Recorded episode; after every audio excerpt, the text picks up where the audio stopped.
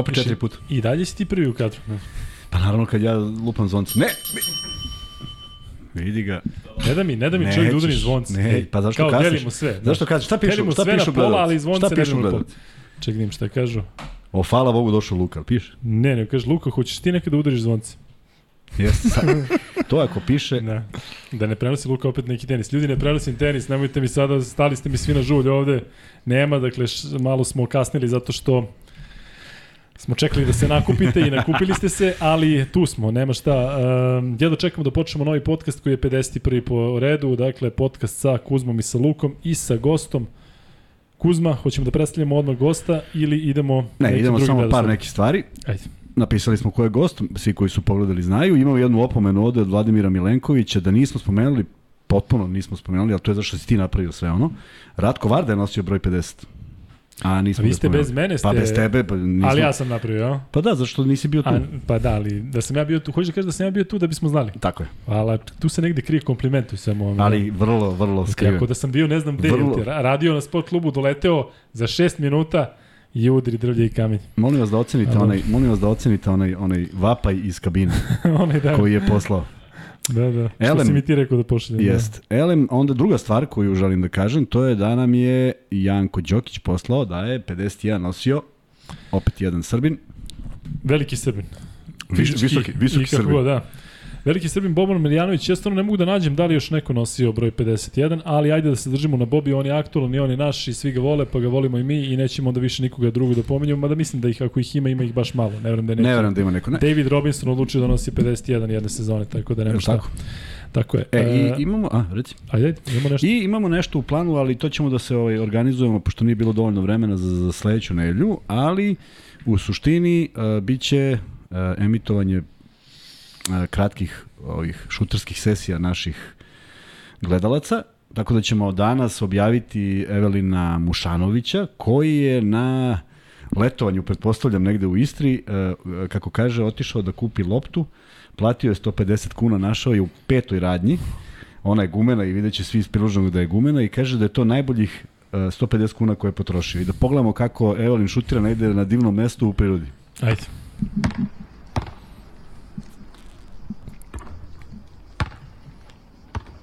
Ne stoji kao ti, nego se kreće. Nije nego se kamera je statična, a pa zato ti nego. Lepo to izgleda. Lepo izgleda sam, e, bojim se da možda nije seča neka. Jel čuo naš, na, jel čuo smo? Kakav bre seča? Čuje se sve? Kako seča? Bravo, Gde je sekao čovjek? Vidi ga bre čovjek. Nemojte čuje. Ne. Četiri. Lepo sve to izgleda. Op. Pet, I ide još jedan. to je rekord, ja i ti smo po pet davali. Ti tamo šest. Ga. I tu je seča. Da, e, i onda, sam, i onda ćemo da pravimo ovaj, nešto što ćemo objaviti u ponedeljak, tako čekajte, nemojte da idete nigde. Uh, jedna jedna akcija koja će imati svoj naziv u kojem smo razgovarali, ali sve ćemo potanko objasniti, tako da ulaze i momci koji smo, čije smo slike, čije smo snimke već objavili na Instagramu, ali bit će i oni uzeti u obzir. Uh, Slaven Popović i čekaj, Da, gledat ćemo i da vas potpišemo sve. Ovo što Kuzma priča za ponedjeljak, to ja još uvijek ne znam tačno šta je, O čemu mi objašnjavao, ali, ali sam ovaj... o čemu on to govori? E, ali sve je krenulo od onog challenge-a. i, i Sale Božić i Šapca. Sale Božić, I da. vrlo je bitno da kaže odakle su. Dakle, e, Sale Božić je u Šapcu, e, Evelin je u Labinu. A slobodno možete još, još uže, koji je teren, kao što se Može, ovaj teren da, zove, naravno, taj naravno, teren, ako ima, taj ako ima teren, nešto. taj I teren, treći, je, I treći je Slaven Popović koji je ono snimao u Tivtu. Na, Tako. na onoj podlozi, video si lepom terenu. Da. sve je krenulo iz Pitomina, je li tako? Sve je krenulo iz Pitomina. Kuzma je vezao u, u, kro, u klompama je vezao par komada na jednom košu zakrčenom o ciglu i onda sam ja odgovorio na taj challenge, ali postavljat ćemo nove challenge, već sutra puštamo neki, tako? Kad ćemo sutra preko sutra Samo da obučeš majicu na tom challenge morat ćeš ponoviš. Da, on je, on je challenge bez majice, Da. šta fali? Fali mnogo toga. Ovaj, fali majice. Fali, gledaš Da, da. 4% žena. Tako je. E, dakle, e, 51. podcast, e, hvala vam puno za 50-icu, bili ste sjajni. Hoću da se posebno zahvalim momku što je ovde nešto častio nas. Nismo ni Na- znali na da nešto je postoje kliknuo. donacije u čatu. E, dakle, ja i Kuzma smo potpuno nepismeni što se tiče tih nekih stvari, vi sada pronalazite način, pa je on časti rekao, evo, ovo momci, ovo je za vas, pa je onda meni Kuzma posle kad je našao pokazuje, e vidiš, to je verovatno ovdje, ja i dalje ne znam šta je, to su da neki, imamo i neki super tanks ili sve, to očigledno ovaj, može tako, tako da hvala vama svima, ali ono što je bitno, mi smo sad u opisu videa ubacili sve što imamo. Sve tako? linkove koje imamo. I, Instagrame, da, Spotify, i, šta god to bilo, I dizere. sad hoćemo da prevarimo algoritam koji, koji postoji na tom YouTube-u i da malo podignemo naš rating koji ide jako dobro i nemamo mi ništa uh, protiv toga, ali čisto da bismo mogli neke stvari da, da, da radimo to može da nam dozvoli YouTube zahvaljujući većoj gledanosti. Iako, kažem, prezdovoljni smo odzivom i pre svega interakcijom sa gledalcima, tako da mislim da to sve a, funkcioniše i onda kad već funkcioniše i kad već vidim ljude koji gledaju i čekaju nas i, ček, i, rade, i sa nama su do 3 sata, onda nek pritisnu taj jedan kako pokazuje Vanja odande. Da, ajde sad stvarno da uradimo to zajedno, zato što nama su odrasli da taj like utiče na algoritam. Ja ranije kad mi kažu ajde da lajkuju ljudi, ja ne znam šta to znači, malo mi bilo glupo. Ali ako stvarno to znači da nešto nas više ljudi vidi ili već da do, dopremo dalje, ajde sada onako kao kada vas pitam da se, da se potpišete, da kažete odakle ste, ajde sada vi svi koji niste, vidim da nas ima ovde oko 200 u live-u, udarite po like i vi koji gledate kasnije udarite ovde like pa će posle Kuzma da zamoli u nekom delu emisije, tad će vjerojatno da bude veći odziv lajkova. Da. Kuzma, e, šta još imamo? Nemamo ništa. Nemamo ništa. Možemo da pređemo na gosta. Smo, da, na našeg dragog gosta, mog dragog prijatelja čoveka koji u košarci, šalili smo se na jednoj utakmici Evrolige, šta kaže Pablo Laso, pa kaže ja sam duže u košarci od njega. Uh, Sale Lukman, kon, bivši kondicioni trener do prošle godine, to je do pre par meseci kondicioni trener Crvene zvezde. Sale, hvala ti što si došao. Ma, bolje vas našao. Jel dobro najavio, kaže bivši kondicioni trener. Ne, sadašnji kondicioni trener, bivši kondicioni bivši trener. Bivši Crvene zvezde, da, bivši da, da. Trener. bivši. Pa prešao je bre u nešto novo, nije, sad će da nam ispriča. Dobro. E, kako ste? Kako, kako si? Kako si, da, da, evo vidiš, zaboravio si. Tebe, tebi i Vanju.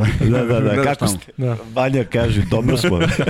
problem, problem je što većina gostija, to bio Darko s kojim sam ja radio, bilo još neki ljudi koje znamo od ranije, ali svako ko dođe, manje više je Kuzmin prijatelj. I onda je za njima na ti. A ja ovaj, moram barem malo da, da, da, da pokažem neki respekt bar na taj način. Dobili smo 9,99 evra. Od Čira 86. Čira je majstor. Eto. Ma prekida emisiju uključujući Iru. Znači, Sale, hvala ti što si bio. Aj, vidimo. Imam samo 10 sekundi. Čiro, care, svaka čast, Čiro.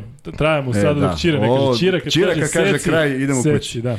Uh, e, hvala puno, eto, mislim, porazgovaramo na tu temu i nešto se desi, ali mi hoćemo da razgovaramo ovde o jednom zaista mom dragom prijatelju s kojim sam imao prilike da sarađujem i da ne bismo krenuli baš od tog perioda. Sale, neki te ljudi znaju, neki ne. Vi ste ljudi iz Senke, ti si čovjek iz Senke koji ima svoj zadatak na terenu, ali ajde nam uh, izbaci svoju karijeru za ljude koji vole košarku, od kad, kad, šta, kako. Počeo sam 90. u Radničkom. da, davne 90. Da. U Radničkom kod uh, pokojnog Pive Ivkovića. Uh, tada su u timu bili između ostalog i Srećko Jarić koji je 15 godina čovjek stariji od mene. Ja sam tada imao 23 godine. Uh, bili su i Slađan Stojković, Žarje Vučurović, Siniša Jukanović, nažalost i on je pokojni i još poznatih igrača iz tog perioda i to je za mene bilo jako interesantno iskustvo, pogotovo kako neke, ajde da kažeš, tu su mi vršnjaci, ali i Srećko Jarić koji ono na granici da tata bude. Ono, vrlo blizu. Vrlo blizu, da. I ovaj, da se nametniš autoritetom, šta god ti znao. Mislim, ono, kao, šta sa njemu tu da pričaš, pa sam koristio one neke druge metode tipa puni zgibovi, da mu pokažem da mogu više punih zgibova nego oni bilo kakvih i, ta, i onda je to jel, jel palilo? palilo, palilo. tako da ovaj, jako interesantan period 91 sam mm, radio sa juniorima Partizana, to je generacija Miće Berića, isto mi je bilo jako ovaj, to neki interesantan period i Sloba Šljivančanin je isto tada bio Tako tu neko. Tako je, on je došao, pa onda došao u OKB. Jeste. Mnogi od tih, i Preka, Preković je bio. Pre odlaska u profi kola. Tako pa, je, da. tako je. I ovaj, onda tu nastupa jedna, ajde da kažemo, petogodišnja e, to ćemo, pauza. To ćemo, to ćemo posle. To ćemo posle. 97. Ovaj, sam u Zvezdi sa tobom do 99. Onda opet jedna pauza u Australiji. 2000, e, to je bila životna, to se se Životna pauza, bili, da. da. 2003. do 2005. Hemofarm peta, sedma lokomotiva tada u Rostovu, sad je Kubanj, sedma, deveta Unix Kazanj, deveta, deseta Crvena zvezda, onda jedan period 10-11 FMP, pa 11 do 13 Crvena zvezda, od 13 do 16 Himki i od 2018. pa do sada Crvena zvezda. E, jedna bogata karijera i mnogo toga. I evo sad podcast možemo. sa Kuzmom i Lukom. Luk. Da. da. I, I sad, vrlo bitno onaj period, jer kažem, ja, ja kad, smo dole, kad smo se sreli, Sale i ja sada pred ovaj, ja negde mi je to nestalo, jer nikako nisam mogao da ukombinujem ovo o čemu će sad Sale da priča u u, u, pozna, u moje poznanstvo sa njim i ispostavilo se da je u stvari od 91. do 95. Odnosno, da, 91. 95. i između ostalo tako sam postao asistent na DIF-u na predmetu skijanje. Bio sam trener i naših reprezentacija i vodio sam da skijaški esnaf, tako da kažemo instruktore, trenere i u jednom periodu sam čak bio angažovan Kiprane da treniram i oni spadaju te neke male evropske zemlje. Imaju u centru Kipra planinu Trodos od 2 km gde zim ima stega da, i onda je to fenomenalno. Dole siđeš je 20 stepeni u Limassol 40 km, a gore se skijaš gore. To je neverovatno. I imali su neke letove kraće do Libana gde je ozbiljan ski centar iznad Bejruta ozbiljan, na 2,5 km. I... Ima i tamo s Da, da, ja mislim da su ga gradili ili švajcarci ili francuzi, to je neviđeno nešto. Inače, to je zemlja sa tri planinska venca, uopšte nema veze sa pustinjom, nizijom i tako dalje. A mi imamo predstavu da je tamo samo... Da, da, da, tako da je to eto, neki interesantan period života gde sam jedna od mojih, ajde da kažemo, delatnosti ozbiljnih je iskijanje. Pored atletike kojom se bavio kao mlad momak. A sada hoćemo onda da krenemo od... Ne, naj, najlepši period je bio 97. Ja sam u to ubeđen. Jeste, jeste. ali, sa, ali ne u Zvezdi od 97. do 99. nego do 98. 97. pa, pa, nego šta da. se misli. Ali tu smo doživjeli onu najveću reku tragediju da izgubivši finale Kupa Koreć. Kupa Koreć i da osvojimo titulu, da. Pričamo, kada kažem pričamo, mislim priča Kuzma jako često o toj, o toj tragediji. da, da. I svih e, uglova smo prošli to šta se dešavalo da. u avionu, šta se dešavalo u prvoj utakmici, drugoj, šta da. se dešavalo posle, da. šta se dešavalo do kraja sezone, ali zaista jeste to poseban, mislim da je prvi onaj deo 90-ih obeležila titula Partizana, opravdano, a drugi jeste. deo 90-ih taj poraz Zvezde u finalu uh, Kupa Koreća. Ne znam kako bi se danas to, recimo da ste osvojili titulu, kako bi se to gledalo? Kupa Evrope? Kup mm. Evrope. Pa ne, zašto nemaš kup kupova? Pa zašto imaš dva, pa da. Partizan i dan danas šampion Evrope, iako je to bio potpuno drugačiji sistem. Tako je, pa bio bi, bio bi, pa ne bi mogao da ga porediš. A kad kažeš Crvena zvezda je bila de, sad klincima, kažeš da. Crvena zvezda je 98. bila prva korača. To je nama da, bila ko Euroliga da, da smo. Da. Nama jeste, jer da. smo se tek skupili te da, godine. Ali da. Sale, ono što mi je, što mi je interesantnije pre ove 97. Uh, 90. su počeci ulaska kondicionih trenera na, na tom nivou. Kako je to zaista izgledalo, koliko je trebalo probiti ne barijeru sa igračima, nego koliko je trebalo treneru prvom da, da, da sarađuje. Da, da, da. da.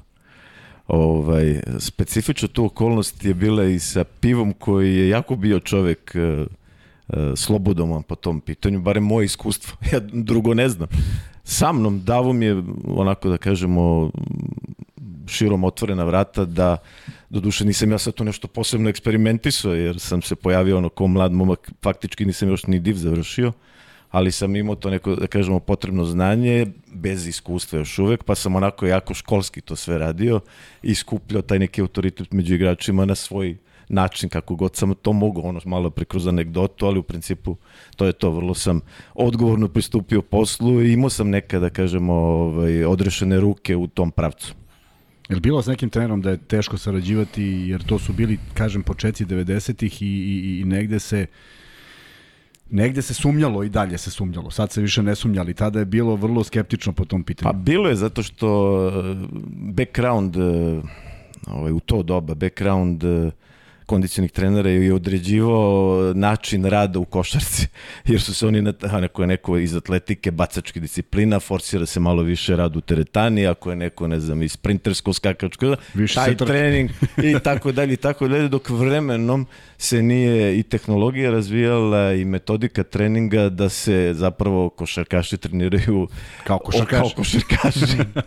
znači, to je ono što je napredovalo zapravo. A generalno sve sada u neko poslednje vreme, obzirom na količinu utakmica i angažman igrača, mi se ipak trudimo da ih što više oporavljamo i neki tonus vraćamo da bi bili u stanju da na nekom nivou odigraju Zamislite četiri utakmice nedeljno. Da. Pa te to fiziološki ne može, to je neputpuno poravak. Da, ali ovo iza tebe bio, o, ovaj sistem takmičenja, iza tebe sa svim znanjem koji imaš iza sebe bila to potpuno nova priča. To je nepotpuno, odnosno uh, van teorije. Tako je. I sad ti šta treba da radiš? Da tačno znaš koliko šta traje u oporavku i da ako to ne može da bude 100%, nego je to nekih 70%, pa da bude 70%, a ne 30%.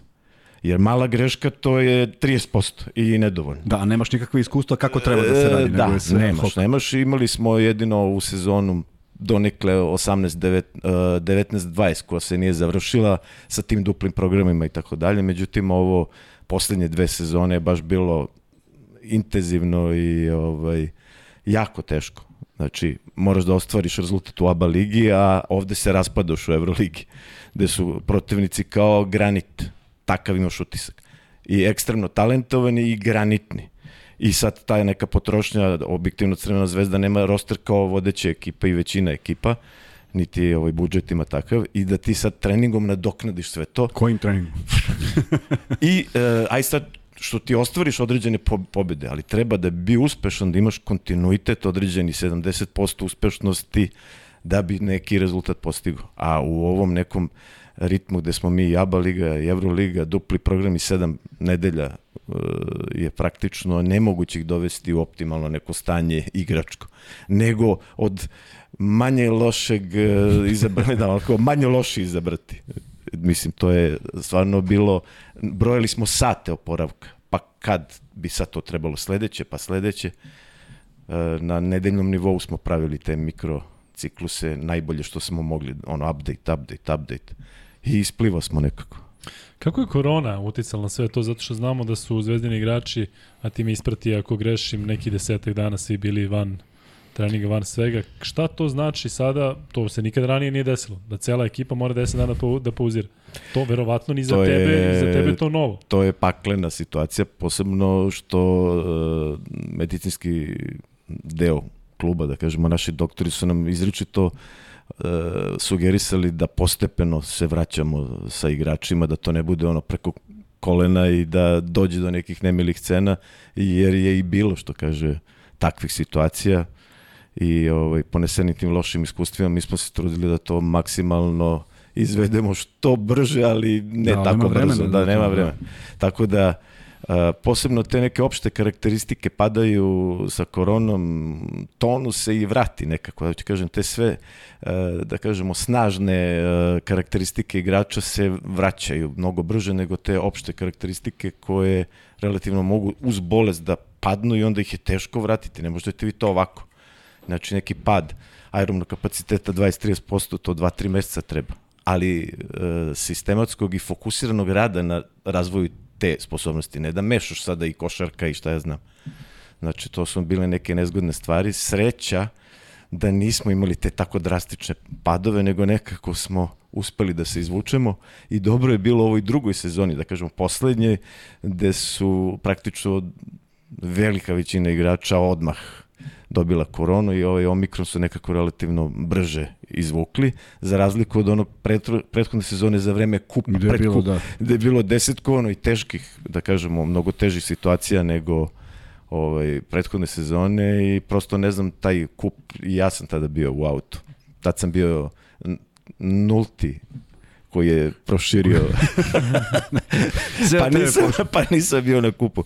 Ali eto, uspe smo i to nekako da izguramo teška situacija sa koronom, to hoću da, da kažem. Da, da, ozbiljno teška. Moram da. na kratko da kažem, San Marko nam je poslao iz Dubrovnika live donaciju e, 19,5 kuna.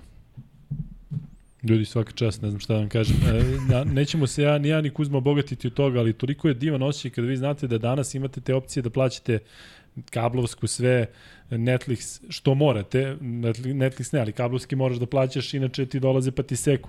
A ovo je vaš način da pokažete da, da, da, da vam značimo i volio bih da se javi momak, dakle Čiru, tebi hvala još jednom, ovo nije mala lova što si ti dao, ali momak koji je otvorio to da ja uopšte i Kuzma znamo za tu opciju, samo nek se javi, koji, je, da, da, koji nam je poslao onako za parče torte, samo se javi da, da, da se podsjetimo ko si i da pozdravimo i tebe. Sale, um, kada se igra ta Euroliga i kada kao što i sam kažeš, imaš te granitne igrače ispred sebe.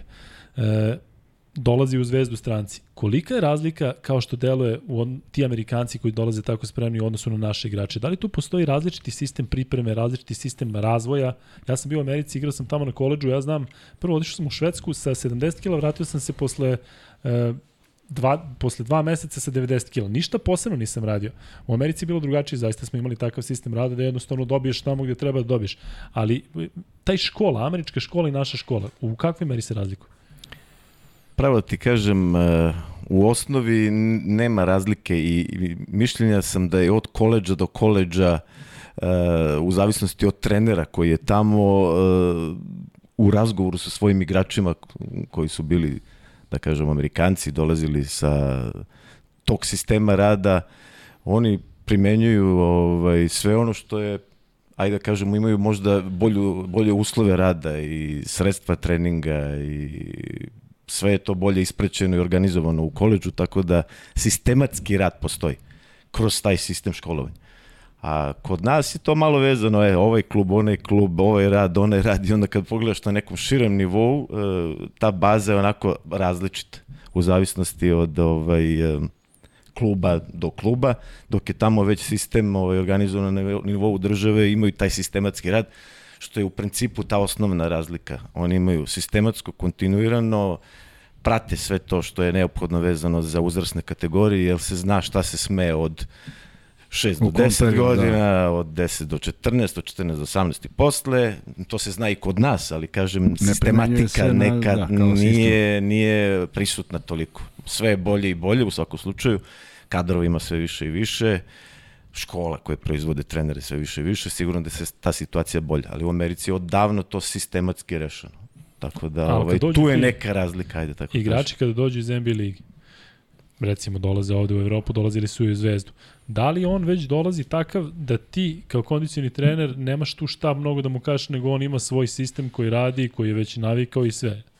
U principu, dosta se oni prilagode, sad i ovo u poslednje vreme, e, i mi nemamo prostora za neki trening razvoja i tako dalje, nego kada se dođe na pripreme, uradi se taj lekarski pregled, napravimo to neko bazično testiranje da vidimo kakva je situacija. Ono što je mene na, najviše zanima zapravo su te neke opšte karakteristike koje se teško nadoknađuju. To je taj neki VO2 max, maksimalna potrošnja, koja je neophodna da bi igrali na određenom nivou duže vremena tokom utakmice i više utakmica sledećih, da ne bude sad sam odigrao, pa, pa sledeću za, sam dole, da. pa ću za pet da opet budem dobar. Znači, Amerikanci tu padaju, a ako nemaju kontinuitet e, u treningu, neki i nemaju, se zavisi koji su. Znači, ovi što su najbolji, oni su u NBA ligi, oni tamo znaju. A ovi što Ovde nisu najbolji, onda malo drugačije. Ne. I onda ta pauza kako je duža između sezona, posebno tu se pravi problem i ja mogu da dođem u situaciju da igrač ima i po 50% manje VO2 max od optimuma, a onda je potrebno sezona cela da se nadoknati to. Hoću da kažem, tu je glavna igrarija to su već odrasli ljudi i tu nema mnogo prostora za razvoj i tako dalje. Znači ja imam prostor da dovedem te neke bitne karakteristike za košarkašku igru na optimum, da se krene sezona. Uglavnom je to neka tonizacija i održavanje postojećih sposobnosti, minimalne neke korekcije koje su potrebne. Normalno kod mlađih igrača to je druga situacija, ali kod ovih profesionalaca to je održavanje. I poštujem i respektujem sve njihove mini rutinice koje su za prevenciju stabilizaciju i tako dalje, uz neke druge savete ako se vidi još nešto da se doda, tako da u principu se ne kvari mnogo nešto što su, na što su oni već navikli, a to su već ozbiljni, da kažemo, senjorski igrači. Sale, kako gledaš na činjenicu ovo što je uvedeno i što je meni iskreno drago da postoji taj sindikat igrača i da su zaštićeniji nego ikada, ipak je to velika, velika stvar u odnosu na period kada smo i igrali 90-ih, pa ne znam šta jest, će se desiti sutra. Ali, činjenica je da on ima određeno vreme za, za pripreme, gde je opet izazov pre tobom. Jeste. Jer ti si ako neki... nije onako kako smo rekli, pa da. recimo ako ne dođe, Uh, ima tu centri po pozicijama da ja dajem uh, neki luft uh, sa kojim minimalnim VO2 max mora da dođe na pripreme i određeni savet i program ako nema, ali i ako ima savet o čemu da vodi računa da bi došao na tom nekom nivou, da ja ne gubim vreme na taj rad, jer se faktički zbog Ništa skraćenja sam, priprema mora odmah preći u rad. Ti mora dođeš sprema na pripreme. Tako je, pripreme tako više nisu zaista pripreme. Tako je. I tu se približavamo, ajde da kažemo, u NBA ligi, međutim, tamo imaju i penali vezano za to. to, to uh, ako nisi u onome e, opsegu testiranja, ti gubiš i platu, gubiš i startnu poziciju, mesto i tako dalje i tako dalje. Slažem se sa time, e, ali, onda da, ali da sve bude kako treba. Tako je. Znači da mi ne dođe ono ko je, pa ja sam 50%, pa eto, pa šta sad ja s tobom da radim? A, Teoretski nemoguće. Tako je. Nemoguće. nemoguće. Nemoguće napraviš tim od toga ne da, da kreneš A kad je sve u redu, ja moram da kažem, zadovoljan sam, imao sam odličnu komunikaciju sa igračem uvek pred kad saznam ko je u timu, pošaljem im te informacije, dođu u 99% situacije, ono što treba. Da, Jer ja onda samo koristim početak za uvod, da ih pripremim i mi već idemo što kaže, onda je i manje priprema dovoljno. U jednom momentu sam te sreo i pitao sam te za Vajta kad će se vratiti, kad je bila ona, ona strahovita povreda i rekao si mi baš za njega da je izuzetan momak. Kako ti uopšte bilo generalno ove sezone i kako, kako doživljavaš baš te igrače koje mi nekako uvek gledamo drugačije, mada Zvezda ume da izabere igrače koji se nekako podrede kolektivu, White je apsolutno jedan od njih, Hollins je takođe i u prošlosti i Jenkins i, i mnogi. E, kakva ti bila, kakva je bila, kakva je bila rad ovde, ove godine i kako si kako si sarađivao s njima? E, moram da kažem u 32 godine karijere uvek sam bio zadovoljan kako sa igračima imam tu neku komunikaciju koja u, u zavisnosti od mog godišta ide od nekog, ajde da kažeš, prijateljskog do roditeljskog. Sad sam možda oni roditelja, uskoro će ono deda, kao, znaš, pa, malo dedovski, da, dedovska, ona, dedovski odnos. Uh, uglavnom, uh, imam sve reči hvale, E, što se tiče Vajta, on je momak jako dobro se pokazao i u pripremnom delu radio je fenomenalno pripreme, bio je spreman za sve to i došao je spreman na pripreme pripremne utakmice su bile odlične do onog momenta Tako kad je. se nije povredio, gde sam ja smatrao onako psihološki i sve zajedno da će to teško biti taj isti ovaj, White što se i ispostavilo na kraju. Mi smo relativno brzo, još mu nije skinut gips, krenuli sa vežbama snage da i, te vežbe, da. i e, što smo mogli od aerobnog dela na bicikli i tako dalje, da nema tih trauma stresa i ovaj, e, nekako smo isplivali u tom smislu, čak je imao dobre parametre i VO2 max, međutim, kroz igru se videlo da se podsvesno štiti i da to nije onaj isti. Na momente je pokazivo ono što je, međutim, određena psihološka barijera definitivno da je tu prisutna, po mom mišljenju. Mi smo pričali stalno o tome, kako da. je to ruka će da zaraste, problem, da. tako je, da, će to da. biti u redu i on može da se vrati u ovakvu kondiciju, ali glava to Posle takve povrede, da, da, je bila grozna. I Paul George govorio o tome koji ima onaj otvoreni prelom, da. on je pri, kada su ga pitali kao pa je to prošlo, kaže ne da nije prošlo, i dalje osjećam da. to i uvek ima možilje koji me podsjeća i e, nikada jest. neću biti na nivou na kom sam bio i to mi stoji ovde. Tako da vi koji smo prisutni bili toj povredi, ja sam mislio to je propast, kraj sveta. Verujem ti. On je krvario. On je krvario, u krvario da, ovde, svi smo mislili sad jest, nešto glava, jeste, ali njemu da, ruka da, da, u stvari to je krv od ja sam sad mislio Nije valjda od Ne, ne, ne, nije otvoren prelom Aha. bio. Upravo je udario i, i glavu. Glavu. Jeste, jeste, i svi smo da. mislili znači, kao on kako je e, imao e, Inerciju, kako ga... Inerciju i to u onakvom horizontalnom smislu, ne u vertikalnom, tako se namestilo u nekom kontaktu ili strahu od ovoga što, igrača Panatonikosa koji je išao za njime, gde on nije napravio to odskok sa vertikalnom komponentom, nego horizontalno, da kad se uvatio za obruč suviše Otišli, da, veliko klačenje, otkačio se i bukvalno je pao i na glavu i tu mu je ovaj, i tu su ga nešto šili, ali to je izgledalo kao da je otvoren prelom pa prst, pa mislim. Da, da, da. Da, nije bi nikom bilo jasno kao ruka, a krvava glava. Da. I onda posle te, da kažemo, operacije u Nemačkoj, to je ekstremno brzo, da kažemo, oporavak i da je on ušao u trenažni proces. Znači, mi smo to maksimalno brzo sve ušli. Međutim, ta mentalna komponenta ga je stopirala da postigne ono kakav je bio pre početka sezone. Mi možemo, ja mislim da miksujemo malo i pitanje gledalaca koji ima dosta naravno, i da mi da podsjećamo i da idemo sa... Uglavnom su pitanje gledalaca o ovoj posljednjoj sezoni Zvezda, ali ja bih volao da uđemo malo i onu uh, rusku, onu najlepšu, rusku, i u uh, rusku i onu najlepšu. Uh, rusku priču tvoje karijere. Prvo, Blažan Tešanović, donacija iz Minhena i to donacija od 5 evra. Hvala ljudi, nije, mislim, zaista nam znači, ali ovaj, ovo što je rekao Luka, zadovoljstvo da, da, vi, da, vi, da vi pratite ovo, to je već ovaj, samo po sebi, ja kažem, ovo je pobeda na nekim parametrima, pošto se malo borimo i sa YouTube-om, u želji da dopremo do svih i u želji da ostvarimo sve neke stvari koje smo naumili. Pritom, I da putujemo je, na Havaje zajedno. Ovo je stvarno lepo osjećaj. Ja i Kuzma toliko nemamo pojma gde sad ovo ide. Da li nas čeka tamo iza, kada odemo ili je već u novčaniku ili je negde da, ide. Da. Ali stvarno ali je, kao, kao gest je zaista fenomenalno i kaže mi toliko uživamo da pričamo sa vama i jako mi je drago što imate jako puno pitanja za uh, Lukmana. Uh, pitanje je e, kako je bila saradnja sa Johnnyom O'Brientom? Možda neko misli ovde ovaj, uh, možda baš zna zašto pita. Uh, Johnny O'Brien praktično nikakav problem u saradnji nisam imao sa njime i relativno kratko sam bio sa njime, obzirom da je on posle kupa napustio Ali delovalo je malo mako da je svoj, da je sad svoj, da nije baš pa za da, ali jednostavno ja ne mogu kažem, nisam imao problem da. s njime. Da. Radio je sve što mu se reklo. Da, da.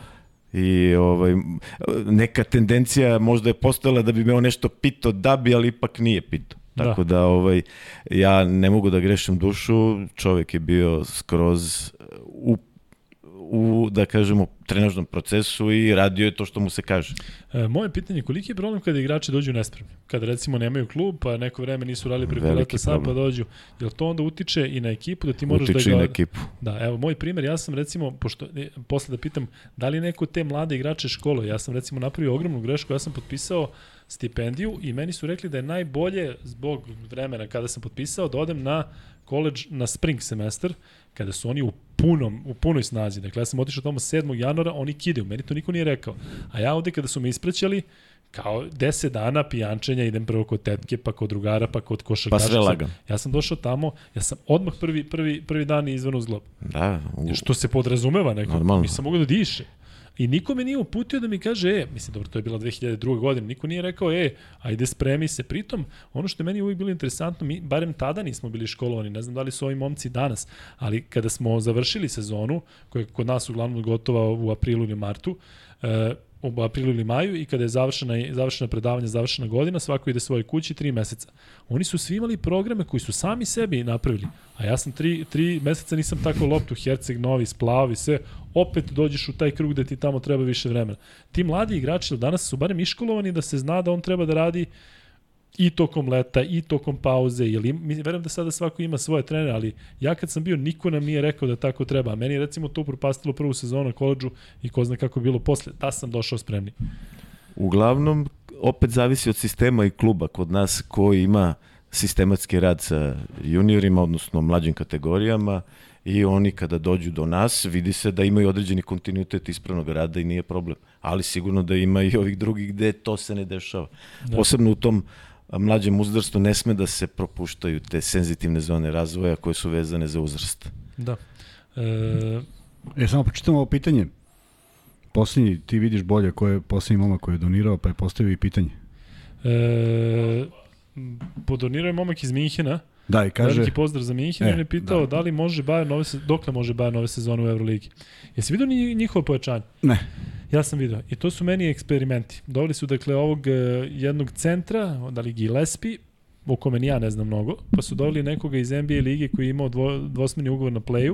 Uh, šta ti misliš generalno o tim igračima koji su, ajde da kažem, nesigurni? Zato što nekada oni mogu da budu pun pogodak, a nekada njemu je potreban uh, period adaptacije, a sam znaš da su od Amerikanca kada dođe i dobro ga platiš, odmah očekuje sve. Da, ali ti znaš da, da ja navijam za tako nešto i voleo sam da smo, da smo nekada to i kod nas probali sa tri mlada, talentovana, perspektivna, jedan će da upali, možda dvojica neće, ali Nemci su malo strpljiviji, Nemci možda ne očekuju sve to i ne zaboravi da je Bayern u sastavu prošle godine imao 15, 16 igrača, 17. E, to je bitan faktor, da. zato što on Tako ipak je. može malo... Oni onda mora... mogu sebi, da. jer video si koliko je bilo po problema u ligi kasnije, jer su se oni izmorili. Oni su imali sale tri utakmice u 5 da, dana, da, u 4 da, da, dana, da, tako da, da, da nije to humano i, i ne može to niko da izdrži. Onda mi se dešava šta im se dešava sa usponom i padovima, a ovde su možda kaparisali vrlo povoljno e, momke koji sa mogli potencijalom bi, sa potencijalom koji bi igrali ko zna šta u, u Americi ili eventualno u Južnoj Americi.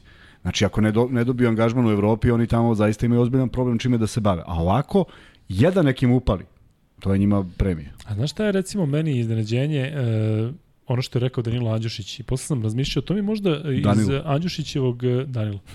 Da, i znaš kad sam prenosio opet kad Crnu Goru u 20 je bio neki Danilo Ja, Danilo, i onda se Danilo. Danilo. e, priča koju je Danilo rekao i meni ima smisla, a potpuno drugačije o onome što mi pričamo. On je ovde rekao, nama igračima mnogo više odgovara da igramo utakmice nego da treniramo, nama je to draže. Jeste to, pa ne, ne, sve to stoji. I onda mi, znaš, razmišljamo... E, i nama je bilo drago. Ali, evo sad ovako da postojiš situaciju. 70 utakmica ove sezone, ili tako? Da nije imao to veću utakmicu, možda bi imao jednako jak trening. Je tako? A, e, gledaj, gledaj, to, to kad postojiš tako, to je zaista tako. I Sale zna. I mi smo volili da imamo utakmice, naravno. I kad se ubaci druga, i hahaj.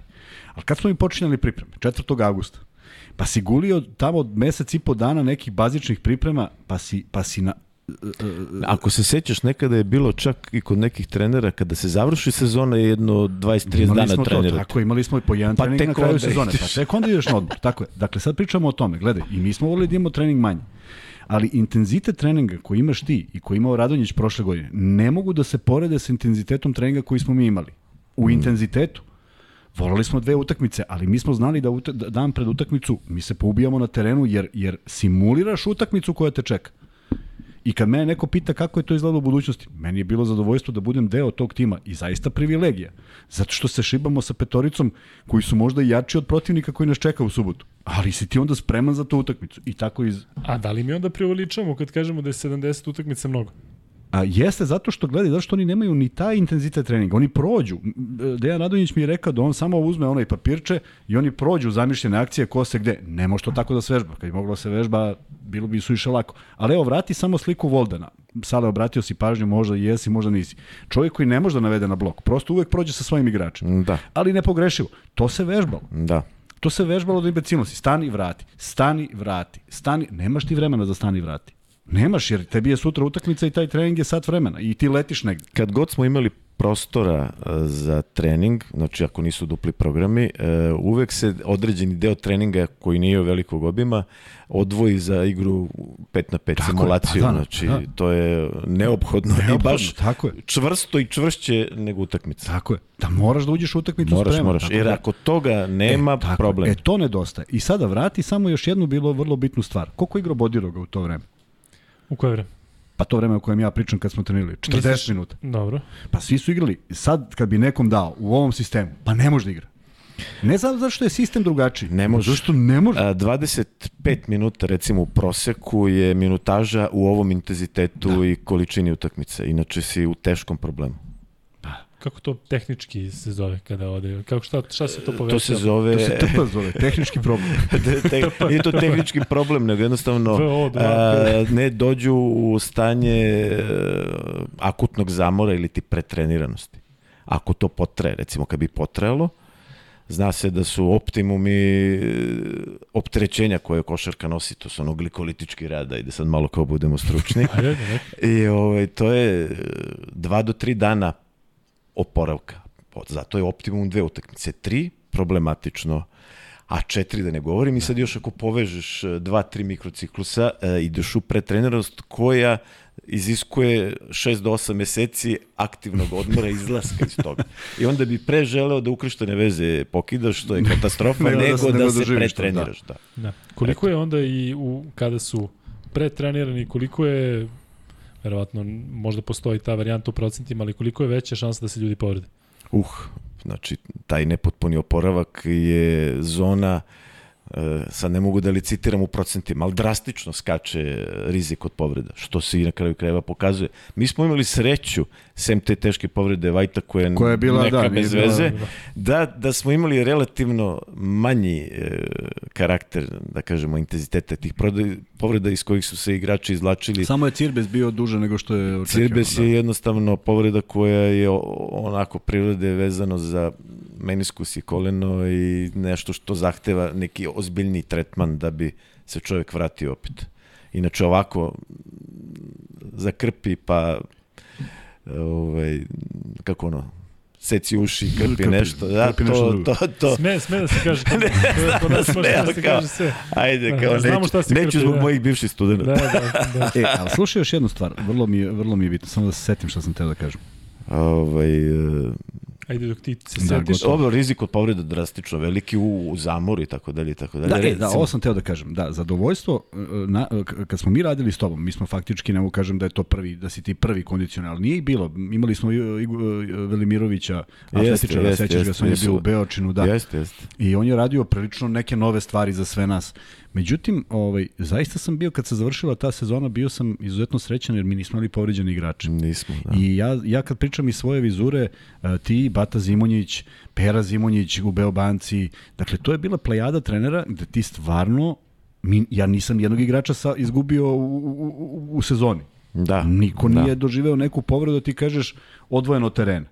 Ali je zaista se više radilo u onom bazičnom delu i manji broj utakmica, bez obzira što smo i kažem ti i mi volili da igramo ali ne više od dve. I onda kad dođe taj period kad je, na primjer, reprezentacija ili se nešto dešava, nekakva pauza, pa to je 10 dana, Sa dve utakmice Ubistvo. nedeljno je to je idealna situacija i mentalno se zaželiš Tako je. i publika se Tako zaželi je, tako jer je. oni sad više nemaju ideju šta gledaju, koliko gledaju, nemaju jeste, ne, nikakvu ne, možeš, pam, ne možeš ni da pamtiš utakmicu to na, na, na traci se sve menja Jeste. i taj koncept ja razumem sa finansijskog, finansijskog aspekta, ali ipak igrači nisu na nivou gladijatora, još samo fali da mu ono kao spalite ga, pošto nije uspeo.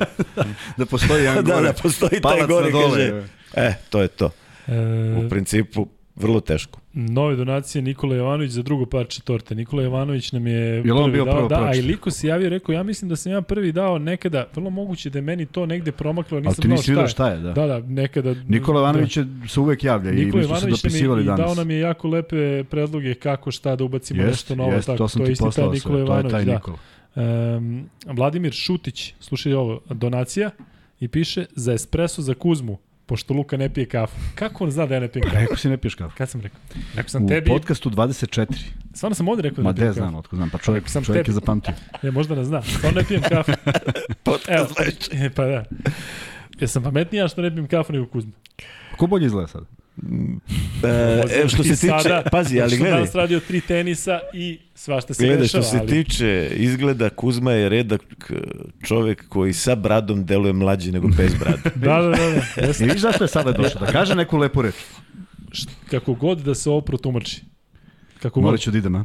kako god da se protumači ovo. Ljudi će ga svašta da pomisle. Posebno kada su nam stavili, znaš da su nam stavili onda se držimo za ruke. Znaš da ima jedna naša, naša slika kada smo imali Stvarno, prez- neko na nešto napisao bezobrazno? Ne, pa to vjerojatno niko nije vidio. Ali Kuzma se prolepšao od kad radi podcast života mi mogu. Hvala ti. Ali je, Pa ne Jeste, Bobby, tako je, Bobby tako je, De Niro, zaista. tako, Bobby Šta? De Niro. Pa to, evo, nađite Kuzmu recimo od pre dve, tri godine, ono kad je bila aktualna košulja. Ne nađite ga u najboljim danima, odvratan. Nekak, sija, sija. A kasnije ćeš pokazati sliku. A, ima, ima, da, ima posle Pokazat slika. imamo, gde sam- imamo za vas jako interesantan free bet. Da više ne radi Google. Dakle, nema više Google-a. Nema e, Google-a. sad ćemo da vidimo Topalko, legenda koji Čekaj, crni sve. grobar, crni grobar, Topalko. Ne, Crni grobar je... Ma on Crni zna, mora da zna, Ne, mora da zna. Crni grobar verovatno zna. Crni grobar, ti, ti ćeš znati. Ne, Topalko, Ima tu 5 5 do 10 Gvozdić, imena, jeste. Gvozdić, znači, Gvozdić. Topalko i Gvozdić izbacuju prvi. Ja ne znam da li oni imaju stream da im ide 5 sekundi pre nego što Imaju mi kažemo. 100% znaš, nešto. Pre nego što mi kažemo, njima već izlazi. Da, ali... Um, Oni su već gledali ovaj podcast. tako je. E, Pa zato što su u Australiji. E, Mnogo pitanja ima za, za Lukmana i ne znam odakle da krenem. Ali evo, interesantno pitanje. Za koliko para bi prešao u Partizan, pošto oni imaju neograničeni budžet? Ovo je neki zvezdaš, a pritom je Lukman bio u Partizanu. Da. Jeste to 91. još. Jel ima- I, čak, čak i u atletici kad sam bio, bio sam u Partizanu. Ali ima tu sad, tu- ja mislim da tu najmanje može da bude rivaliteta. Kada igrač pređe, to je haos. Kada trener pređe, mislim da je to ajde podnošljivije u smislu bio Pa evo pa sada. Vlada Radonjić je iz Partizana čovjek. Jel tako? Ta, novi kondicioni trener je u, sa Duletom Vujoševićem, Vladom Ivanovićem, dugi niz godina u Partizanu. Znači, ovdje, ko zna šta će da naučimo čoveku imamo preko pitanje, da. Ne, ali pitanje. mislim, to je vrati okej. nazad, da. vrati nazad. Napravimo Bele. Ja mislim da, ali ovo što čuj, kaže bio s Sale, Duletom Vujošićem, pa nema gore. ali ovo što znači, kaže Sale, to je dovedeno do apsurda. Jeste. Jer ovo je zemlja sa malo klubova za, za posao. Tako je. Ti hoćeš zatvoriš sebi jedan ili ti ga neko zatvori zato što si bio negde i radio svoj posao. Pa mislim, Da, nisi, nisi da. maho bakljom i, i palio zastavu, nego Jel si... nisi sam, nego si- nisi, a? e, čekaj, neko je... Ja sam ono što kaže navijački zvezda, ali što kaže poslom ti nikad naravno, ne znaš. Ništa od Partizana. Sad Partizan ide hteo, sad znači... A baš su razmišljali. Da, da. Ali evo, baš pitanje povezano sa tim. E, mi znamo e, čim je Radonjić došao, šta se desilo sa Zvezdom, pitaju da li ćete biti, da li ćeš biti sledeći vojno u Zvezdi. Sledeće godine, nažalost, neću biti, mada ovaj, taj neki moj radni ciklus u Zvezdi uvek vezan za dve sezone vezano. Ukupno sam bio devet sezona, ali nikad u komadu. Duže od... čak i ovih od 2018. kad sam tu, e, čak i ova 2020. kada je Saša Obradović došao, imao sam pauzu u šest meseci, znači ipak sam imao pauzu. Tako da taj neki moj radni opus dve godine ima verovatno neku svoju sudbinsku pozadinu, verovatno malo i mentalno da dobijem energije, želje i tako dalje. Pa, ja, e, bilo je i tri godine, pričaj nam o tom periodu. A, tri godine je bilo u Himkiju. Kako je bilo u Himkiju? Mislim, nije to nešto što nam je tada bilo blisko. Da. I ko je, ali... samo ko je to bilo? Kurteniti si bio trener? Tada? Jeste, jeste. Sve da. tri sezone i na kraju tri meseca sa Duškom Ivanovićem. A Šved je u tom trenutku došao? U 15-16 sezoni, moje poslednje, da, da, vratio se, da, da. da. Dobro, ona je bila stvarno dobra ekipa, jedno što je publika onako bila uvek... Pa dobro, u Rusiji je problem uvek, s publikom. Da. U Unixu, je li gori u Unixu nego u Himki? Uh, gori je. Gori, jel? Da, da, oni su još manje zainteresovani nego ono ko, ajde sad, bilo je par utakmica kada dođe, ali generalno to nije ni približno ničemu što, što se da. kod nas dešava kod nas je nešto što je redko da se viđa. Da. A u Rusiji to je tako neka, da kažemo, zabavna atmosfera, navijačka. Kakvi su uslovi za rad? Kakvi su uslovi imali? Bili su odlični. Tako? E, da, posebno u Himkiju gde oni imaju da kažemo tu halu koja kapacitetom ne odgovara za Euroligu pa smo morali da idemo do Dinamovog stadiona sad oni igraju onom drugom Mitiše Mitiše ili kako se već kaže ovaj, zbog tog e, broja koji Ka, nalaže da, kapaciteta. Međutim, sama ta hala u kompleksu jednog sportskog i futbolskog terena, teretana jedna, druga, funkcionalna, terena, sve šta ti treba, imaš e, u finansijskom smislu totalno potkovani, iako su, nažalost,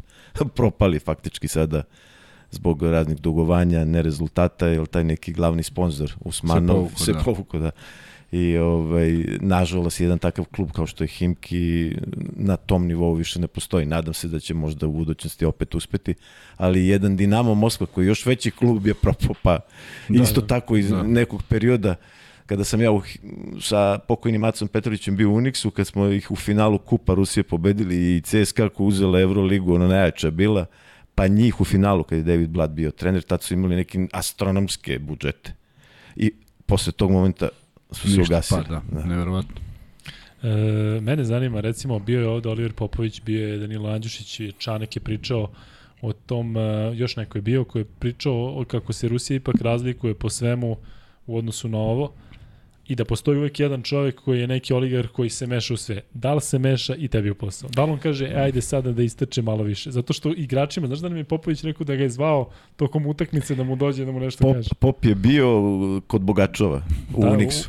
U, je, on je interesantan. Normalno ništa meni nije govorio, nikad ni nije. Nego je, je on i danas tamo? Jeste. Njegov sin Bogdan je ovaj, sada glavni čovjek tu, a stari... I dalje, da Stari sedi gore u kancelariji. Stari je da. tu, gleda utakmice i tako dalje, interesantan čovek i ovaj, on je imao eh, manir da se spusti do klupe i da pita je li zašto ne igra ovaj što ovaj igra ne igra. ja ga, seća se jednom je to tako bilo final late eight u Torinu kad smo igrali Evrokupa i onda je on sišao treba ovaj, on je rekao gospodin je Bogačov, tu je trener da kaže da li treba ili ne treba to. I onda posle mi više nije ni prilazio. A on priđe tebi? I tad je meni prišlo, to je da jedino pitaš... iskustvo moje, jer sam kao bio mu... Inače, bio on priđe, on priđe verovatno tim uh, menadžeru, načelnik, načelniku kamandi, ovaj, da mu kaže onda i tako dalje, ali u principu ne nije imao takav uticaj u, onoj, u onom, da kažemo, razmeri kao što je kod nekog drugog imao. Znači, Aca je to hendlovo sa njime. E, jedno pitanje koje, koje ovaj, sam ja od naših... U Himki, izvinjavam se, nikakvih tih Usmanom ne postoji, nisam ga ni vidio. A ko je onaj Nasa koji je pre dve, tri godine ušao u, u slačionicu i rekao, Astahov. Se, tako i rekao, to je ovaj bio direktor, najbolji, ovaj direktor, opet direktor, 10% direktor, direktor, direktor. bivši igrač. Da.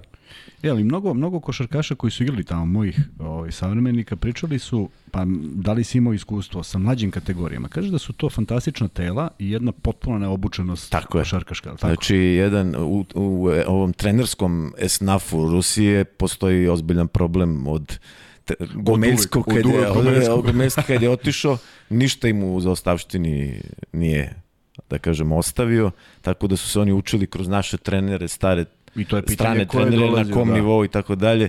Tako da na uh, nivou zemlje koje i finansiranja košarke i ko je sve tu prošao, ruskih trenera, posebno u mlađim kategorijama, Ne dobijamo postoji, da. nešto neverovatno što ti kažeš, deca fenomenalna i mentalno i fizički, ali neobučeni dolaze u moment kad mora sve da zna o košarci. Da. I sad ti ga uči kao Sa u 20 senioru. godina. Šta Da. ga učim? Mislim, ne vredi. Moramo da pređemo na pitanje zato što ih ima mnogo i mnogo su interesantna. A čak su se, počeli su naši ovi da se zabavljaju, neko postavi pitanje pa neko odgovori, vrlo smešno doćemo i do toga. Ali pitanje za Lukmana, kakav bi Davidovac bio igrač da ne puši, ne pije pivo i ne jede pljeske? Jel to, to, Ja to ne znam. E, to njegov e, život mimo, e, čak i da se to desi nekad, ako se desi da neko zna, ja mislim da on nije sistematski pušač, ako Da. me razumete. Da, da, da. Znači sve je to ono nešto bez veze, ali inače on spada u onoga endomorfa po konstituciji, to upravo ono kako izgleda. Međutim, doveo u sebi u neko najbolje moguće stanje u nekih poslednjih pet godina koliko smo zajedno, doveli smo ga u neko najbolje moguće stanje za njegovu situaciju. Ono, trudi se, trudio se maksimalno da to nekako savleda. To sam primetio kako su godine prolazile, e, sve više se sam angažovao i želeo, što je na kraju krajeva i pokazalo se. Tako je, jeste. Znači on je u jednom momentu kada gledaš, on, on je svuda bio. Jurco, ko ok- oktopod, je, ko neki tako je. oktopod, hvato je sve živo. Dosta se to njegovo stanje poboljšalo, a inače ljudi normalno imaju one svoje ektomorf, endomorf i mezomorf. mezomorf je najbolja situacija, ektomorf je skakaču vis, Vis, ovakav endomorf je ono, Ima- na čvarci i ostalo. E, Sećaš se kako je Topalović izgledao? Topalku, da, da, da. Topalo koji je hodao onako malo E, divergentno, stopala, ma- široki kukovi, kukovi i uske da. ramena, a jak A o- kao stena. I pritom zna košar. Zna, tu je da suština. igra- Da, Tu on je suština. mogo da igra koju god hoćeš poziciju, Da, da, da. a ne zaljubiš I se ni u šut jednom. ne može da mu zablokiraš. Niko ne može da uspeva na. da. Da, vrlo podsjeća uh, u svemu, ne, ne u stilu, nego u toj nekoj Jeste, jeste. nemanju brzine. Normalno. U, uh, Međutim, kad- kad... imao strahovit skok. Jeste, jeste. A ima Iz strahovit oši za skok. On, ali ne može on sa tri puta da skoči Ne. u istom Po, postoji tu razlika i u motoričkim sposobnostima, šta, Tako je, kako. tako znači, nešto može, nešto ne može, ali što se tiče Davidovca, ta njegova košarkaška inteligencija i anticipacija dešavanja na terenu ga čini i brzim nekako. Da, Tako da, je ima, znaš, to ono radi mozak. da, da, interesantno. Ja, mnogo mi je drago što je upotrebio Davidovca u pravom ovaj, uh, naglasku. Jeste, on je Davidovac. Hvala Jer su mene iz kluba dolazi Pa naravno. U osnovnoj to školi sam imao druga koji se prezivao Davidovac i onda kad mi rekao Davidovac, ja ko molim, i onda pitam, deki, je- ti znaš kako se ti prezivaš? Pa znam. A on ko, pa si ti Davidovac? Kaže, da. I kraj. Šta je? Pa šta ovi dođe- tupe je? Kad nam dođe u podcast, a doći kad tad, da ga, zovemo, Dovešćemo da ga. zovemo David, Davidovac. Davidovac, a? Davidovac. Da, da, vidimo da, li će, Presedne. da li će u nekom trenutku da kaže, čekajte bre ljudi, šta ste me zvali?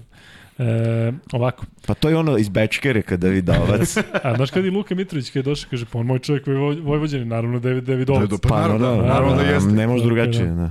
E, idemo sada sa pitanjima, dakle, random, kako će se uklopiti Hezonje i Musa u Real, to smo već pričali da ja mislim, e, prošli put smo odgovarali da će jako teško ta dva igrača da e, funkcionišu u smislu da ne guše jedan drugog. Momci su iz istog regiona, pričaju istim jezikom, verujem da se dobro slažu, jedan i drugi imaju fantastične fizičke predispozicije, međutim mislim da će biti jako teško drugima da pronađu šutove pored njih dvojice i moj utisak je sada da će jedan od njih dvojice da se izdvoji.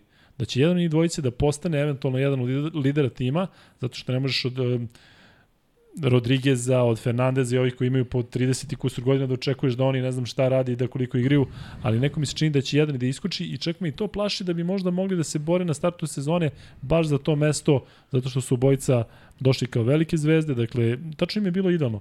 Uh, Hezon je bio u Barceloni kao klinac, bio u NBA ligi, Unix mu je bio baš primer da se pokaže, evo ga u Realu. Musa, veliki talent, otišao u NBA ligu, vratio se u Beogan, o, Beograd, o, Bereogan, odskočna daska i kažem, bit će čupav u Realu, ja se ne bih... Ja e, mislim da će Hezonja da ovaj, napravi tu veći pomak, jer uh, Musu smo zvali u podcast i otišao u neki drugi. Ali su e, verovatno zvali Real kao što je i Janis. E, uopšte Pozdrav ne, ne, za Janisa Musu koji je bio vrlo, vrlo ljubazan. Ne zanima te ništa, a? Dobro. E, šta mislite da gost bude Zoran Savić? O tome smo takođe pričali mnogo puta. Pozdrav za Zvezdaše, pozdrav za sve. Pričaj, ajde. Šta da ne ti, ne, ne, ja nešto mašem saletom. Mašiš, jel? E, dobro. da se približi mikrofon. Evo je pitanje. Sjajan gost, svaka čast momci. Ko je prošle sezone bio najspremniji igrač Zvezde, na primjer po testovima, a ko je izneo najveći teret što se fizičke igre tiče i potrošnje? E, ovo pitanje postavlja naš kolega sa sport kluba, koga ja jako volim i koji je relativno nov komentator. Pa ne znam da li će možda on, zato što je on ovde pod nekim aliasom, dobro, dobro, dobro. ali je reč dobro. o novom komentatoru, novom komentatoru sport kluba koji radi košarku i koga ja ekstremno poštujem, zato što je iz košarke. On je košarkaški trener, bio je, bavio se košarkom, košarkaški je trener i nekako mi je to prirodno. Ludi Mile. Nije Ludimile. Ali uvek mi je to bolje da se iskošiti ko Srki Radović. Srki Radović je bio što je bio, košarkaš, povredio se, ceo život posvetio košarci. Ja radim 96 sportova na sport klubu i nadam se da tih 95 radim dobro. Ali košarka je ipak moj sport gde mogu da pričam kako pričam. Isto važi za tenis. Dakle, kod nas postoji, zna se ko je teniski komentator. Ljudi iz tenis, znači govedarica koji drži tenis u malom prstu, Viško, Baki dok je radio. Ja tu samo mogu da učim od njih i da radim tenis kako mogu. I zato uvek poštujem kada je neko iz, iz toga i uvek postavlja i dobro pitanja. Tako da, e, da se vratimo i da ponovim, pošto sam se posle Čuo sam te, ne moraš da ponoviš. Odlično.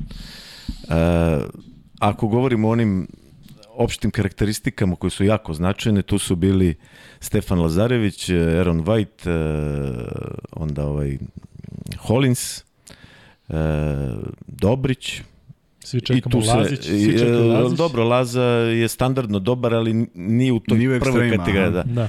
I, I Kalina je jako dobar bio, ali kažem, ajde za stepenik ispod, što uopšte nema veze. To su te neke optimalne da, da. vrednosti. E sad, ovo drugo, svako se pod njih razlikuje genetski, znate da su to ono, eksplozivnost, brzinske, agilne stvari urođene i, i vi sami znate E, ko je tu od njih najbolji, što bi se reklo. Da, za Lazarevića neko se podrazumeva, on baš... Da je... E, dečko je, što se tiče fizikalija, kompletan, nažalost imao je neke povrede ranije u FNP-u da. kolena, da. pa još uvek se tu malo na neki način čuva, ali probio je dosta. To i vrlo je značajan. Imao je odličnu sezonu. Da, da, vrlo je značajan kao komponenta igračka u Crvenoj zvezdi i jako se dobro osjeća u, u svemu to tome. Uze, tako je. Da. A što se tiče Hollinsa, recimo, taj vertikalni odskok njegov, ima sad ona faza gde, ajde, komponente brzine i brzinske snage je ono skok iz mesta. Međutim, naskok, odskok, to je već ulazi u zonu eksplozivne snage. To sad da se ne objašnjava koji su to nivoji, ali ima razlika. Recimo, ta, e, redkost je bila, ajde sad, visinu koju on može da dohvati u vertikalnom skoku je jedna kategorija, međutim brzina, on ima ubrzanje da naviše, ko raketa. Da, da. Tako da taj tajming koji on ima i brzina odvajanja od tla je neverovatna. Znači, ja sam se čudio kao dobro, ajde Kuzma hvata tu lopu, rekao pustite na startu ovoga uh, Hollinsa, on će svojom brzinom doći, pre doći do lopte. Da. Nisu prihvatili, ja?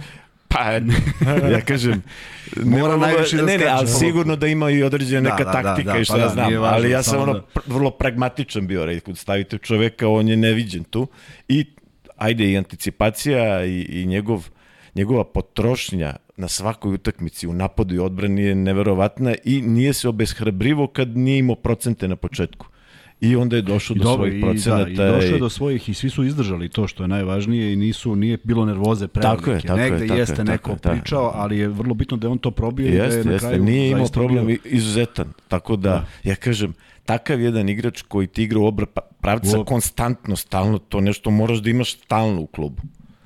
Ne, sad ja ne kažem Hollins, ali takav neki. Da, da, da, da, razumijem. A taj vertikalni odraz, kad smo već kod toga, ko se tu izdvajao? Pa između ostalog on je taj, da kažemo i Dobrić koji je fenomenalan što se tiče posebno iz trka i da kažemo što je eksplozivna komponenta. A White, za koga svima nama delo da White, da se ve, dobar je, ali ne toliko. On ne je toliko. više onaj, da kažemo, um, izdržljivi tip, ajde. Da. Znači, on je onaj koji može dosta da izdrži u da, da. nekom da. ritmu, ajde. Um, Evo ćemo jedan free bet pitanje. Ajde. Ajde. Mogli bi i ranije i kasnije bi mogli da ubacujemo ta free bet pitanja tokom da ne da oni ljudi koji samo gledaju zbog toga ako ih možda ne, ima. Nema to više tako. Da ovaj e, da ih ubacujemo. Sledeći put ćemo odmah da kažemo free bet Ajde, pitanje. free bet, izvoli. E, u stvari ovako, imate imate minut ili već manje da nabavite papir i olovku. Ajde, nabavite papir i olovku za minut, mada mislim da ljudi sad to može da piše i ovde sebi. Mislim da to ja i ti smo i stari. Ja samo zbog toga što znam zašto im savjetujem, zato što zato što će Morat slika nešto da, pišete. Ako slika će da biti ovako- na ekranu. Slika će biti na ekranu koliko ćemo? 45 sekundi. 45 sekundi. Ko li će da 45 meri to? sekundi je slika 12 igrača na ekranu i vi treba da ih popišete sve. Ko pošalje tačan odgovor, pokušajte iz gornjeg reda ka donjem, ne da skačete S leva na desno, tako je, ili kako god. Samo gornji da, red, pa s leva na desno, donji red. Tako je. Ako neko ne pogodi svih 12, kao što nisam ja uspeo danas da Ajmo, pogodim ajmo jedno, pa 10 sam- od 12 je dovoljno. Dobro. I ko 10 prvi, od 12. ko prvi, Ko prvi ide prva slika, pa će onda ići druga slika, Tako ali je. kasnije. I gledajte da idete redom. Dakle, puštat ćemo vam slike neke starinske. Starinski E, pa iz, ćete vidjeti, iz da. 1870. kad je sve to počelo.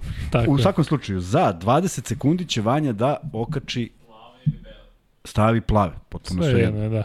Tako da prvi free bet kreće za neki 20 sekundi. Ako ste pripremili način da, da zabeležite to, to je dobro. Ako niste, teško ćete ovako iz glave. I onda ćemo Možda, možda ko neko će- može. Vidjet ćemo. Topalović. Topalović naš. Pitaju kada će majice u prodaju više. Radimo na tome da bude što pre. Objašnjamo posle, kad prođe free bet. Ajde. E, Čekamo, može? E, ovo je sa All Star utakmice. Ne bi mogo se setim koje godine, izvinjavam se. Ali ovde vidite plejadu srpskih igrača. Jel ih ima 12 ili više? 6, 12, 12. 13, bre. 13. 13, 13, 13, 13, 10, sve jedno, 10, Eno ga 13. sreta. Pa, Pa kako sad si otkrio? pa zato što svi znaju ko je sreta. Pa dobro, nije to da pita za, Da. za njega. Dobro. I sada želimo da krenete od broja 13 ili od broja 4 ili kako god, samo da ide nekim redom, da pogodite sve igrače. Ne morate iz kojih klubova.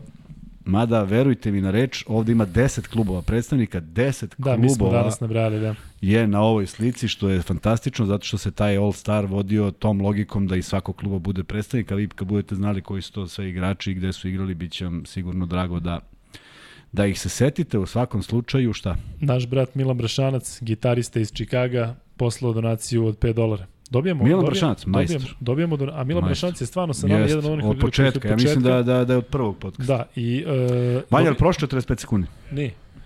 Dobijemo u svim ovim uh, valutama dobijamo donacije. Ja ne znam kako će to na kraju da se skupi. Jel ima nešto u jenima? Ne, za sad nema, ali vrlo moći da biti. Znači, će biti- znači Kića nam ne šalje da. ništa. Da, da. Jedino njega znamo da je tamo.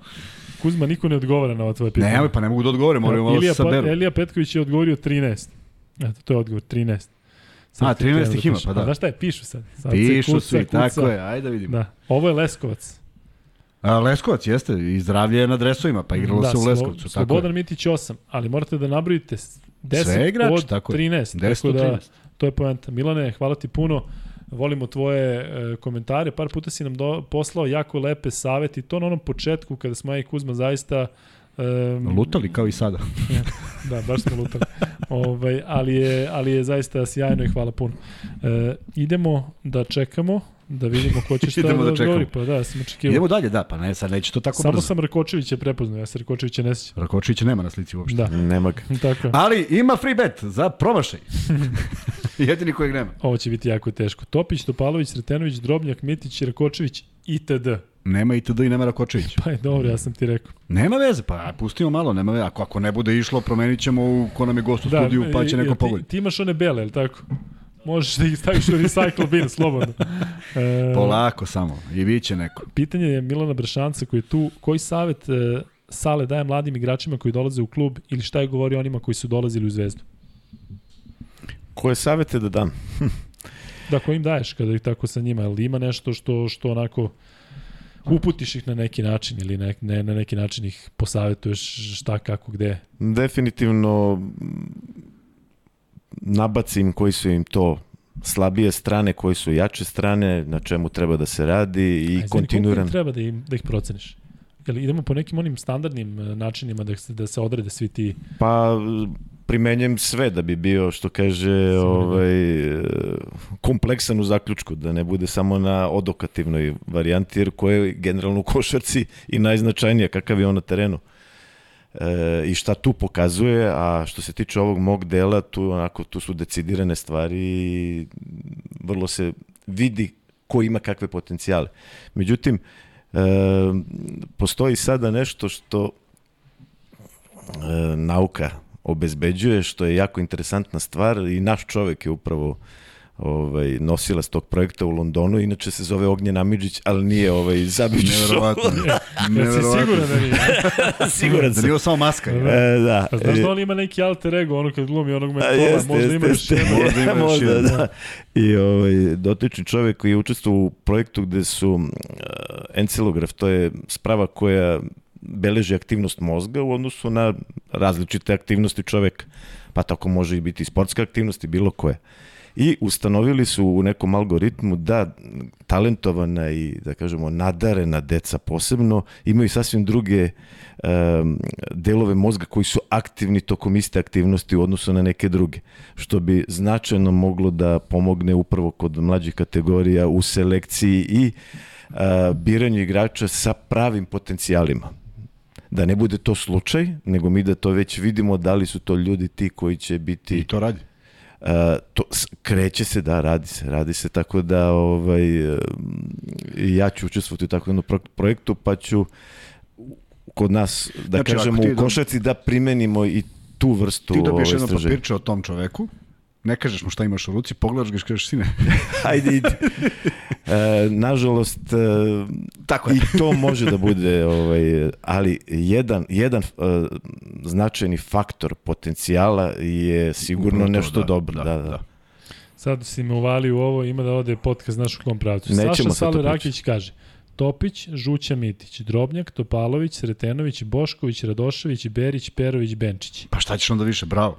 Sale Božić, majstor. Topić, Žuća Mitić, Drobnjak, Dobro. Topalović, Sretenović, Bošković, Radošević, Berić, Perović, Benčić. Bravo, Sale, dobio Gde je si... Bošković? Na plavoj? A, Koliko je pogodio? Rekao sam ti. Pa deset je nabrojao sada. Nije Bošković na slici. Ajde, možeš još jednog da dodaš, samo ga prepoznaj. Evo je slika ponovno. Stevan Stanković, Topić, Topalović, Sretenović, Drobnjak, Mitić, Berić, Doderović, Radošević, Topić, Perović. Nema Doderović. Doderović pišu da je pobedio u zakucavanju tada. Možda jeste pobedio, nema ga na slici. U šta si mu vario Kuzma sa svojim Ajde, išao po onim stalim albumima, dakle ono. Topić, Topalović, Sretenović, Drobnjak, Mitić, Doderović, Berić, Grušanović, Nema Doderović. Benčić. Nema li Grušanovića, gde ga videste?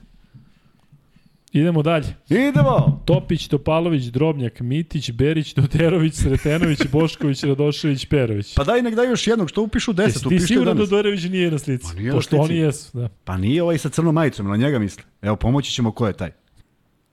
da sa Doderović? majicom. Ne, sa crnom majicom nije, nije Doderović. Ja. Zove se A Stevan. ja nisam Zove znao se ko je. Stevan. Ja nisam znao ko je. Ne, ti nisi znao što- ko je iznad njega. Ja sam ti pogrešno rekao ko je iznad njega. Da, ali za, za ovo, da, jeste. Ali smo prome, samo sam za, za prezime ove. Dobro, dobro, super, baš je zabavno. Ovo nije fair prema mlađoj populaciji. Gubimo, gubimo subscribere, Kuzma. Svi odlaze, a? Da, da, stavit ćemo sledeći put da se izvedimo, stavit ćemo ovaj novi tim Golden State Warriorsa da se malo, da se malo poravimo. E, Sale, pitaju e, mišljenje o Bati Zimonjiću. Ne znam da li misle na starijeg ili na mlađeg. na mlađeg. Mla, Da. stariji Pera je Pera, stariji. stariji je Pera. Da. I jedan i drugi su moji veliki prijatelji i stručnjaci, nemam tu šta da kažem, e, sem superlativ. Je li ima negde tu neke konkurencije ili možda nečeg između A vas? ima kada se zezamo jedan drugog. Tako je. Inače nemamo drugu konkurenciju. Ono, suviše smo, e, kakva je naša istorija, vrlo prepletena. Moj otac je bio profesor njegovom ocu. Njegov otac je bio profesor meni, a ja sam bio profesor, Profesor Bati. Tako da to je ovako. E, I ja sam imao tu sreću što je Sale bio 97-98, što je Pera bio 98-99, a onda Bata 99 u budućnosti. Tako da sam ja zakačio svu trojicu sa Perom u Beobanci, sa Saletom u Zvezdi i sa Batom u, u, u, budućnosti. Jesi su naši? Dozvoli. Topić, Topalović, Sretenović, Drobnjak, Mitić, Berić, Radošević, Topić, Perović, Benčić. Može. Stevan Stanković, Stevane pošalje free bet da ovu agoniju završimo ovaj ID. E, ide posle Beli. Pošalje ID. Posle idu Beli. Posle idu Beli, pa vi taman možete... Ili od- ove koje nisu pomenuli. A da, sad Da, da, one koji, koji nisu- niste pomenuli. Da. Nadam se da je Nikola Belj kaže dobro, ovo sada Sale Božić nešto piše. Sale, hvala ti puno na komplimentu i hvala ti što pratiš i što znaš da je bio Kitzbühel onaj dan. Mišljenje o uh, profesoru Koprivici. Moj profesor izuzetan je, stručnjak. Jel on u Partizanu? Pa nije, Nije više. ne. E, ja sam kroz celu svoju karijeru i dan danas i veliki mi je prijatelj Sergej Ostojić. Znaš ko je? Znam. kod mene bio na sportskoj akademiji. E. E, prva neka profesorska uloga. Ja imam zaista puno poverenja u njega i e, kad god odem kod njega uvek mi onako me izgrdi kada nisam u formi, sad nisam u formi zbog povrede ramena, e, dugo već sam van forme, ali vratit ću se. E, I stvarno, e, meni sad, ovo pravim za, za sledeće pitanje, meni mnogo znači da imam poverenje u nekoga ko zna, recimo, moje neki probleme, imao sam neki supraventrikulne tehikardije mm. koji stvari idu kao um, imam neku želdočnu kilu, pa ono udari, pa malo poremeti, pa smo dugo radili. Baš na srce, da, da. Tako je. I imam potpuno poverenje u njega i kako mi kaže, to je, koliko je to važno?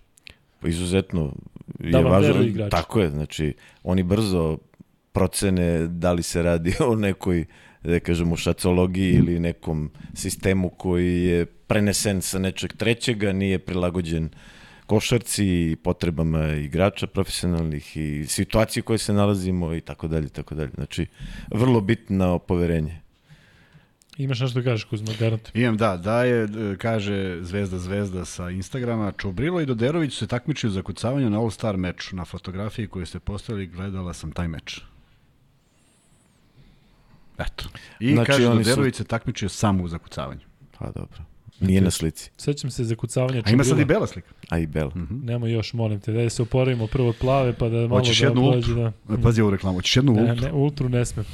E, rekli ste ne pijem kafu, sad ne pijem ni ultru, ali super je ultra što se tiče nekog sponsora, vi pijete. Ej, vidiš šta kaže Vladimir Milenković? Šta kaže? Ron Artest, also known as Meta World Peace, je 51. Bravo. Bravo. A Bravo, piti, ga... Vladimire. Ma moj imenjak čovjek. Ne, ne, ajde sada treći, evo, može, može free bet jedan da uleti ovaj između. Dakle, prv, imamo prvi free bet ovaj tvoj. E, imamo free bet i od Vladimira. Kakav free bet? Kaže ovako, idemo zagonika. Jedan nosilac igre Crvene zvezde od pre 4,5 godine, 4-5 godina, sezone 2016-18 je nosio 51. Ide pomoć, Crnogorac, rođen u Beorodu. Ko od vas pogodi dobija free bet? Ti znaš? Znam. Ne piše ovde.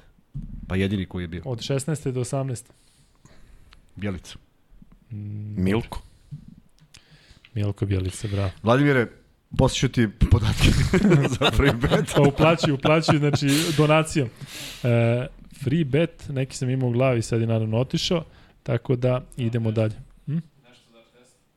Zar test? Evo, pitanje je za drugi free bet, da se malo porijemo od svega. Ajde.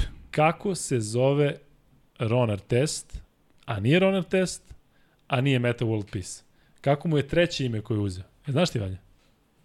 Javi se Vanja tamo. Da. Dakle, kako za 1000 dinara, treći free, drugi free bet, dakle, roller test je pravo Eto za mlađu populaciju. Meta World Eto Peace, vam sada. To znamo. E, pa kako se zvao posle toga, pa mu nije, nije mu to prošlo. Tako da, da eto. E, umeđu vremenu, e, mišljenje o Luki Vudragoviću. Ko će? Pa Sale. Ja, to je junior zvezde koji se pojavio. Ja sam ga dobro ispratio na onom... Ti jesi, ja nisam gledao, znam ga samo ko je, ali nisam imao prilike da ga jes, gledam. Jesi imao prilike e, da Malo smo radili. Tako da još je u tom nekom našem putovanju na evroligaške utakmice e, se on povredio, znači faktički smo jako malo zajedno trenirali, povredio se i, i jedan duži period je bio ovaj, e, A kako ti se čini mali Topić? Pa čini mi se odlično. Znači ima taj da, X faktor neki. Da. Mislim da je Čale drugi tip. A ovaj će da bude nosilac. Koliko mi se čini. Ja isto mislim, bez obzira što on nema ekstremne nikakve... Ne, ali i ali ima, ima kliker, i da. ima, znači ima on sve te neke karakteristike. Sve što mu treba, mi da, da, da, sve, I na terenu se ponaša tako. Ponaša se i vrlo je, nije bio pod stresom ono kad smo ga ubacili da, da, da igra. Da, da. Pogreši, ali vadi se iz toga ima želju da se ispravi. Ali se vadi i u odbrani se odmah vadi to, to, ako je neka greška u napadu. To, to, to, to, to. Ono sa rukom iza njega potpuno, tako? Pa jeste, ovaj doživio povredu ruke, Znam, baš da, da, ali je prošlo, prošlo, da, hvala Bogu. Meni se jako dopada Luka Vudragović kako razmišlja, kako igra, kako se ponaša i ono što mi je ajde da kažem neki poseban plus trener Obrenović, koga ja jako cenim i poštujem Miloš. i da i jako lepo smo ovaj pričali pred utakmice e, skautirali neke stvari pre nego što je Zvezda igrala i deluje kao jako cool tip. Ne znam da li će i naredne godine biti trener Jurija. Ko? E, On, ne znam. Da, Miloš. Uh, u svakom slučaju, uh, sviđa mi se to što nekako na njega najveći pik ima, što je uvek dobra stvar. Dakle, on šta god uradi, cela petorka nešto, on na njega. Što znači samo ono što smo pričali ranije, da, da, da radi sa njim. Znaš šta su pričali? Čim trener zaboravi na tebe, to, da, pa ništa pogotovo. to znači da je ništa. E, samo ti kažem, patron Luka nam se javio i kaže čisto da znate od koga je hiljadarka. E, nešto Likos, to je ono, pa da, ono što si rekao što ti spomenuo. Likos, da, da, da, da, ti si bio patron ovde, tako? Ili je negde... Patron nam je odavno. E, dobro, da. dobro, dobro, da, samo nisam ja to pohvatio. Kuzma drži sve te naše... Bio je super chat 21. jula, to Vanja može da vidi negde. Tako bravo, kaže. bravo. Hvala puno. Hvala, Mislim, hvala vam puno svima. Kažem, neverovatan je osjećaj na stranu ti novci. A, što, kažem, na taj način prepoznate. Oni za, je, znaš, recimo ovo, oni za, za deo tog novca mogu da imaju Netflix mesec dana. Da, da, znam. Znači, ne, kažem ti, taj osjećaj da je njima drago da razgovaraju, da razgovaraju sa nama i da na taj način podrže. Ti sećaš kolika je bila frka za RTS pretplatu. Neću da plaćam da, da, da. toliko da. da ovo, a neko uzmi taj veći novac da ovde nama da, da, da bismo pričali znači, ovako. Znači u svakom smislu zato što da smo jači je od priznanje, tako je, kakav tako RTS. Da, smešne. Um, ima dosta pitanja, da vidimo sada da krenemo. Evo, hoću da pročitam nešto, pa možemo da se odgovorio neko to. za tvog ovog? E, bra, to je skroz Šta si mi uradio s tim? Ne, evo su tvoji Doderović, izlaze Doderović i dalje. E, Doderović, znači, Sve da zovemo Doderovića da kaže zašto nije na slici. Zašto? Da, gde si ti čovječ? Pa u belom timu. E, ja mislim da je u belom. Pa da. Banja, da, da beše Panda Lever, ali tako? Ima i četvrto. E, priznaj to treće, Čekaj, priznaj Panda, to kao Panda treće. Lever je uh, jedno odijel, tako? Da, ajde da vidimo ko je prvi odgovorio, Marko Topalović. Marko Topalović, ti beše ne, ne, odgovaraš, a nećeš free betove, tako beše? Ne, ne, Marko, hoće sve svi free betove. Kako? Znam da je bila Panda, ne? Kako? Da. Panda Friend, Nikola Beljkaš. Nikola Beljkaš, koga ovde svi hvale da je bio nešto u, u slagalici, da je kidao. Tako da, Nikola, pošalji uh, ID Max Beta na uh, Instagram Luka i Kuzma i da znate, dakle, više ne moramo toliko ni da reklamiramo te neke stvari. U opisu videa imate sve. Šta ima Vanja? Deezer, Spotify, šta još ima što ja ne znam uopšte šta znači? Facebook, Instagram, mi baš imamo Facebook, tako? Kako da nemam? Luka i Kuzma na Facebooku. Facebook, Instagram, a moramo da provalimo zašto i to sam manje rekao, kada ukucaš na Google, ja koji nemam Instagram, ukucam na Google Luka i Kuzma Instagram, ne izbacuje mi ništa. Ne postoji ništa. A izlazi neki Luka, Kuzma i sve. I onda mi Vanja kaže da to možda do nekih tih algoritama ili bilo čega. Savladat ćemo da to za 2-3 godine. Da. Ovaj, a onda smo na konju. Tako je. Tako da, um, Panda, šta smo rekli? Lever. Nije Lever, to nije bilo dobro. A nije dobro. Panda Friend. Panda Friend je Nikola Beljkaš i on neka pošalje, e, dakle, free bet. Vlado, kakvi su, e, nismo blizu kraja, iako pitanje deluje tako. Vlado. E, Vlado, malo kreni se na tamo. Samo se rotiraj malo. Ne mogu, ne mogu da te gledam. Ne mogu da te gledam. Neće da pričaš sa mnom. Pazi ovo, Vlado. A više nisam ni Kuzma. Vlado, kad ćeš da... a u životu te Vlado nisam nazvao. Pa naravno. Ne, to je bilo Vlado, kada ćeš više da proni svoj free bet da staviš one bele, bele dresove pa da idemo dalje. Nego, Sale, kakvi su planovi generalno za budućnost? Da li ti recimo imaš kao neki treneri koji recimo vole da odu u Ameriku da, pa da rade tamo, da li ti imaš neku ideju gde, da tebi sad mogu da je odaberu, gde bi volio da radiš reprezentacija, klub, koji deo planete? Možda povratak u Rusiju, šta god. Pa, mislim da sa 55 godina i poslednje faze radnog veka, bi više volao da provedem vreme sa mlađim kategorijama. Znači da koordiniram tim poslom i da ovaj, nadgledam njih i da budem srećan svaki put kad neko od njih bude vrhunski igrač. Da. Mislim da je to nešto što bi me sad ispunjavalo, recimo. Ali ne kažem da ako bi me posebno nešto izmotivisalo da bi se opet vratio na vrhunski nivo kao što je ovo bilo sad sa Crvenom zvezdom. Čini mi se sa zvezdom jedino što bi me motivisalo je mogućnost osvajanja Euroligi. Eto. Jel su otvorene vrata tvoja prema zvezdi ili ti dalje ostavljaš otvornu opciju da se u nekom trenutku Ma, nikakav sportu, znači nikakve relacije nisu narušene, jednostavno e, nov stručni štab, nov, novi tim i sve je to u redu i što kaže, nema nikakve tu u našem poslu varijante ljutiš ili šta ja znam, ne, to je okej, okay. čak i ja se tako osjećam da je došao neki period da moram malo da akumuliram tu i želju i motiv i energiju i sve. Pitanje koje nije se postavilo, ali mene zanima. Ognjen Kuzmić, Da, ono sve što je on prošao, da. koliko je uticalo na njega mentalno, koliko, koliko je on morao da radi više da bi se vratio Jer smo čuli da je radio nenormalno mnogo. Tako Pa je. jeste. Znači, to je Dobro rad koji, znači nije to samo saobraćena nesreća, nego u realu neigranje i tako dalje. Kad je njegova poslednja da, sezona pričali, kad je u uopšte igrao, da. Igrao nešto. Znači, to je jedan dug period neigranja i još ta saobraćajka iz koje neko se nikad ne vrati, što kaže. On budeš srećan što si živ. E, kod njega je to išlo taj prvi moment oporavka jako brzo. Čak je ono, ne znam, negde oktobar, novembar već igrao onu prvu utakmicu s Barcelonom i kao nešto tu uradio.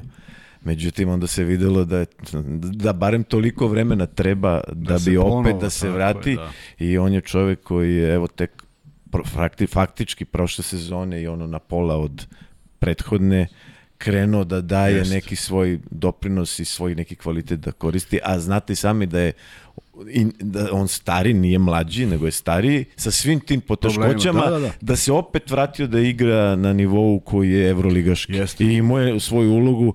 Ozbiljnu e, ulogu i Kako da vam kažem, znači, prosječan gledalac gleda taj njegov košar, košgeterski učinak. Međutim, on svojom konstitucijom i nešto nižim težištem, a opet e, velikom visinom, fenomenalno ima lateralne kretnje, izlaske u pik i odbrana od pika, tako da su to njegovi kvaliteti koji su nam jako značili, zatvaraju. Odbran, odbranbenom nam je duplo više značio nego napadački. A i napadački sa svojim onim otpacima Jeste, koje vraćaju i tako dalje. I zaista je odigrao sezonu. Znači, to je za pohvalu, jer kažem, da se vratiš iz te situacije, znači da nisi imao saobraćajku, nego samo da nisi igrao taj period, da pa, pa ti pa treba ne da možeš se se vratiš. vratiš, čoveč. Da, da.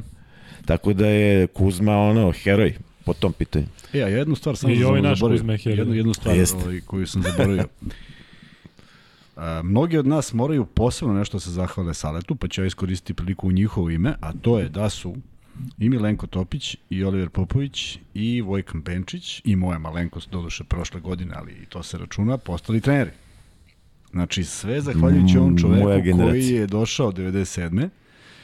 I jednostavno nam otvori oči i rekao, momci, ajde kad smo već svi u zvezdi, pa ajde bre malo da se edukujete. I onda je nabavio knjige, sport, kako se ono zvalo, anatomija neka. Pa, kraj- dobro, teorija bilo, treninga, teorije, da. biomehanika I imali smo dalje. neka predavanja, odlazili smo, pisali neke radove i tako dalje. Imali Tako su da- beneficiju u tom smislu što se vanredno organizovalo za da, njih. Da. E, tako da... da... zvu, zvu, zvučalo u ovom našem odvratnom sistemu i u ovoj našoj Srbiji, kad ti kažeš da se zahvalim Lukmanu što smo ja, Topić, a onda postali treneri, odmah ljudi pomisle neku muvačinu. Tipa, Da, pa da, da, nema Sale, diplome opa, i i samo kao, dalje. ajde, da. Ne, nego nas je naterao da se da malo razmislimo o tome šta posle i meni je mnogo drago što smo što su mnogi od nas to prihvatili. I Čanak je isto završio. I Čanak je završio, Da, da, da. kažem, baš mi je drago jer smo Sve jer je to, gosti. ja mislim da smo mi prva generacija studenta. Jeste, jeste. 96. je otvorena, vi ste Tako, prva. mi Da, da. I onda i onda nam je to stvarno dalo neku neku neki smisao svega toga da ne budeš baš da ostaneš na nivou onoga što si završio od tog momenta Da. jer sve ostalo paralelno da ide nešto drugo, a da nije sport koji te zanima. A i nije- da se razumemo, ono, trenerska karijera uspešna na vrhunskom nivou mora mnogo stvari da se poklopi. Tako je.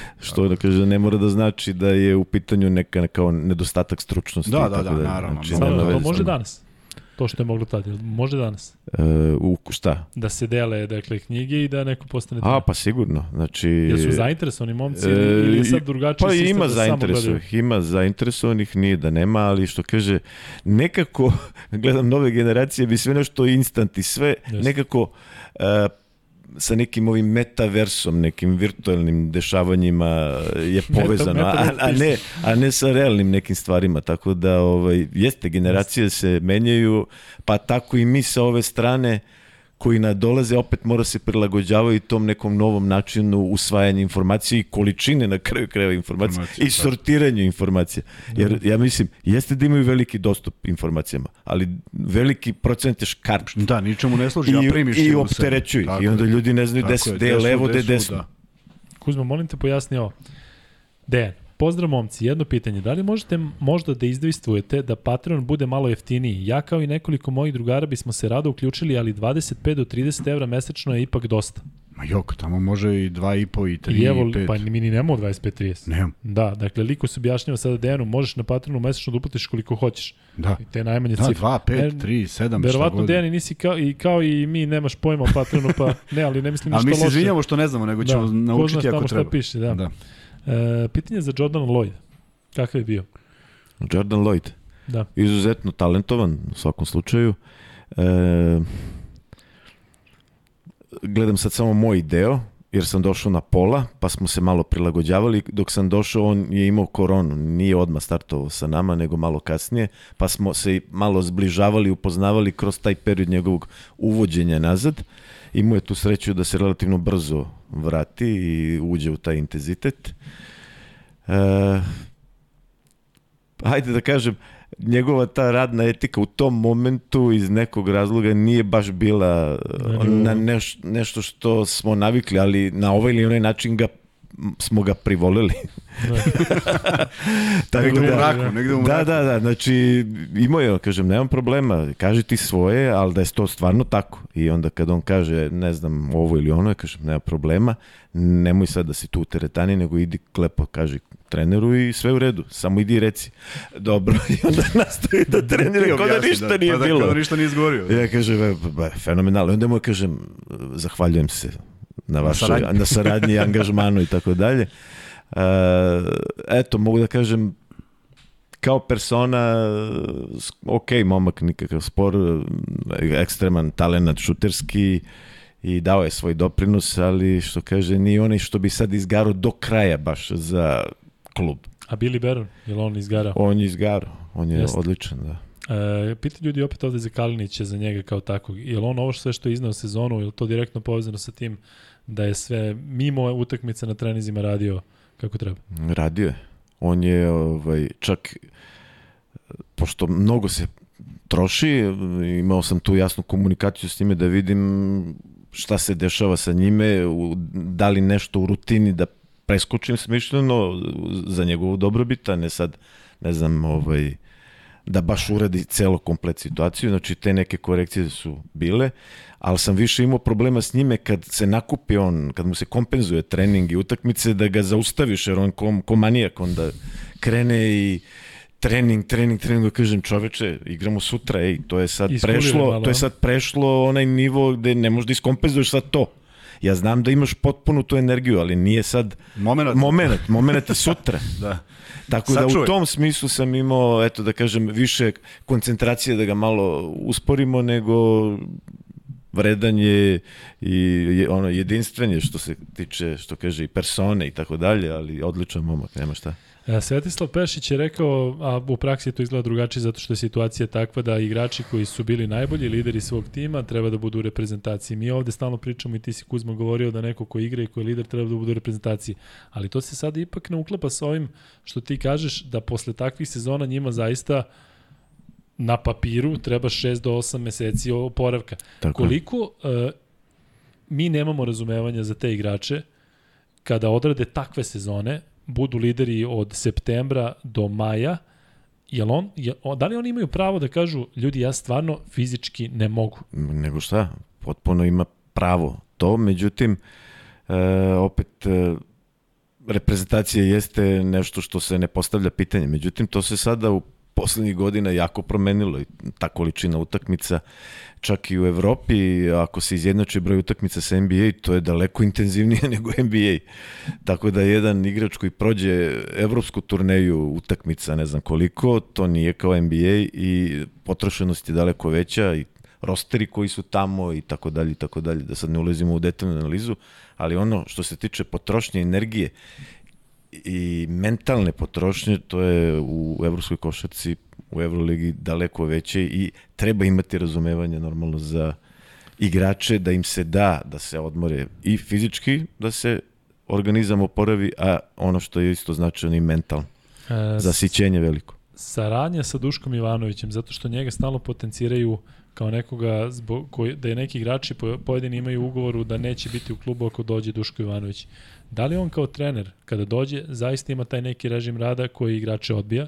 Da li je to nešto što je što nije Čovek e, je rezultate u prošlosti postigao sa radom u koji veruje. Sad i, pitanje e, što kaže koliko bi mogli sad da komentarišemo to obim, intenzitet, kako i šta, međutim on u to veruje, sa time ima rezultat i to se mora poštovati ili jesi tu ili nisi tu, što kaže. Ali koliko recimo, ne sad samo primjer Duške Ivanovića, koliko se tvoj posao bije nekada sa, sa na trener, po, poslom prvog trenera koji traži od njih da izgaraju možda kada i ne bi trebalo? A, tu je jedina loša okolnost u radu sa glavnim trenerom, znači saradnje između kondicionog i ako nema taj totalni nivo saradnje, pogotovo u ovom programu, ako nema to, ništa tvoj tim neće uraditi. Da. Znači, da se Radonjić i ja nismo uklapali koliko ko šta, ali do detalja, problem, ali neviđenih razmara. Dakle, saradnja sa Radonjićem totalna, i, da, da, i, da, da, totalna i, uh,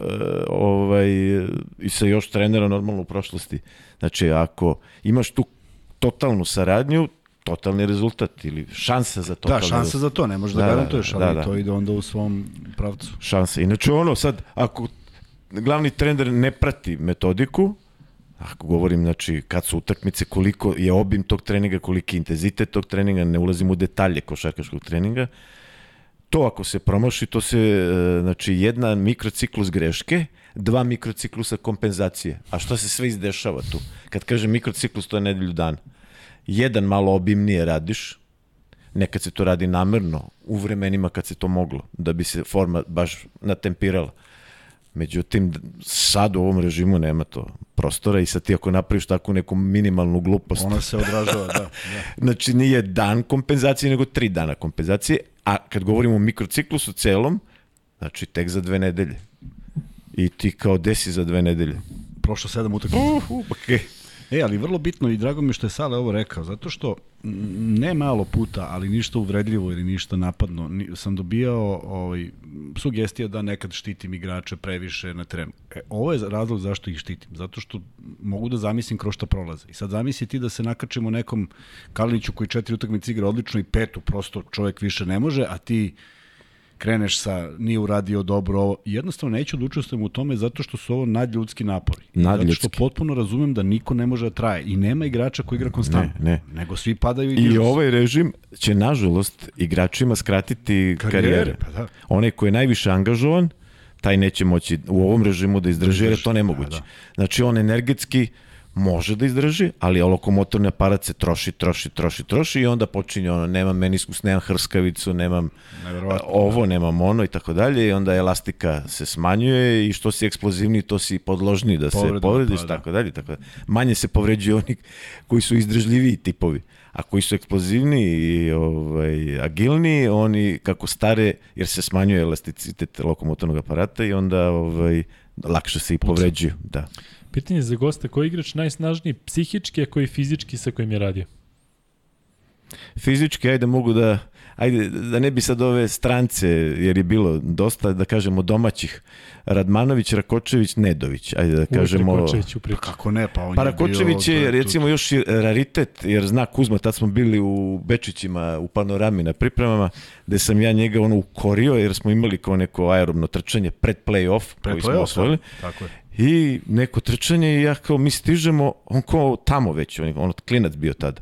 I ja na njega kao mali, kako si ovo, ono, ono, ono, nisam. Da.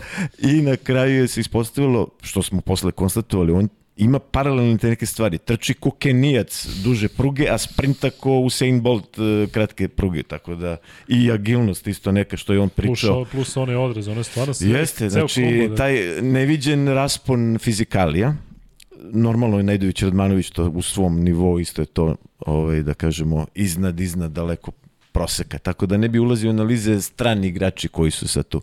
Pokojni recimo Tyler Hanikat, njega sam trenirao u dečko onak tragedija koja se desi, to je da, da katastrofa. Da, Divan momak, Himkiju, prosto da. ne znam jednostavno šta se tu i dešava. Da, da, u Himkiju koji je ono, imao skočnost neverovatnu koju ja nisam video ono iz naskoka, ja mislim glavom na, na, vrh, obl, na vrh table. Takav da. utisak da. čovjek ima.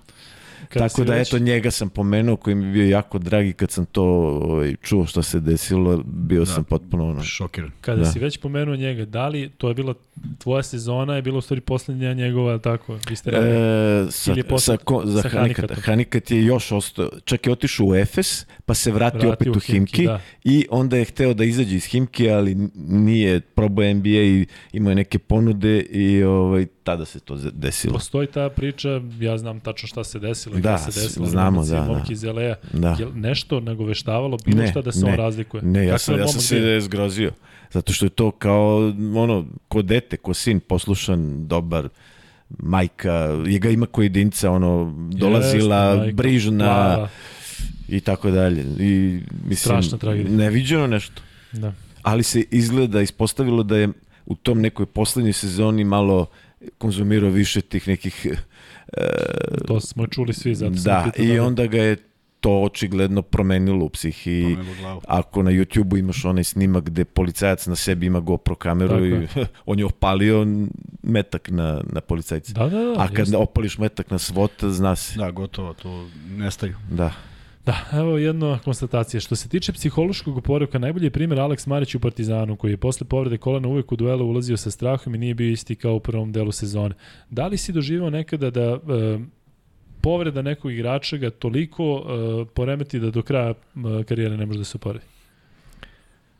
Pa, ne mogu da kažem da sam imao situacije sa igračima tako teških povreda, ali uglavnom posle povreda ukrštenih veza, e, pogotovo ta rekonstrukcija vrlo osetljiva. Neki ljudi misle operacija kuka. Operacija kuka je e, u smislu statike mnogo lakše nego koleno rekonstruisati. To je i samo male nijanse te odbacuju od nekog, da kažemo, opet starog nivoa. I u, čak i da je oporavak proteko sve kako, kako treba. treba, te neke mini poremećaj tih obrtnih momenta delovanja muskulature i tako dalje ne dozvoli čak ni hipertrofiju mišića da se vrate opet na isti nivo i najčešće takve vrste povreda su bile problematičnije nego neki prelomi i šta ja znam. Znači, ono što se u glavi sećam da su tu neki problemi čisto e, ne mentalne prirode koliko objektivne prirode u oporavku. Pitanje je imali nade za Bogdana šta kaže Luka i Kuzma trenirao je zadnje nedelje u Atlanti.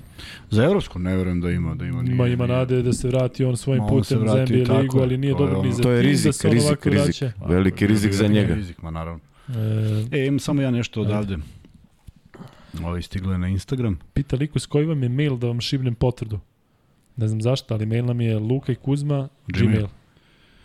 E, Dejan Andrić se pita, Sale, a, koliko je finalna serija ABA lige bila komplikovana za pripremu poravak, stani, kreni, kliza, parket, milion pauza u toku same utakmice? Mislim, videli smo sve, ali nemaš ti uticaj na, na, na utakmicu. Pa imali smo to i sa budućnosti 18-19. Jeste, da. Pa, ali ne, hoću kažem, nemaš ti sad uticaj na na, na to. Nema, nema, nema šta da primeniš, mislim, ti I si to odradio... ti je što ti je, to ti je ono, da. E, e, stvar se ogoljuje i umoran si i nisi kako treba i ovako i onako, nema tu čarobni štapić. Da. Tu uh, uh, angažuješ sve svoje potencijale borbene i ono što nosiš u krvi da dobiješ tu utakmicu. I to je to. Rečeno im, ako ovo uradite, herojiste. Šta da, da vam kažem? Nema, nema, šta da vam kažem? Mnogo. I jednostavno ništa tu nije bilo idealno, ni nama, ni njima, ali taj moment borbeni želje i fokusa u tom smislu da se što manje grešaka pravi, faktički to kad se sve ispraznilo, mi smo ono, I, to da. izgledalo nadljudski u nekom momentu Jest. šta se dešavalo. Drugo pitanje je bilo koliko bi moglo da utakmica bude optimalno u jednoj sezoni, pošto je ovo 70 i nešto očigledno. E, mi smo imali mi smo imali 22 u prvenstvu, 14, e, 26. da ne bi sad to licitirali. Dve utakmice nedeljno, to ti da, je optim. Tačno, pa da, to je to. To je, to je optim. To je I to. onda onaj stari koncept Evrolige koji je očigledno nije finansijski Tako, kao i ovo, ali, ali je skroz idealan, da, idealan. Znaš šta, Izvini, imaš jedno. Nezgodno je malo to kad kažeš evo 60 utakmica, pa nije 60 utakmica recimo da igraš u Evroligi i 60 utakmica da igraš u ABA ligi. To je malo, znaš, nezgodno ne, sve stoji, nego samo kažem, ti moraš da, ti u 60 utakmica imaš 30 putovanja koje mogu da traju i ovako, a mogu da traju i ovako, zavisi kako letiš sedeti u avionu nije odmor, nije ništa tu odmor. Leteti I sad, e, da izvini što ti sad uskačem, ali ono, pošto sam Čiča Zaborović. Znaš, ono ko šta sam... I Čiča, pa i Kuzma je tu. Pa dobro, dobro. Gorio, da. Ovaj, apropo putovanja, zbog čega su važni čarteri ako su ozbiljna stavka u budžetu, ali ako to ne obezbediš, to ne, ti startuješ ovde, a ovaj sa čarterom Tako ovde stanuje. Da. I još ima kao budžet i roster, pa gde, kako sad? Uh, ako nisi u čarteru, da te odmah vrati kući i tako dalje. Znači ti imaš one termine, ustaj kao u tri da bi bio nisi u pet. Lego, pa da. I sad, uh, da bi ljudi to lakše shvatili, to ustaje u tri, to ti kao jet lag da si dobio, kao da dolaziš iz Amerike. Znači samo zato što si da, ustao da. tada i a, adaptacija je ono, znaju, jedan sat, uh, jedan dan, pa ti vidi sad, Koliko je, kako na šta da to liči. I uh, posle ove korone, kad smo igrali ono uh, asfalt, tad sam ja poslednji dobio, pa opet nisam učestvovao u tom putovanju. ovaj, uh, Asvel pa Olimpija. To su bila dva jutarnja putovanja, ludilo potpuno u tim jutarnjim sitnim satima gde smo sitno izgubili od Asvela i pobedili sitno ovu uh, Ljubljanu. Da. A da te neko pita iz ne treninga, nema treninga, jer su iz korone izašli tek. Znači imali trening i po, jutarnje ustajanje i da ti dođeš na taj nivo da možeš, da a kao Raja nezadovoljna kao šta ste sad šta samo toliko. Je bila jedna interesantna stvar čak i u onom periodu kada su se te utakmice ipak bile ređe, ali o, ovaj, sećam se s menom ustali u Španiji, negde u, legli smo u jedan posle utakmice, pošto tamo utakmice kasno, pa dok smo Jest. večerali i sve, ma nismo ispavali, negde u tri smo i ustali. I Gašo Pajović kaže, jel ima Ili ima neki avioni popodne? Za, zašto ovi? Jesu svi, jesu svi ujutro. A stvari da bi stigao na, na kraju destinaciju ti mora da prvi let koji postoji. Jeste, Mi smo sedali na aerodromima po 3-4 sata, sad je to kudi kamo lakše sigurno. E, u, u principu Crvena zvezda je obezbedila poslednje dve sezone priličan broj čartera to je, to je i zahvalni smo maksimalno da ne, na tome, pa jer da e, Čović je i rekao zapravo da je to ozbiljna stavka. Tako je, znači, tako je. I onda je koštalo i uvek košta. Kako košta, košta. košta. Ali generalno, bez sve šale, ako nemaš to na početku, reci, ne radi ništa. Startu, da. Ne, ne, ne radi, nemoj ništa da radiš. Pitanje za free bet, no opet nama, u kom podcastu je Luka rekao da ne pije kafu? E pa to, to je pa odgovor, da, to treba da se. koliko bi to trebalo. Pozdrav za Luku, ovo znam ko je, Green Lord. Dula, ako si ti, veliki pozdrav za tebe. Nadam se da je u Borči sve kako treba.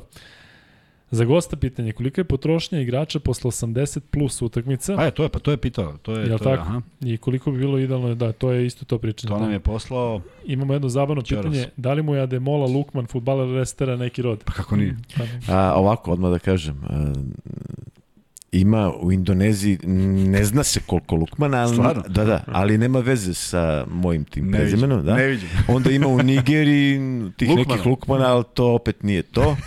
e, moj deda je slovenac i ima tih Lukmana u Sloveniji. Slovenija. Da, da, da. Da, ovo je, a Demol Lukman je nigerijska veza, ako je... Ako Ali je moja žena recimo radila u komori i sad je imala iz Indonezije tamo neke stranke i čovjek neki Lukman pa u nesvest kad je vidio da je i ona Lukman. Pa gde si? da. Jesi dobio ono, ono pismo? Poštovani, ovde tvoj rođak iz Nigerije. Da, da, da. Jeste.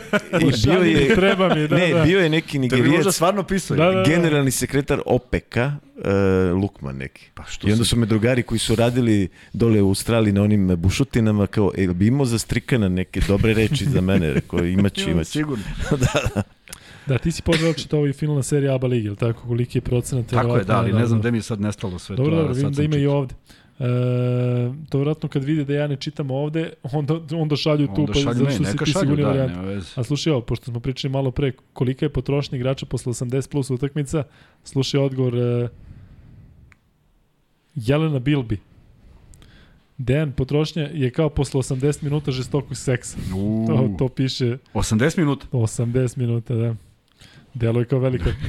velika potrošnja. E... Pa jedino što je tada motivacija tolika da ne osjećaš potrošnju. tako je, tako je. E, ima još jedna stvar, ovo Ivan Pajić nam piše, kaže ovako, Aleksa Milošević iz Lučana, što za njega Oliver Popović reče da će za godinu dve možda za seniore sada u reprezentaciji mlade, verovatno. Tako da, ovaj, imamo ljude koji, koji prate zaista podcaste i to do detalja. Aleksandar Ivanović je pitao kako sećanje imaš na pokojnog košakaša Heniketa, mislio na Talija Heniketa iz Himke, to je već e, Saša odgovorio. Za goste pitanje je da li Branko Lazić može, što bi naš narod rekao, volu rep da iščupa? Branko se kao klinac bavi borilačkim sportovima. Sad ne znam da li je karate ili tekvondo, da ne lažem, ali kao mlad momak kad smo prvi put radili zajedno u onoj sezoni 10-11 u, u FNP-u i posle u Crvenoj zvezdi. E, kao klinac je već imao one snažne momente daleko veće preko od ostalih igrača, ono tipa bench 140 kg, ali kao nemoj ti mali više Nemoj, Do, dosta dosta, dosta je to. I tako dalje. Znači, Možda izvuče 140 kg. e, tada kao momak, sad mislim to više nema potrebe, nego u toj nekoj fazi razvoja, testiranja, maksimuma, neko to ni ne testira, ni ni Da. bitno. Uglavnom, eto, to je Ja se sećam Znam da je koji sam-. Koji sam postavio kod Saleta. U Koji? benču. Koliko? 88. 88. I ja dobro. sam tu negde. E, Kaže se, kaže Znaš, se, zeznuto je kad kažu kao dođeš i sad, znaš, dođeš u teretanu, a ja ono 90 bato, a ruke Ja ovako radi. 88 plafon. a, šta se kaže, da u principu je okej ako svoju težinu podigneš na benču. Da. Tako da, danas, danas Ja sam to teško. shvatio bukvalno. Da.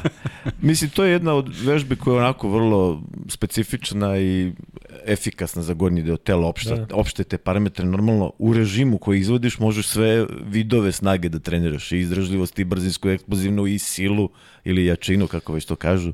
Tako da je onako vrlo popularna. Sad, ono, malo menjamo uglove, te kosi, te Da, da, ravni, da, da. te ovako, te onako, ali uglavnom e, značajna za taj neki opšti tonus koji ti treba Jer šta se dešava, ono, utakmice u ovoj količini, potrošnja energije, kao posljedicu ima atrofiju mišića. I ona, kada krene oporavak, se vraća, ali se ne vrati na onaj Uvijek nivo. na onaj isti nivo, da. I onda kad se sabere više tih nekih utakmica, ti nisi uradio trening tonizacije, padne ti opšti tonus i onda ti padnu svi parametri koji su vezani za mišićni tonus. I nikakav si jednostavno. Da. I sad ti moraš i kada si umoran i ne I potpuno si takav, puno, ma ti da. moraš da smisliš obim intenzitet treninga koji će vratiti tonus na optimum. Jer ako to ne vodiš računa, nisi Prolazi vreme i gotovo, gubiš gotovo, vreme, pa gotovo. Da, nema ništa, nema odporavka. Problem. Ko je spremni fizički, kondiciono, Kalina ili Laza? Pa to je onako različite kategorije, ajde da kažem. Deluje da Kalinić apsolutno je izdržao sezonu Imao je parametar koji to obezbeđuju Da, i da. kontinuitet i, i on sve u ima redu. neku bezgraničnu energiju. I on uh, ima taj, uh, što kaže, uvek izdržljivost je mnogo povezana sa motivacijom. On toliko Da, ima želju da da. igri i da pobedi, da jednostavno ga, ti sad kažeš, pa možda ga staviš da igra 30-40 minuta, ali opet kad se skupi to četiri, Ma, naravno, imaćeš to problem sa njime i ne u smeš nekom to da radiš. Da. E, meni, se, meni se učinilo, i ja sad ovo iz mog ugla, da je bilo tih par utakmica da tačno vidiš onaj moment kada su se skupile utakmice i kada je Kalina pregoreo. Naprimjer, to je jedan od Skupi, momenta da, da, da, sećam, da. ja mislim da je Monako u Jeste. pitanju i lomi I se to se rezultat. vidi na šta liči. I on trči preko celog u punom šprintu, dobija na trojci i zaustavlja se za skok šut. Znači, apsolutno. Kao i u nikad- odbrani kad napravi poljanu, Kada- onako. Da, da. Ej, ali apsolutno nikad to ne radi. I Da, ti da, vidiš da, da. tačno da je tu zamor svega, Da, fokusa I, i samo da se završi. Ha, da, ti, on neće da ti kaže sad ne, ne, neću, ali Da, jednostavno šanse, pa da. otkazao. Da, I I mora, treba se poenta je u razumeti, tome, tako znači ti moraš da komuniciraš. Ovo malo pre apropo Laza, znači Laza, ajde ako bih podelili, ovo je izdržljiviji, a ovo je e, jači, ajde da kažemo onako narodski. Drugačiji, du, du, drugačiji Narodski, delo. narodski, da, Čak da, da. ovako delo drugačije Da, da, da, da. E, ajde sada ti pozovi ljude da lajkuju. Ajde, Ajde. šta treba kažem? Kao što sam E, e, malo pre nego što izađe drugi free, treći free bet sa slikom, moramo da izabacimo još jedan. Pa mislim, Znam da se ali, raduješ. ali onda ovi što se klade ima da odmah odu na spavanje. Bolje da čuvamo za kraj. Šalim se. Ajde, čuvamo po, i za onda... za, pozovi za, ljude koji gledaju u live-u. u 3.15 ujutru.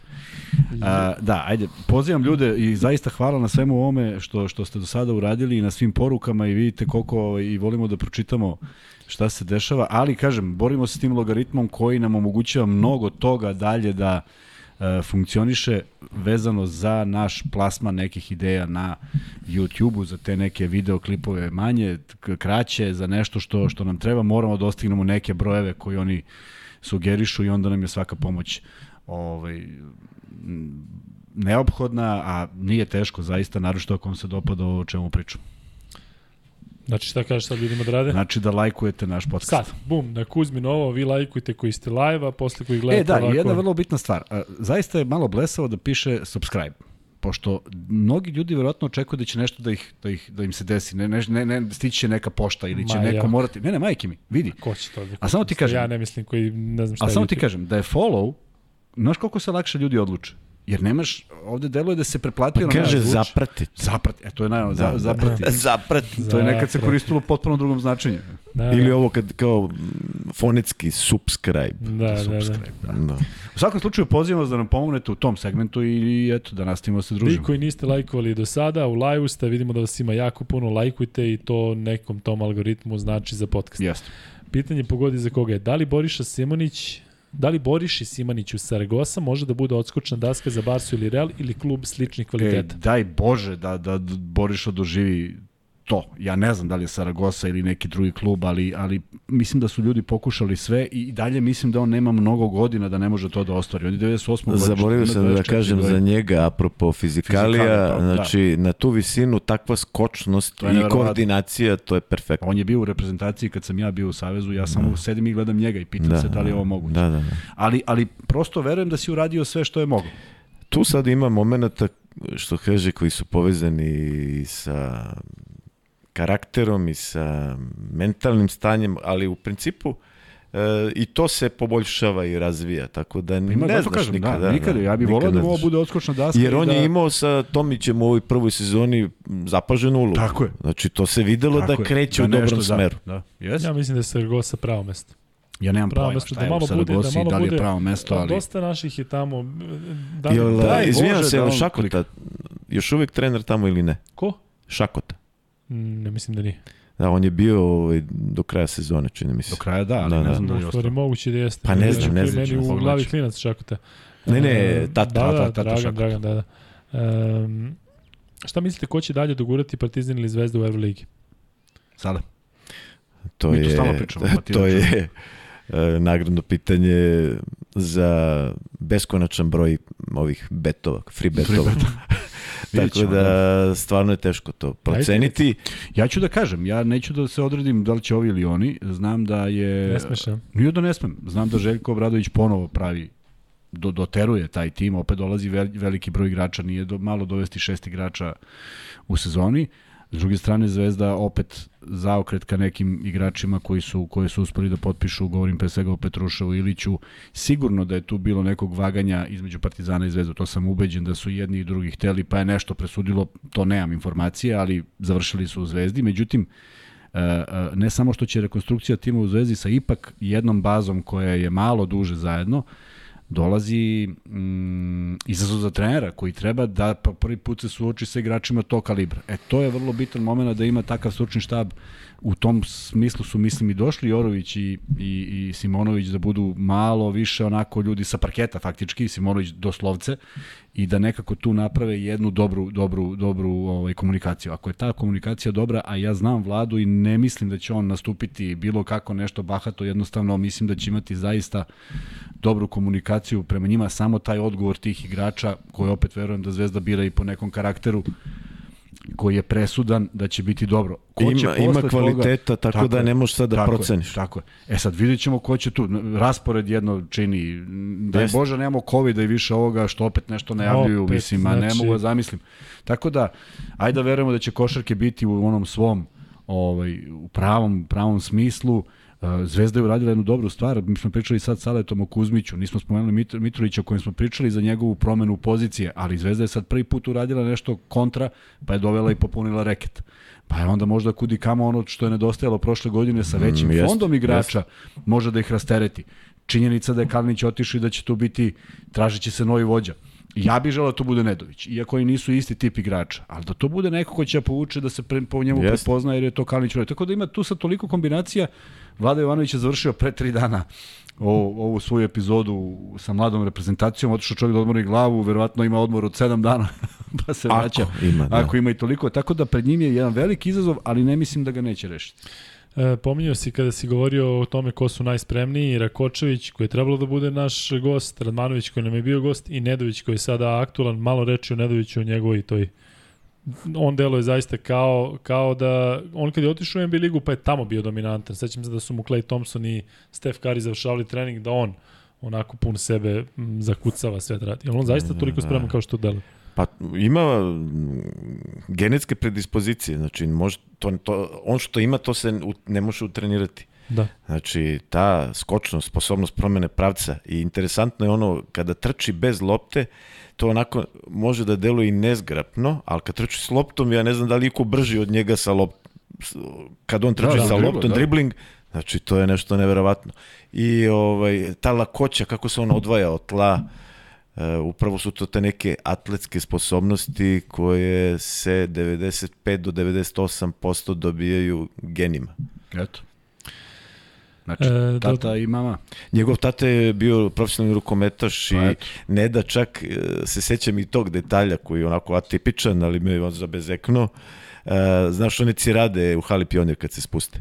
Iza osnovne linije sad kao bacaju loptu da, po, da vidimo ko će da pogodi ovaj, ciradu na kom nivou. I sad tu Raje ne može ni da dobaci do tamo. A ne da ono, uop, i opali na pola cirade. Znaš, ovako gledaš, ono nogom ne mogu da dobaci da do I tamo. nogom, Nedović je dobar i nogom kada baca i kada cilja. Pa da, znači ne da je onako fizički Svestan. dominant. Samo, da. samo da bude zdravi i da su... E, to je sad stvar. Znači, ono što kažu, e, m, skloniji da se povredi, pa sad što kaže i nesretne neke okolnosti, isto ima ono COVID, pa dugo izlazi, ima Jest, onaj jest. Kreatin se- kinazu, ima veliku, pa to ne smije da se išao se šališ. šali s tim, da. I Pa da. onda i... I na kraju je to pro prolongiralo se i to je ima imalo to svoje. što kažeš dugo? Pa to su ti enzimi koji ukazuju na, da kažemo, degradaciju mišićnog tkiva, srčanog mišića, telesnih mišića, tako da ima to u krvi kada se analizira i taj ako je povišen, moraš da da, miruješ da, da. i posebni neki tretmani. Da, Tako da. da kod njega, i kad je bilo sve ok, povišen taj kreatin kinaz. Tako da je zbog toga to dugo trajalo i e, povrede dolaze iz toga, jer ti ne možeš onda da doknadiš te stvari o kojima smo malo prepričali. Da, da. Pitanje za Luku, Aleksandar Zotović postavlja, dugo je pitanje, znamo čemu se radi, Denđe je dobro, nastavit će da radi, sada je samo kratka pauza, tako da ne brini ništa što se tiče te priče, ona će se nastaviti, nadamo se da će se nastaviti čak i u nekom uh, jačem ritmu i da će biti još zanimljivije. E sada, ovo pitanje, Kuzma, mora da bude za tebe. Pozdrav za školskog drugara iz Pete Beogradske. Da li znaš šta je sa Oliverom Borojevićem? Jel to pita mene? Pa verovatno. Jeste. Pa što Znam, mene pitao? on je, pet? Oliver, Je li on išao u petu? jeste, na dvojica smo i jedan i drugi, ali Oliver Borović je naš drugar Koji koji je, sad kad smo... Četvrtu. koji živi, Če, Četvrti. fali još jedna, bre. Da, koji da, da. živi u Švedskoj, mislim u Malmeu, povremeno se čujem sa njime, dobar Eto. je i sve okej. Dobro. Oliver Borojević. Ej, pozdrav za da znao. školskog druga, Sale tog druga. Da, da. No, no, Peta Beogradska to je ozbiljna stvar, da. Nema Jeste, da, ne znam što se to izdvajalo tako, kad kažeš peta, to ne znam. Pa znaš koji je tamo? Sale. Ja. Tri tačke. Da. Siniša Mali. Da. E, Zoki Radović, Zoki Radović. Zoki Jovanović, Zoki Anđelija Jovanović je Arbutina, bio, Anđelija Arbutina i tako dalje. Tako dalje Anđer da, da. Ali ne zbog toga, nego zato što je zaista bila škola koja je držala do, do nekog... Pa ne znam, bilo je fenomenalno. jest. I imali smo, je li tebi Čakara možda? Čakara, prvo? Čakara. Mislim, koliko... To je legendarni nastavnik Apsolutno. fizičkog zbog koga smo svi bili dobri sportisti Upravo posle. to. Jer je on upravo primenjivo ono Sve- široka jedna baza i ozbiljno se bavio Tako, svojim poslom. Nije bacio loptu deci da se zanimaju, nego to je ozbiljno bavljenje. I mora znaš jednu stvar, a verujem da je tako bilo i u sale to vreme. Dakle, ti ulaziš u školu i prvo istražuješ gde ti je učionica. To traje 5 dana. Mislim da shvatiš u kojoj si školi. Nema nikakvog pritiska, počinju neka predavanja. Ali onda od prve nedelje, te sledeće nedelje, počinje futbal muški. Pa ide rukomet ženski. To je ozbiljna sportska Pa manifestacija. ide rukomet muški. Pa ide odbojka ženska. Si sve to igrao, jesi? I Ne, ne možeš da ne igraš, ti ne možeš da se ne prijaviš. Ma kakvi bre, da. Sve igraš. Uh, odbojka muška, košarka ženska, košarka Al muška. navijanje I ku onda hali do- pionir. Kao, da, da, a svi su, ti si u grotlonu. Ludilo, da. A, a onda dolazi gimnastika koju ne možeš da izbegneš. ili ćeš da radiš na času, ili ćeš da se prijaviš da si u timu, Tako je, timu da, da, odeljenja i da. onda se završava ženski rukomet, muški futbol. I tebi nema nedelja jedna da je praznog prostora što se sporta. A seća se Anđe Arbutine koja takmiči za dečake, ali sve sportove. Pa eto, pa hvala. Znači sve. I ono kao u prva dva, top dva. A u basketu da ne pričam. Da, da.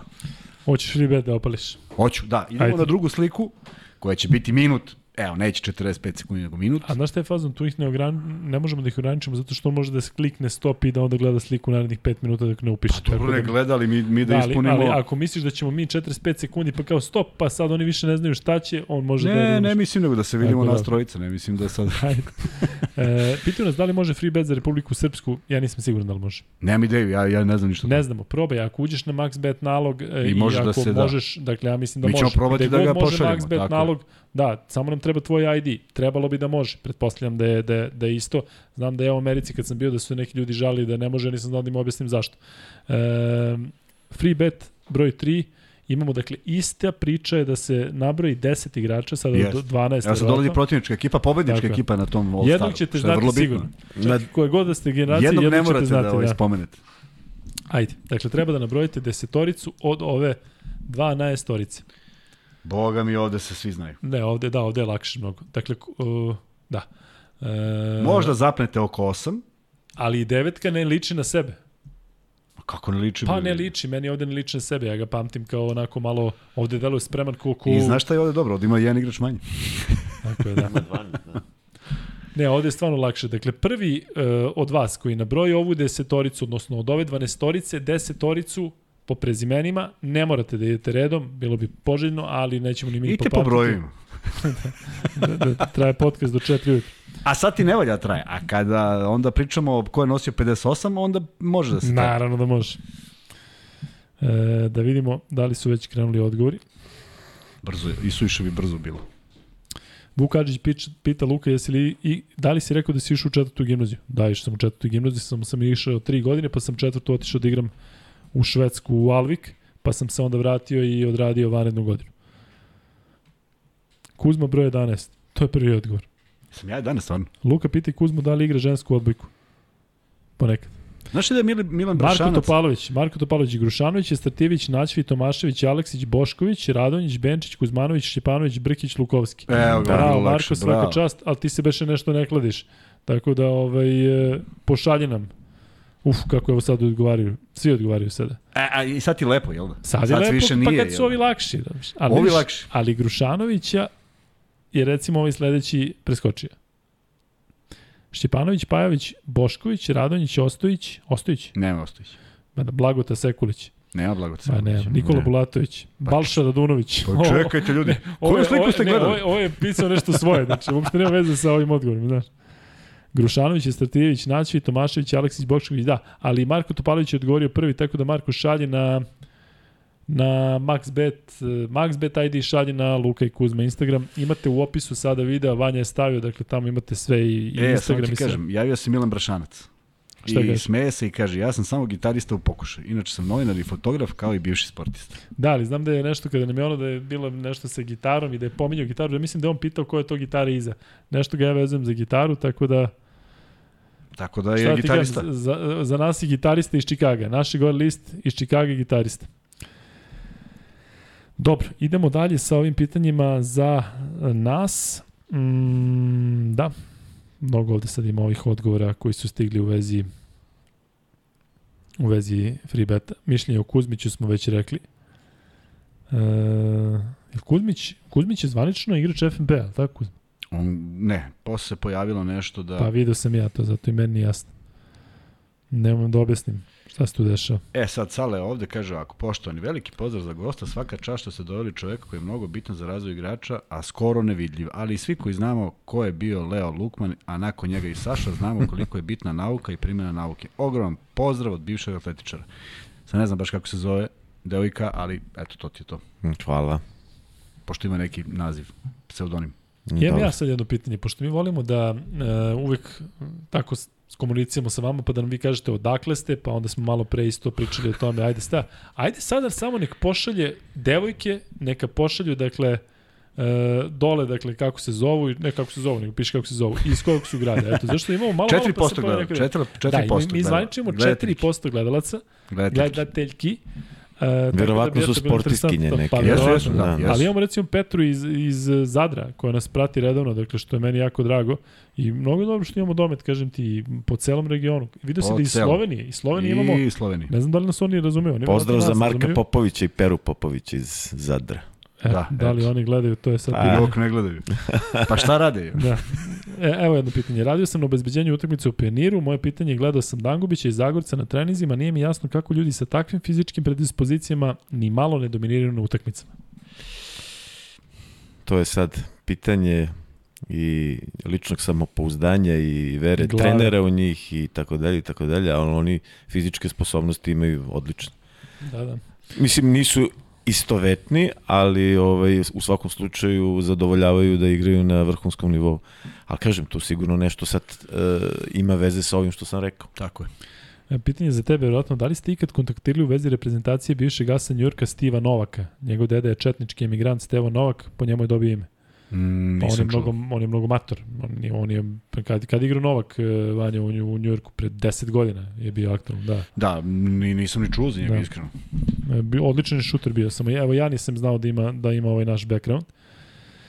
Zašto se na ovim prostorima bitnije, zašto je na ovim prostorima bitnije postala fizika u košarci u odnosu na šut i taktiku, tehniku, dok recimo Španci igraju tako lepu košarku sa Rodriguezom, Ljudom, Ljuljom, Rudijem i ostalim, koji nisu atlete.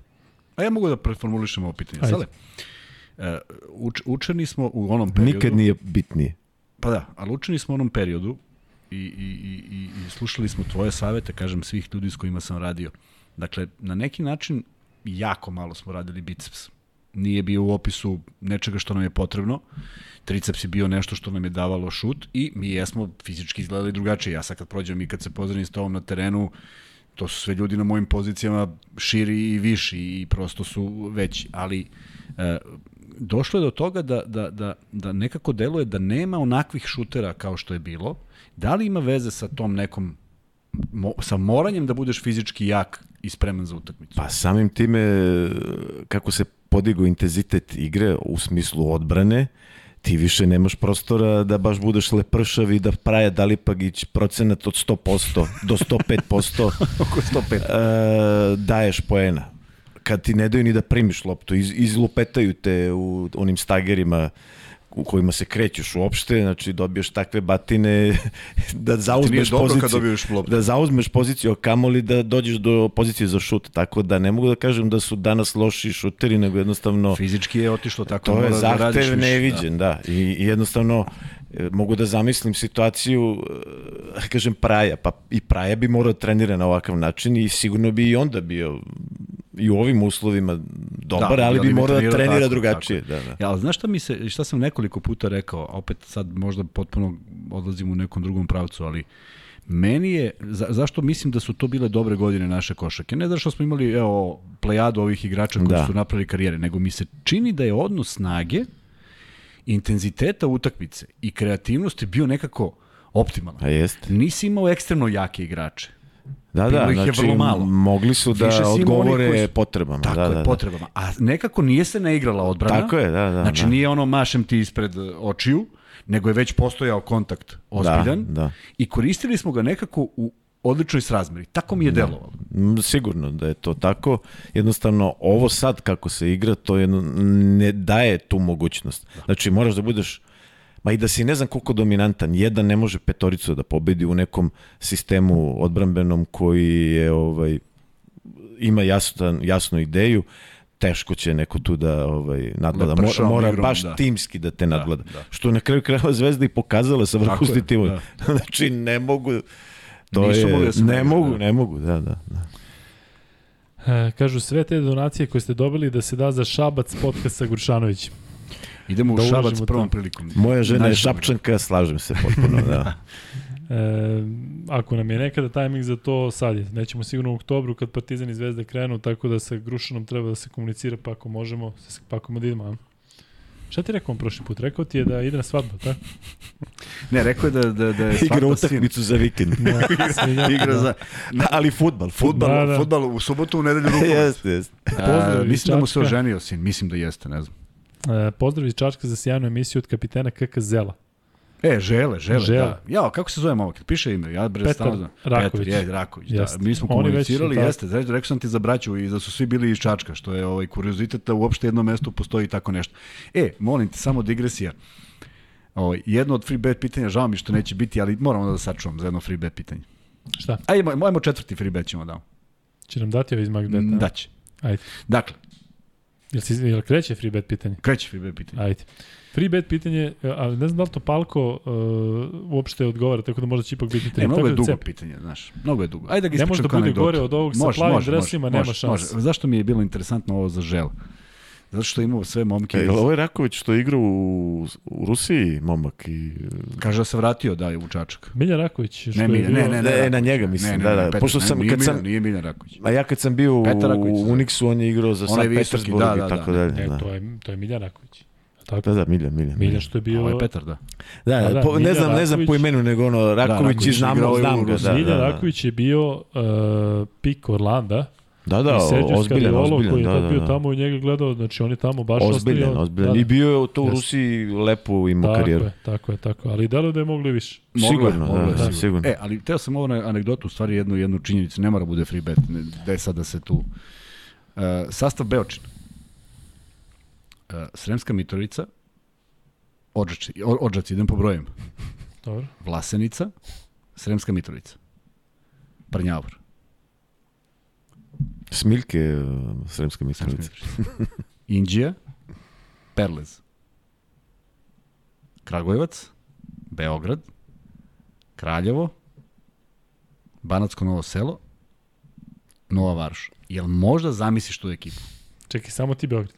Što sam ja Beograd, niko iz Novog Sada. Čekaj, ko je, sem, sem Nede, ko je još iz Nove Varoši?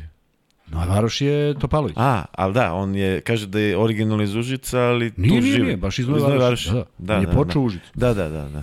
Znači, Dobro. neverovatan sklop 12 igrača sa svih krajeva i evo te... Što je meni nevjerojatnije da si ti popamtio odakle Kako da ne pamtim, kad je to meni bilo fascinantno. Prva psovka u emisiji. Da. Free bet sam dobio. da. Si rekao što je? Da, da, da. Opsove, nemoj sada, opsove. možda je- možda Opsove, ali sam primetio da je prva. Dobro, dobro. Da, Rem će da reaguje. Ja se odmah. I uzimaju, uzimaju donacije, znaš. Kad su videli sada odmah E, zovu evo vam ga sada ovo što ste Da, dobili. da. E, evo sad ono E, što a jedan spektakularno ovo što sam ti nabrao. Ja mislim da Jeste, ne postoji Jeste, tako fenomenalno je, da. E, Lukman jači od Netflixa. Lepo, Jest, čim je toliko, jest, da. Tako je, čim se ljudi... E, idemo dalje. Topalović je mlad, zna, zna, da, dobro. Pitanje za gosta. Kojeg igrača Partizana bi volao da je trenirao, koji mu je delovao fizički impozantno i šta u tom smislu misli o Vilu Mozliju? Pa, Will Mosley u onom periodu kod Trinkierija je jedna priča, a ovo posle Mornar i dalje gde je Jeste. sve bio ni drugo. Pauza je bila, kilažu je dobio i onda taj spori povratak i pitanje sad dokle će to Dok biti, si, šta da. će to biti, zavisno od nivoa i takmičenja i tako dalje, ali definitivno onako jedan borben tip, e, sviđaju mi se takvi igrači, ono, u oba pravca. Ja, znaš šta je ovde pitanje? Znaš šta je ovde u A pitanje je koji, koji Da. bi to bio? Da. Sad ja... s- Ali gledaj, gledaj samo moje mišljenje, prema što Da. odgovoriš, ti smišlje koje. Nije uopšte važno da li on dobio neko ko je eksplozivan, jer onda s njim možda reći što. Ja jeste, mislim da je fora da dobiješ nekoga bre ko nije. I da ti vidiš... Davidovac. da ne kažem A Davidovac. kad smo već tako je. kod Jokića, Jokić, da, da. Kakvi, kako Jokić deluje? Jokić deluje ono kako bi ona naša deca koje gledaju ono Sunđer Bob Lignjoslav da, da se ne naljuti, ali ovaj, Tako stvarno, gega, znaš, da. kao, ali u principu to je takva nadprirodna sposobnost košarkaška da, ono to nije normalno. naprirodno, da. Da, nadprirodno, Ali stvarno. hoću da kažem, izazovi su ti pred tobom kad ti od nekog napraviš ko nije imao nešto, ti poboljšaš Da. to. Ovaj, Željko Topalović je posle one sezone u Zvezdi znao Samo da kaže, Željko, ako se sećaš kad ti stisak ruke, kad ti napravi, drobi, zdrobi drobi, ti ruku, dan danas. pa I ne možeš možeš, da ga, ne možeš ga makneš. Ne, ne, ne možeš Znači, pusti kako Dan izgleda. danas, od kad od Miloš te zagrli, znači smanjim se. Ali, Dobra je fora bila kad je on u jednom trenutku rekao, kad je slušao nešto, sad pričaju kako su rebrači povećali skočnost. Čekaj, kao, čekaj. O, pazi, on kad je dobio onu masu, on smanjio je skočnost. E onda Da. su oni se trudili da vrate. A, ok, ajde dođi kod mene i napravi mi to nešto da ja jedem to. A, Znaš, nije to rekao tako. sam, znači, tipa brzina, eksplozivnost, e, agilnost koja kroz koordinaciju se ispoljava, to je 95 do 98%, pa ti, mislim, može da se popravi. Da, da, I da ne može. Ali nije, sad Nije da to, očekuješ, e, ti ćeš biti treningom uh, rakac Tako ili ne da. da, ili Ne šta može, znam, pa da. ne, nema trik. Što meni deluje kao Davidovac iz one stare Sava Lešić? E, Savkan je... Nisam ga ja zakačio. On je Savkan mi je, trenirao sam ga Da. u, u, kad sam bio u sazivu 11-12 sa Karim Pešićem, tad je bio i Sava. On ti isto vispreni mozgator košarkaški, ono Da, ima, da. ima košarku u malom prstu. A isto tako kao nešto, kao delo je sporo. Da, da, da, deluje, da. deluje Ali sećam da- se sa Himkijem kad smo osvojili Eurocup 2015. Znači tim Grom. Dolazi Steva Karadža sa Krasnojarskom i razvaljuju nas Kikanović, Sava Lešić i ne znam ko jedno 20 ili 18 razlike u Himkiju. ja rekao šta bi, Šta desilo? ali lagano ono ko, ćao. Ajde sad nismo bili nešto preterano motivisani, ali ovaj opet. Da, da. Znači, ono, skoreri ubi, ubiše nas u pojam. Sale, kako ti je kod nas u podcastu? Fenomenalno. E, znaš Kao i da je- nisam u podcastu. Znaš li koliko je prošlo vremena? Jedno dva i po sata. Uuu. Tako, malo manje. Dobro. A obično kažu da je manje. E, recite mi ko je, čiji je školski drugar Milan Dragaš? Moj, Sad. moj. Aha, Iz razreda. Iz razreda. Milan Dragaš te pozdravlja. Hvala. E, I ja njega puno. Pitanje za Milane, Lukmana. like jedan. Da, da, Milane, like. sad ili nikad. Da, da. E, E, pitanje Pusti pozdrav. Lukmana, nego prvo lajkuj, pa onda ovo. Koji treneri najviše insistiraju na kondicionoj pripremi? Imali danas nekog poput Zmaga Sagadina koji je iznurivao igrače? Pa, evo, da ne kažem, malo sam radio s njime, Duško Ivanović spada, nešto sam ja rekao, nego eto, e, u neku vrstu trenera koji traži možda u, u takmičenju ovog tipa možda više nego što bi trebalo, možda, ali kažem, čovek veruje u ono što je radio, ima rezultate i poštujem I to ne možeš ga maksimalno. ubediš, verovatno, Da. nikako. Pa Poštujem, da, nema, da. kraj. On je ovaj, spada u kategoriju vrhunskih trenera i tu se priča za- završava. A mm, Mago Sagadin nema sad više, jer nema, ne mogu rezultati da se naprave Da. na taj način. Znači imaš kao da dobiješ Formulu 1 najbolju i rasturiš je, ono, razmontiraš je, opališ je u zid u prvoj krivini i to ti je to ako Da, da. želiš da radiš na taj način. E, normalno, jedan od je i Radonjić koji posebno mu je bitno, ali nije, nije njemu, da, da svi su ovi koji su na, top nivou traže e, potpunu spremnost, ali ne ono sad ad hoc e, da mi budu igrači, ne, u funkciji tima, Tima, i da. moje ideje koje Da. i to ne može se postigne samo on ili samo ja. Znači potpuno i- izbalansirano i tačno se zna šta i kako. Sale, si spreman za onako baš interesantno pitanje? Jes, Meni se recimo ovaj deo dopada. pite šta god hoćeš. Da li su mu Bjelica i Boban Marjanović delovali spremno u prozorima sada? Pa da ti kažem, e, i u godinama su i moramo da shvatimo jednu činjenicu da u NBA ono, Bobby presedeo ne znam koliko posto utakmica.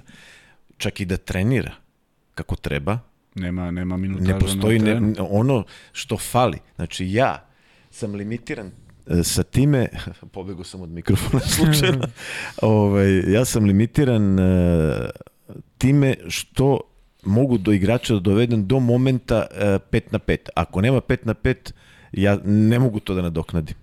Da, ne, on se sprema za Znači, to, tako je. Ta 5 na 5, kad kažem, e, i situacijno na utakmici, i ono, baš utakmica je i drugo nego 5 na 5 na terenu, na treningu, Ovaj, ako on to nema, e, ja ne mogu to da nadomestim kao sad kondicioni trener. Znači imam tačno, ono, stvaram podlogu dobru da bi se sve to nad- nadogradilo.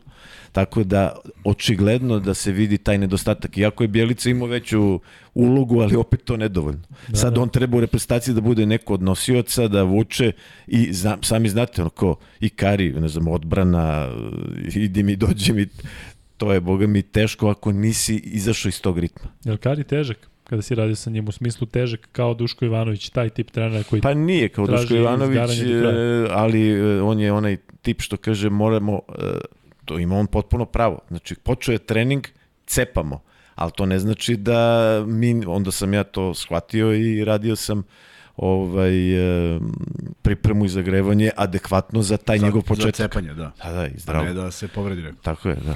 Tako da je u tom smislu, eto. Pre, for, e, bitno je da se prilagodiš. Da li ovakav napor koji trpe igrači povećava rizik za srčani ili moždani udar i da li možemo da očekujemo sve veći broj slučajeva smrti na terenu?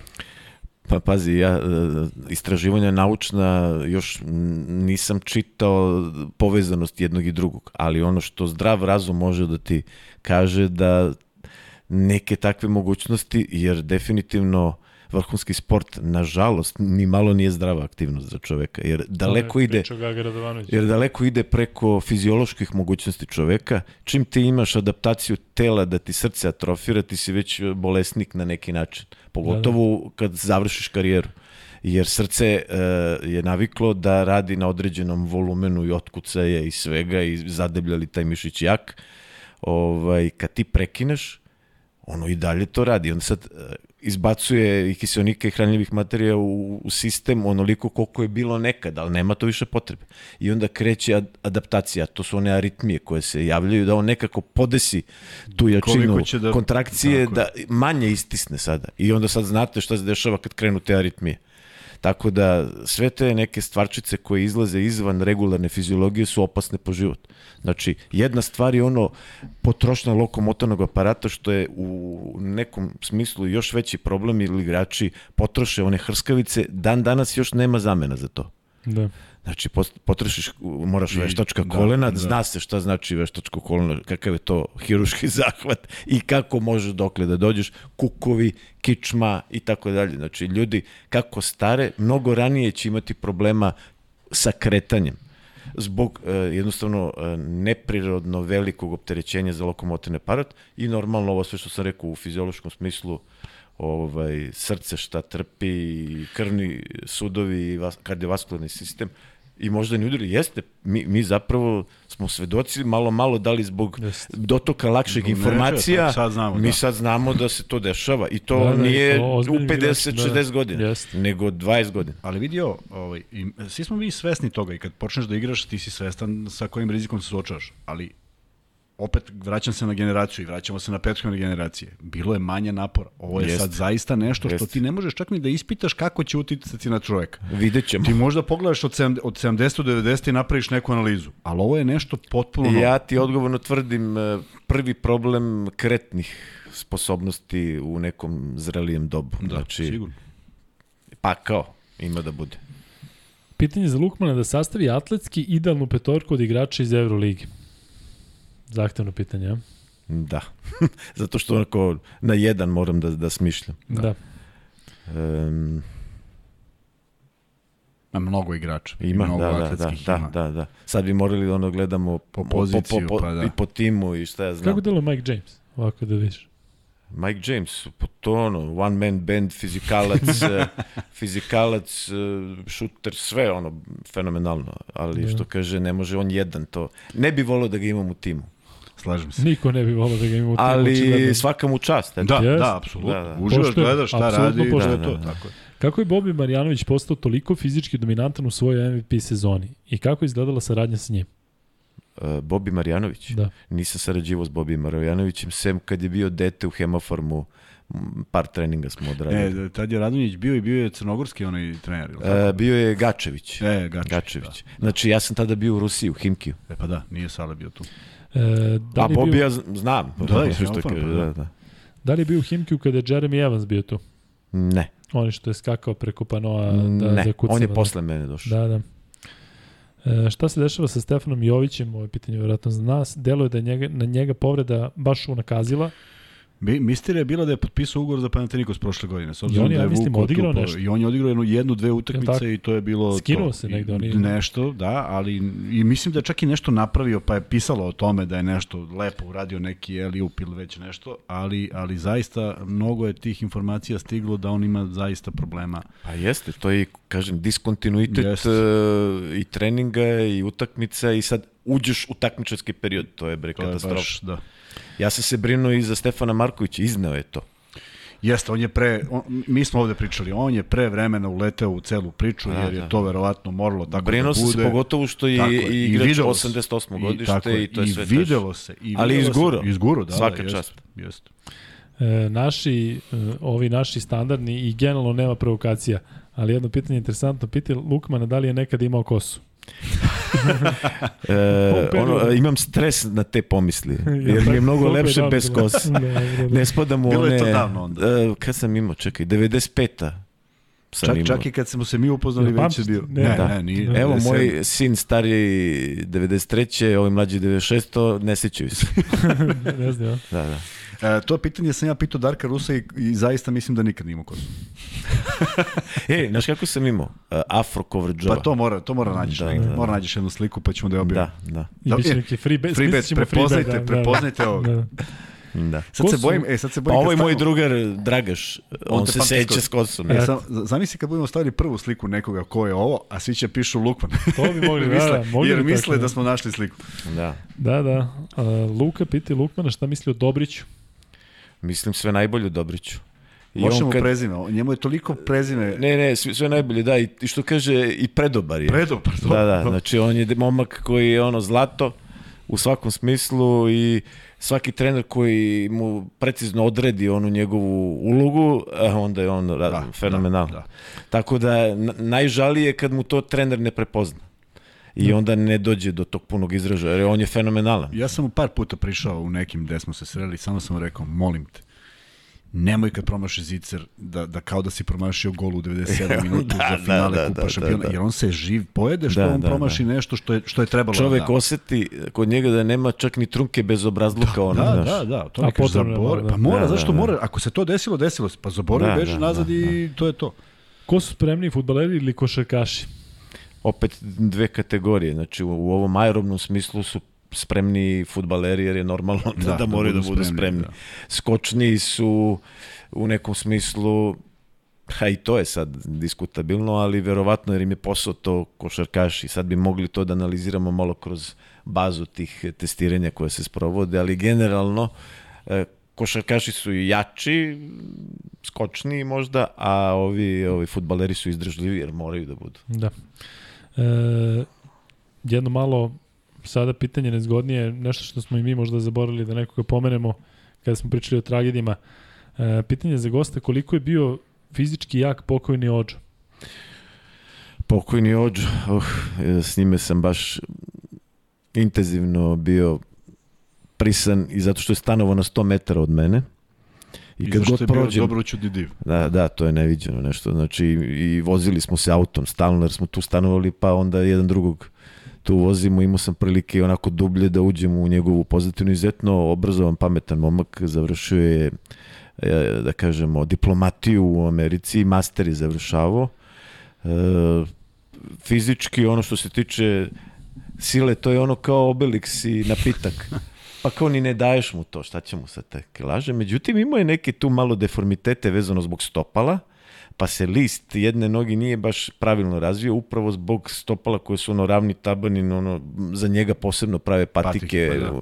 i tako dalje. Znači sve što je imao probleme je išlo od tih tabana i da li ima uloške pravovremeno kako treba, patike dobre i tako dalje. Znači, E, to mu je bio jedini problem. Oko fizička snaga i izgled, to je nešto bilo impozantno. Mnogo, mnogo je strašno što se desilo. I greota što... je što je on u tom uh, Arizoni gde je igrao koleđu je bio ono kao dodavač ovim bekovima. Nisu, Niko nije nisu nisu da. uopšte na njega obraćali pažnju da on tu... A šta mi se kod njega sviđalo? Onoliki čovek, fenomenalna koordinacija za sve vežbice, footworka, agilnosti, promene pravca i kod njega, ako se sećaš, ono lateralno je branio jako dobro. Izgled... loptu.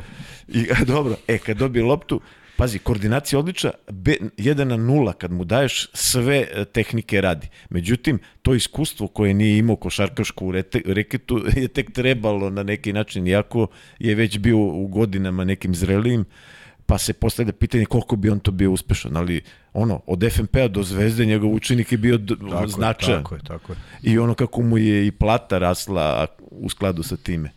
E, nažalost, e, ta korona koja ga je Sada, znali ste tu šta se desilo? Pa evo ja samo pretpostavljam u kom smislu. Znam da je imao e, obostranu upalu pluća i da je, do, da je išao u Belmedik, on više nije bio igrač zvezde, nije bio nigde. I verovatno je neke ponude tu dobio i on je želeo što pre da dođe u neki nivo ovaj, e, fizičke spreme da bi mogao da odgovori da se javi na I te nove ugore. posle korona. Jeste, znači dobio je, koliko ja znam, e, preporuku iz Belmedika da postepeno polako i šta ja znam. Izgleda da to nije bilo tako i nisu znali za te neke verovatno dedimere i šta ja znam, znaš, ono, sad tu ima gomila stvari koja se prati, to su neki bili početci korona i tako da, da. kažeš. I ovaj, definitivno da je spadao u nekoga na koga je pogubno to delovalo. Sigurno da ne bi život izgubio da, da je to Mirovo, mirovo da je- da, da, je pustio da to znači, prođe. On je u Zvezdi bio potpuno čist, potpuno zdrav, potpuno, Potpuno, spreman. potpuno, Tako. da, da. Znači, E. ništa sa zvezdom nema veze to praktično. Jer je kad se završilo sve, negde u julu on dobio koronu, izlečio se i dobio preporuku da postepeno uđe u trenažni proces i onda je sve dalje istorija, što kaže. Ono što mi kažemo, nekad se slože, slože kockice, nekad su ti stici okolnosti da. takvi odvratni. To je, dečko, tragično. 93. godište, e, ne, malo je reći da je katastrofa. To Ljudi- je katastrofa. Majka ga nije videla 10 godina. A ljudi pritom pomisle on onakav kakav je stvarno poseban, da tu odmah idu neki steroidi, da je to zbog toga, da je ne znam šta, on jednostavno je Ništa, čovek stan. je, ako ljudi znaju, on mi još i pričao, e, kad sa sestrom razgovara, sad je to interesantno, sa sestrom razgovara taj neki od jezika, pošto je oficijalni engleski u Nigeriji, on razgovara sa sestrom, ono, idemo preko speakerfona, pričaju na nekom od tih jezika i Zet dolazi, njegov, i s njime priča engleski. Ja gledam, šta radiš bre to? Pa on je drugo pleme, ne, razum, ne razumemo se, Se potpuno. Da, da.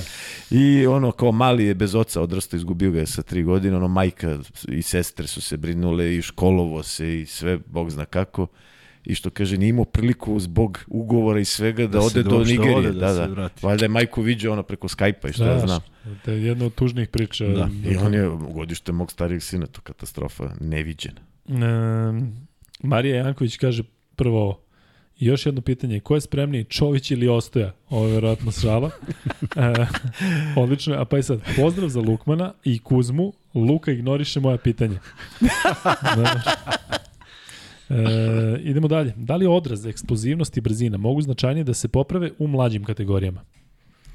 Pa, e, tada se i u onim određenim senzitivnim zo- zonama posebno vodi e, obraća pažnja ka tim sposobnostima, posebno kod ove dece koje, i kod ovih drugih koji su manje genetski predisponirani, e, mora da se obrati pažnja u određenim tim mlađim uzrastima da bi se taj pelcer pravilno razvio kasnije do maksimuma. Ako se to promaši i nema odgovarajući trenažni stimulus, taj igrač ili sportista neće razviti svoje potencijale koje mu stoje u genetskom kodu. Znači, i upravo su ljudi u pravu. Znači, mora da se vodi računa o tome i upravo u mlađim kategorijama, a kasnije se to samo održava jer pik tih sposobnosti između 25 i 28 godina i posle postepeno padaju te sposobnosti kako čovek stari, e, pre, iza 30. se poboljšavaju te izdržljive opšte karakteristike, ono aerobni kapacitet se poboljšava, pa su obično i ti igrači malo izdržljiviji nego što su Da. bili. Ali im opada taj moment e, eksplozivnosti i brzine. E, procenat masti u organizmu. Koliko je to bitan faktor? Pa bitan Koliko se to recimo Znači- razlikuje kod igrača i igrača? Zašto sad Pa razlikuje se, da rekao sam- ima 20% Pa masti? jeste. Znači, što rekao sam u početku emisije, endomorf, ektomorf, mezomorf. Endomorf može dubi na glavi, ne može da ima procenat masti ko ektomorf, ko što je Boriša Simanić, e, gde se kaže da ta minimalan procenat masti je negde 5, 5% da bi mogli organi da funkcionišu, Da. da. jer bez toga si mrtav, ono, a izmeriš kod Boriše, ono, 3,2. Ja, mogu... Pa da, i Jordan isto i tako dalje, ono, znaš kao, kako ovi su živi Da ne uopšte, živi, da. kad tamo piše 5%. Da. Uh, ali kažem, to ima, direktno je predisponirano tipom koji si. Znači, pošto je naš Davidovac uh, endomorf, Takav kakav je, takav da. je, on ima to u proseku veći procenat masti, tako da kad je on, kad smo ga spustili na 15, 16, ne znam ja, to je kao da je na 0%. Da, da. Ali to je to. I ono debelo kožac, ovakav, onakav i kažem, sve zavisi od te konstitucije i definitivno ono sad kad kažu sport, od sporta do sporta, optimum isto to je neki za sportiste vrhunske do 12%, za muškarce, za žene malo više do 15%, civili muškarci se kreću od 12 do 18, 20, žene malo više, dva, do 25 i tako dalje, ali eto da kažemo, eto vrhunski sportisti ne bi trebali da to imaju preko. Ali opet da. kažem, Opet e, zavisi. zavisi i koji je sport i tako dalje. Neki sportovi ne trpe baš, ali evo, košarka ima toleranciju na te Da, detalje. da. Mišljenje o Radonjiću kao čoveku i njegovim tikovima tokom utakmice. Ti si blizu pa si... Meni je to bilo je simpatično, posebno što on ne zna šta radi. Da, tako da, da nije svestan. Nije da. svestan, ali super simpatično. Ovako, kao čovek, kao saradnik? Imali smo super saradnju. Evo sad da vidiš koliko naši gledalci zaista prate sve, a pretpostavljam da je to generacija o kojoj si govorio čim si pominjao Marjanović. Pitanje za Lukmana, kako pamti generaciju Hemofarma, šampione ABA ligi u sezoni 2004-2005? Super ih pamtim. Bili smo Ko je bio to? Možda se setiš? Pa bio je, sad ono kažeš, 2003 do peta u te dve sezone, ajde ono, Sava Đikanović, Bogavac, uh, Jasmin Hukić. Uh, Bogavac bio šta? Uh, bio. Jeste Milenko Topić, da, pa se i da, Aleksa... Da, da, uh, Milu, Milu, ovaj, Milutinović, kako Aleksa bre? Andrija. Ne, ne, ne, ne. Andrija je u Partizanu. Ne, ne, ne, ne, ne, Aleksa... Rade? Ne, ne, ne, ne, ne rade. ne rade, ne, ne rade. Aleksa... Bre, što Aleksa je sa Ticom, bre? Crni, uh, ne, ne, Smeđi, Plavoki, a, a, što je posle igrao... Uh, Milutin Aleksić. Milutin Aleksić, da, da. 82. Ako prati Milutin, da, da, znači spalit će me, jer smo se Ali, skoro videli. Jer, da prvo, a da je Nema veze, njih dvojica su mi prvi yes. došli kao junior i Tica i on. Koje Tako su, da koje to godina? Rekao si 2000? Do, od treće do pete. Sad je tu bila malo neka promena, da, da. ali generalno tada ovaj, hemofarme... Čekaj, treće, ili treće? Treće je bio i Đogo i, Mili, Mili, i Sale Stefanović kao play je da, bio, da. Miličić je otišao. Otišao, tako je. A je bio... Vučinić je isto otišao. Da.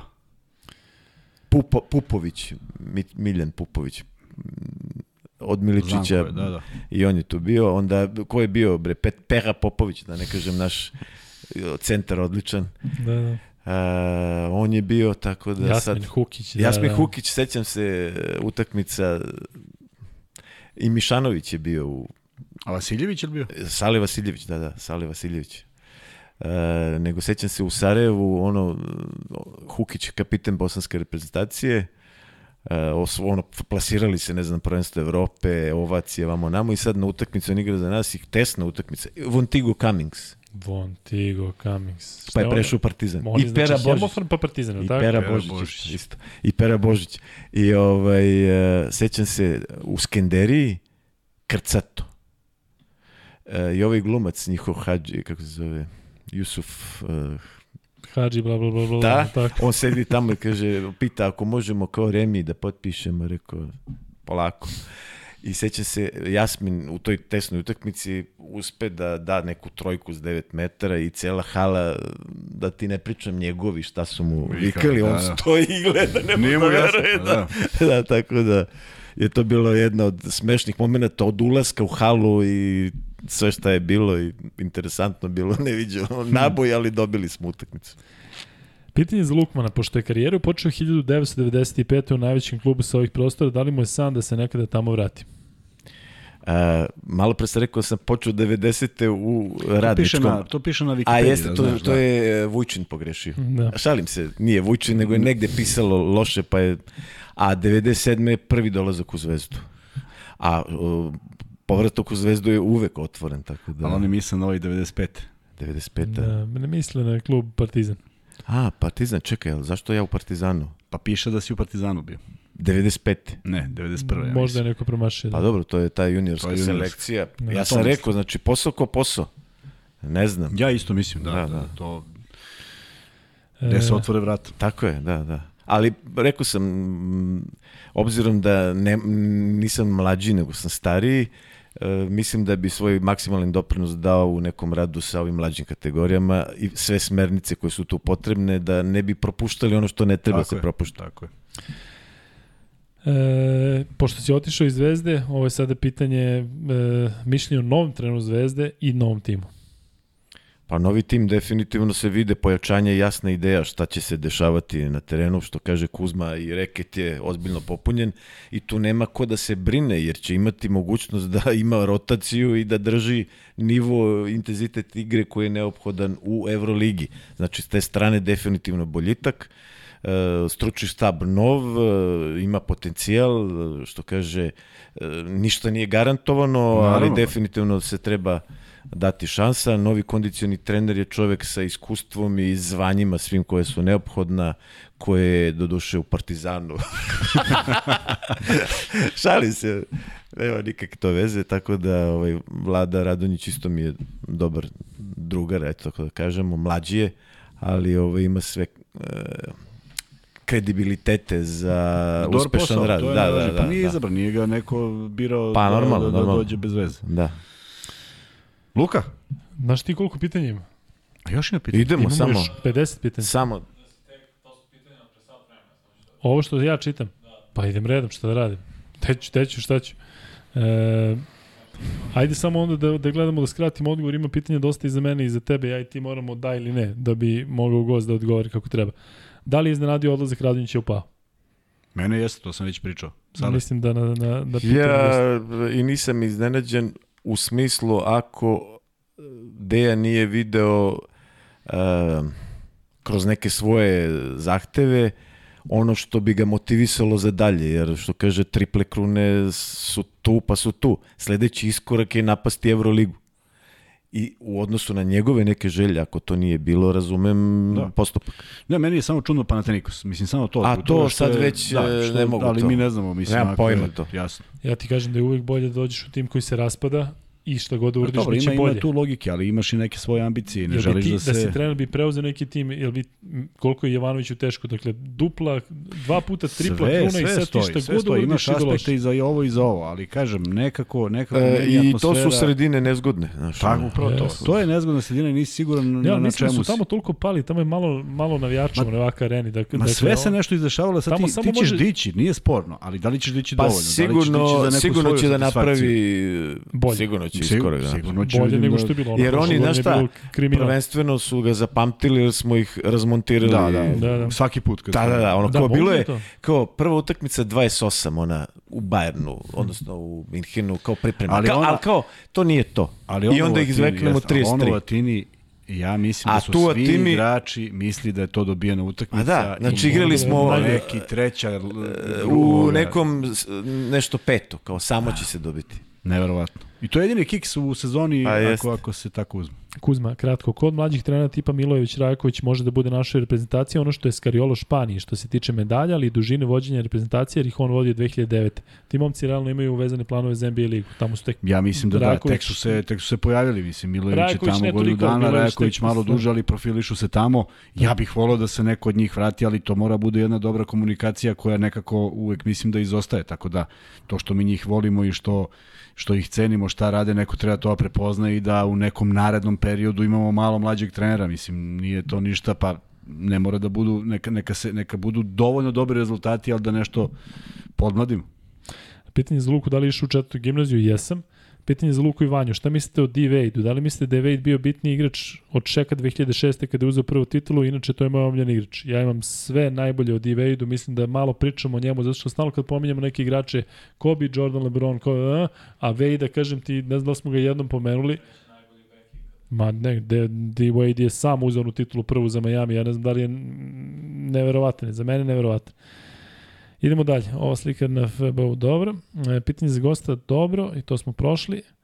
E, pitanje za free bet, gde je nestao Coka Cokč? E, to, je moj, to je moj drugar, pa ga se neko vreme ne vidi, zašto treba da ima razloga zašto se ne javlja. Šta mislite o dobro i to smo prošli. E, znači, Luka i Kuzma žene vam ne gledaju podcast. Pa ko će gleda ovo čovjek? Ne, nego možda smo nešto Gledaju rekli. Možda, da. Gleda nas kod kuće. E, kaže onaj car, Mi prepričamo sve. O Miki Kej nas je zezo. Miki Kej, ti sad gubiš, imaš veliki minus. Zezao sam se za Stiva Novaka, sve sam izmislio. Dobro, znaš ono da mu je do, deda Četnik, šta je pisao? da, ali dobra je fora. Dobra, Dobra, fora. Imaš, svaka čast. vraća ti se plus, zato što Svaka imaš. čast. E, Nikola Stratijević i Šekularac za goste. Primljenog znanju. A, Ne, ne čutimo, idemo dalje. idemo dalje. Da li je Zoran Nikolić na kraju potpisao za zvezdu? Ja meni se čini da nije. I meni nigde nije Mm, objavljeno. nigde nema. Jeste. Tako je. Pitanje za goste, koje bi igrače doveo iz Partizana u zvezdu? Koga bi doveo ja? Sad kad je je- otišao, Sad kad otiš. Da, da. Dangubić. Pitaju se Dangubića za njegove fizi- fizikalije, kako to da je onakava, da, da tako malo pruža šta se očekuje. Da li su u NBA drugačije pravila što se tiče dopinga jer je razlika u fizikalijama neverovatna razlika? E, I inače su selektirani tako sportisti sa tim nivom fizikalije i definitivno što se tiče dopinga onako poluliberalno. Da. Mnogo toga se koristi i sad e, o dopingu to bi doktor Gaga mogo više da kaže, ali generalno ne samo u franšizi NBA, u drugim franšizama je prisutan u Americi. E, ovako. Da li belci treba da pokušavaju da nekako nadoknade fizičke predispozicije crnaca ili da baziraju nešto ne, ili da se baziraju na nečemu drugom? Pa definitivno Jokić i Luka Dončić su pokazali na čemu da. treba i Bodiroga. Ovde nas podsjećaju da je Milova Raković centar iz Čajetine. Dobro. Milova. Milova, Milova, Milova, da, da, da, Ja sam ga zapamtio Milja, tako je. E, pozdrav iz Leposavića, rodnog grada, nekadašnjih bivših igrača Crvene zvezde. E, pitanje za Luku i Vanju, ponovo kod Divejda, mislim da je ovo ponovljeno pitanje zašto nisam odgovorio. E, dobro. Luka čita pitanje od pre sat tipa. Pa šta da vam radim kada ste postavili? Ne, ne, ne, kako? E, pitanje za gosta o Boriši Simaniću već smo rekli, tako, dakle da, da je Boriša super da. talentovan. Da li si sarađivao sa Darkom Iličićem? Ne. Kakvo je mišljenje Lukmana o Radomanu Šćekiću? Da li o, to je moj kolega sa fakulteta sa godine iz reprezentacije atletske, sve najbolje, fenomenalan. Tako da ovaj, i karijeru kondicionog trenera. Samo nažalost izgubio sam ono poslednje što se sećam kad smo se preklopili, on je bio u Partizanu kondicioni, ja u Zvezdi. Ne znam sad tačno kad je to bilo, da li pred moj odlazak u Moskvu, ali uglavnom tu mi se negde prekida kontakt sa njime. Inače sve najbolje o Radomanu Šćekiću, našem rekorderu isto u bacanju koplja. Pitanje za sve u studiju, koja bi im bila startna petorka Srbije za SP? Hoćeš ti? Kod Kuzme to Simanić, Davidovac, Dobrić. Nije, nije, nije, nije. O, ovaj, ja sam nekako uvek voleo da, da, da kad, evo sad kad nedostaje Bogdanović kao jedan od za mene glavnih igrača uz Jokića, e, neko ko, ko, ko, ko je na toj spoljnoj liniji i možda najsigurniji sa sad sa najvećim iskustvom i negde sam video da on bude vođa reprezentacije.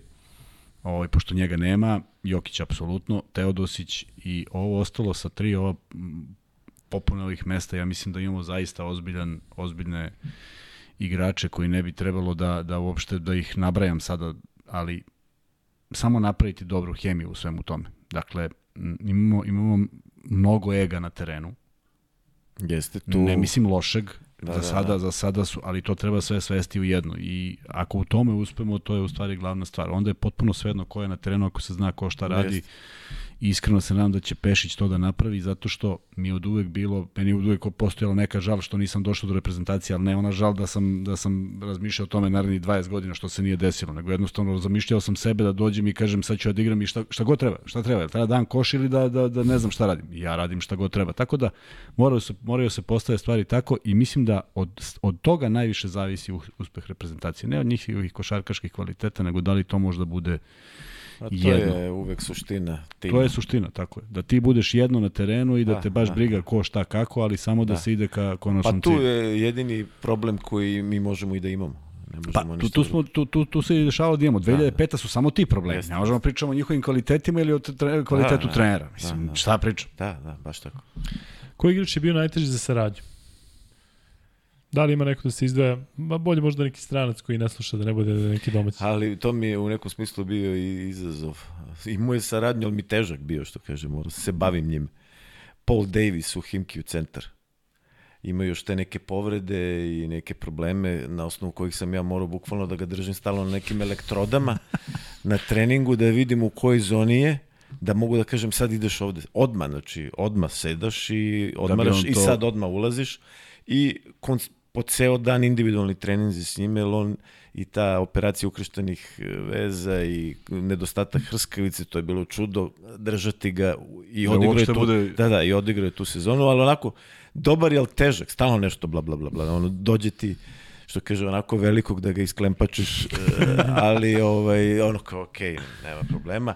I ne, nema veze, na kraju je to sve super privatno i tako dalje, nego kažem ti, e, ne mogu da nikog izdvojim da mi je bio težak, nego zahtevno Zahtevan, da, da se da, bavim da, s njime, da. razumeš, tako da, eto, Paul Davis je završio karijeru, ali ovaj, Ostaćemo ali, ali može da sve od sebe. E, bile tu šala jedna, sad ono ti individualni trenizi, sad mi kao difovci znamo sve i judo i boks i sve te neke stvarčice i on mi kaže, coach, volio bi kad završim ovaj karijeru da malo i boks i ono čisto radi kondicije. I ja ovaj, kažem, ok, i kažem evo ti rukavice. Znaš ono kad si mi iznervirao na zagrevanju? Sad je payday. kao stavi rukavice, ono, kao, a jeste onako veliki nezgre, pa ne bi mi odgovorio baš kako treba. I onda ono kao, ne, kako, nećeš valjda kao, neću. Tako da je to bilo, ovaj, i šalim malo s njime, ali eto, ako mogu nekog da izdvojim, to je on. Koji sportisti su u generalnom smislu najspremniji? Da li su to judisti? Najspremniji, pa dobro, judisti su jedni od e, najspremnijih jer se tu kao parametar uzimaju sve ove neke sposobnosti motoričke i funkcionalne. I sad što više imaš tih sposobnosti koje karakterišu tvoj sport, ti spadaš u te neke najspremnije. Ali ono što je, neće publika nikad se setiti, najspremniji e, su spustaši u alpskom skijanju, gde trpe neprimereno najveće sile gravitacije na sebe, inercije u odnosu na bilo kog drugog. Da. Znači to uh, brzina do 150-160 km, 30 nekih zaokreta, gde možda 30% zaokreta je preko 4G. Znači kao da voziš uh, SU 35. E, NFL igrači jeste, oni to su ti sudari, kontakti i tako dalje, ali ono što je poslednje što sam ja nešto ispratio je da se uzima taj parametar da na njih deluju najveće sile moguće. Da li se sećate Borisa Raičevića, pamtim ga kao mnogo jako. Ja, ja, ja pa se Boris sad Raičević broj 13. Jeste. Jeste. Sad ga se neko setio na kraju. Da, da, ja da. se ne bih setio da evo sad nije Sećamo se, da. Kako ne? I, Plavi sad, broj 13. Čini mi se da jednog sagrača iznao sa terena na ramenima kao da je dete. Čak mi se da i to mi nešto u glavi. Koji igrač izgledao fizički najzapušteniji dok je zapravo bio na izuzetno visokom nivou? Ja mislim da je to pokojni Trt. Boban Janković. Pa, to su te generacije kad je to moglo. Da. On je stvarno bio obao. Da. Jeste, Nisu ga Trta da. zvali što bez veze, da. ali je igrao sve. Eto, to su ta vremena da, kad je to kad moglo. je to moglo, tako je. Pitanje za Saleta, koje su vežbe najbitnije za ispravljanje problema sa ravnim stopalima i deformitetom skočnog zgloba?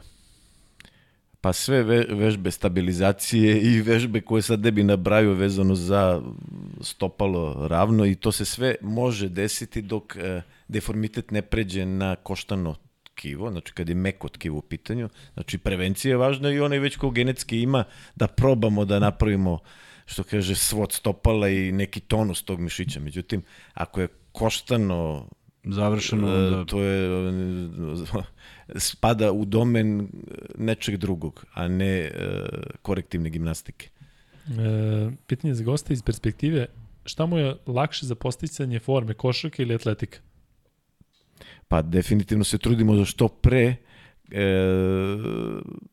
ja u nekim uvodnim fazama ajde da kažeš koristiš atletiku, ali e, nije to više toliko odvojeno od e, vež, vežbica koje su u košarkaškom kontekstu, ajde tako da kažem. I uvek e, se trudimo što pre da uđemo u nešto što i da smišljamo vežbe i sredstva treninga koje su košarkaškog karaktera. E, ovo pitanje možemo odmah da odgovorimo. Luka pita Lukmana, je li sramota što hemofrom ne postoji? Sramota. Velik, to mi smo pričali često. E, ovo što je Vanja malo pre potencirao, šta misli Salo o igračima iz NFL-a koji su često fizički frikovi? Pa tu je, da kažem, dosta ono, javna tajna i filmovi su pravljeni o tome sa Will Smithom Will Smith, vezano za, doktor, da za doping koji je tamo i ono multi vrste dopinga zna se da imaju ono i za izdržljivost i za uh, snagu i za eksplozivnost, brzinu, za um, fokus i koncentraciju i tako dalje i tako dalje. Tako da je vrlo polivalentno, ali obzirom kakva je igra kontaktna, ovi klasični steroidi su najdominantni tu i zna se šta hemikalije tog tipa, derivati testosterona i hom, somatotropina, šta rade organizmu. Da, da. E, koji broj je Stratijević na slici, to je pitanje. Da sećaš? Pa centralna figura. A, drugi sleva. Drugi sleva, da. Sviđa vam se dakle Stratijević što smo se posetili neki Da, da. Uroš Perović ovde kaže meni nešto, ja kažem da upravo si potpuno nisam imao sreće. Šta da radiš, idemo dalje. E, Šta ti kažem? Ba, u slovezi slagalice. Ajde si prepoznao to. E, rakac ili ne da što se tiče fizikalija? Jedan ili drugi kad bi moralo da se bio, bira. Pa zbog kompleks, uh, kompletnosti rakac. Rakac, ja rakac, mislim, da. mislim rakac ili bilo ko drugi rakac. Ne, ne, čovjek iz pogrešnog vremena. Mislim, Da. da. nešto što je, da je košarka bila ove brzine kao sada, njega ne bi videli na terenu. Pa On bi da. položio, a mi bismo bili na pola terena. da, da, da, da. Ali prosto igralo se drugačije, zahtevnije, Jeste, taktički zahtevnije jeste, i jeste. tek se pre, prešlo na 24 sekunde, što bi njemu apsolutno odgovaralo. I kad je on, i kad je on koristio svoje kapacitete u cilju do, kvaliteta igre same po sebi, Da. da. on je bio majstor, ali kad negde uđe u neku žutu minutu imao je tih problema i oscilacija. Inače, verovatno najdominantniji, najbrži i sve ostalo igrač koji je, koji je postojao Da, unazad 30 godina. da. A, ponovo pitanje profesor Koprivici, da li ste nekada sarađivali? Nisam sarađivo, sem što mi je bio profesor i imam sve malo, najbolje. Malo je ta saradnja, ne? Da, i e, maksimalne ocene od mene. Pitanje je za Lorenza Brauna što igra za Španiju, ja mislim da je katastrofa za svu trojicu. Meni je on inače katastrofa, a kamoli još to. Još, još Pa pitao si me nekad e, za njega. Kažem, super je samo da nije kod nas. Da, odlično. Eto. Dobar je kad je u, u Kod protivnika. Da. Gost je fenomenalno, ovakvi gosti vezani za košarku nisu direktno na terenu, prelepo je slušati. Slažemo se potpuno sa vam. Hvala. E, koliko košarkaši imaju problema sa preponskom hernijom i da li se mora čekati da vidljivo iskoči kako bi se operisala? Pa imaju problema, a i to je opet e, isto tu dosta ima i genetike i trbušni zid kakav je i ti obratni momenti i tako dalje i tako dalje.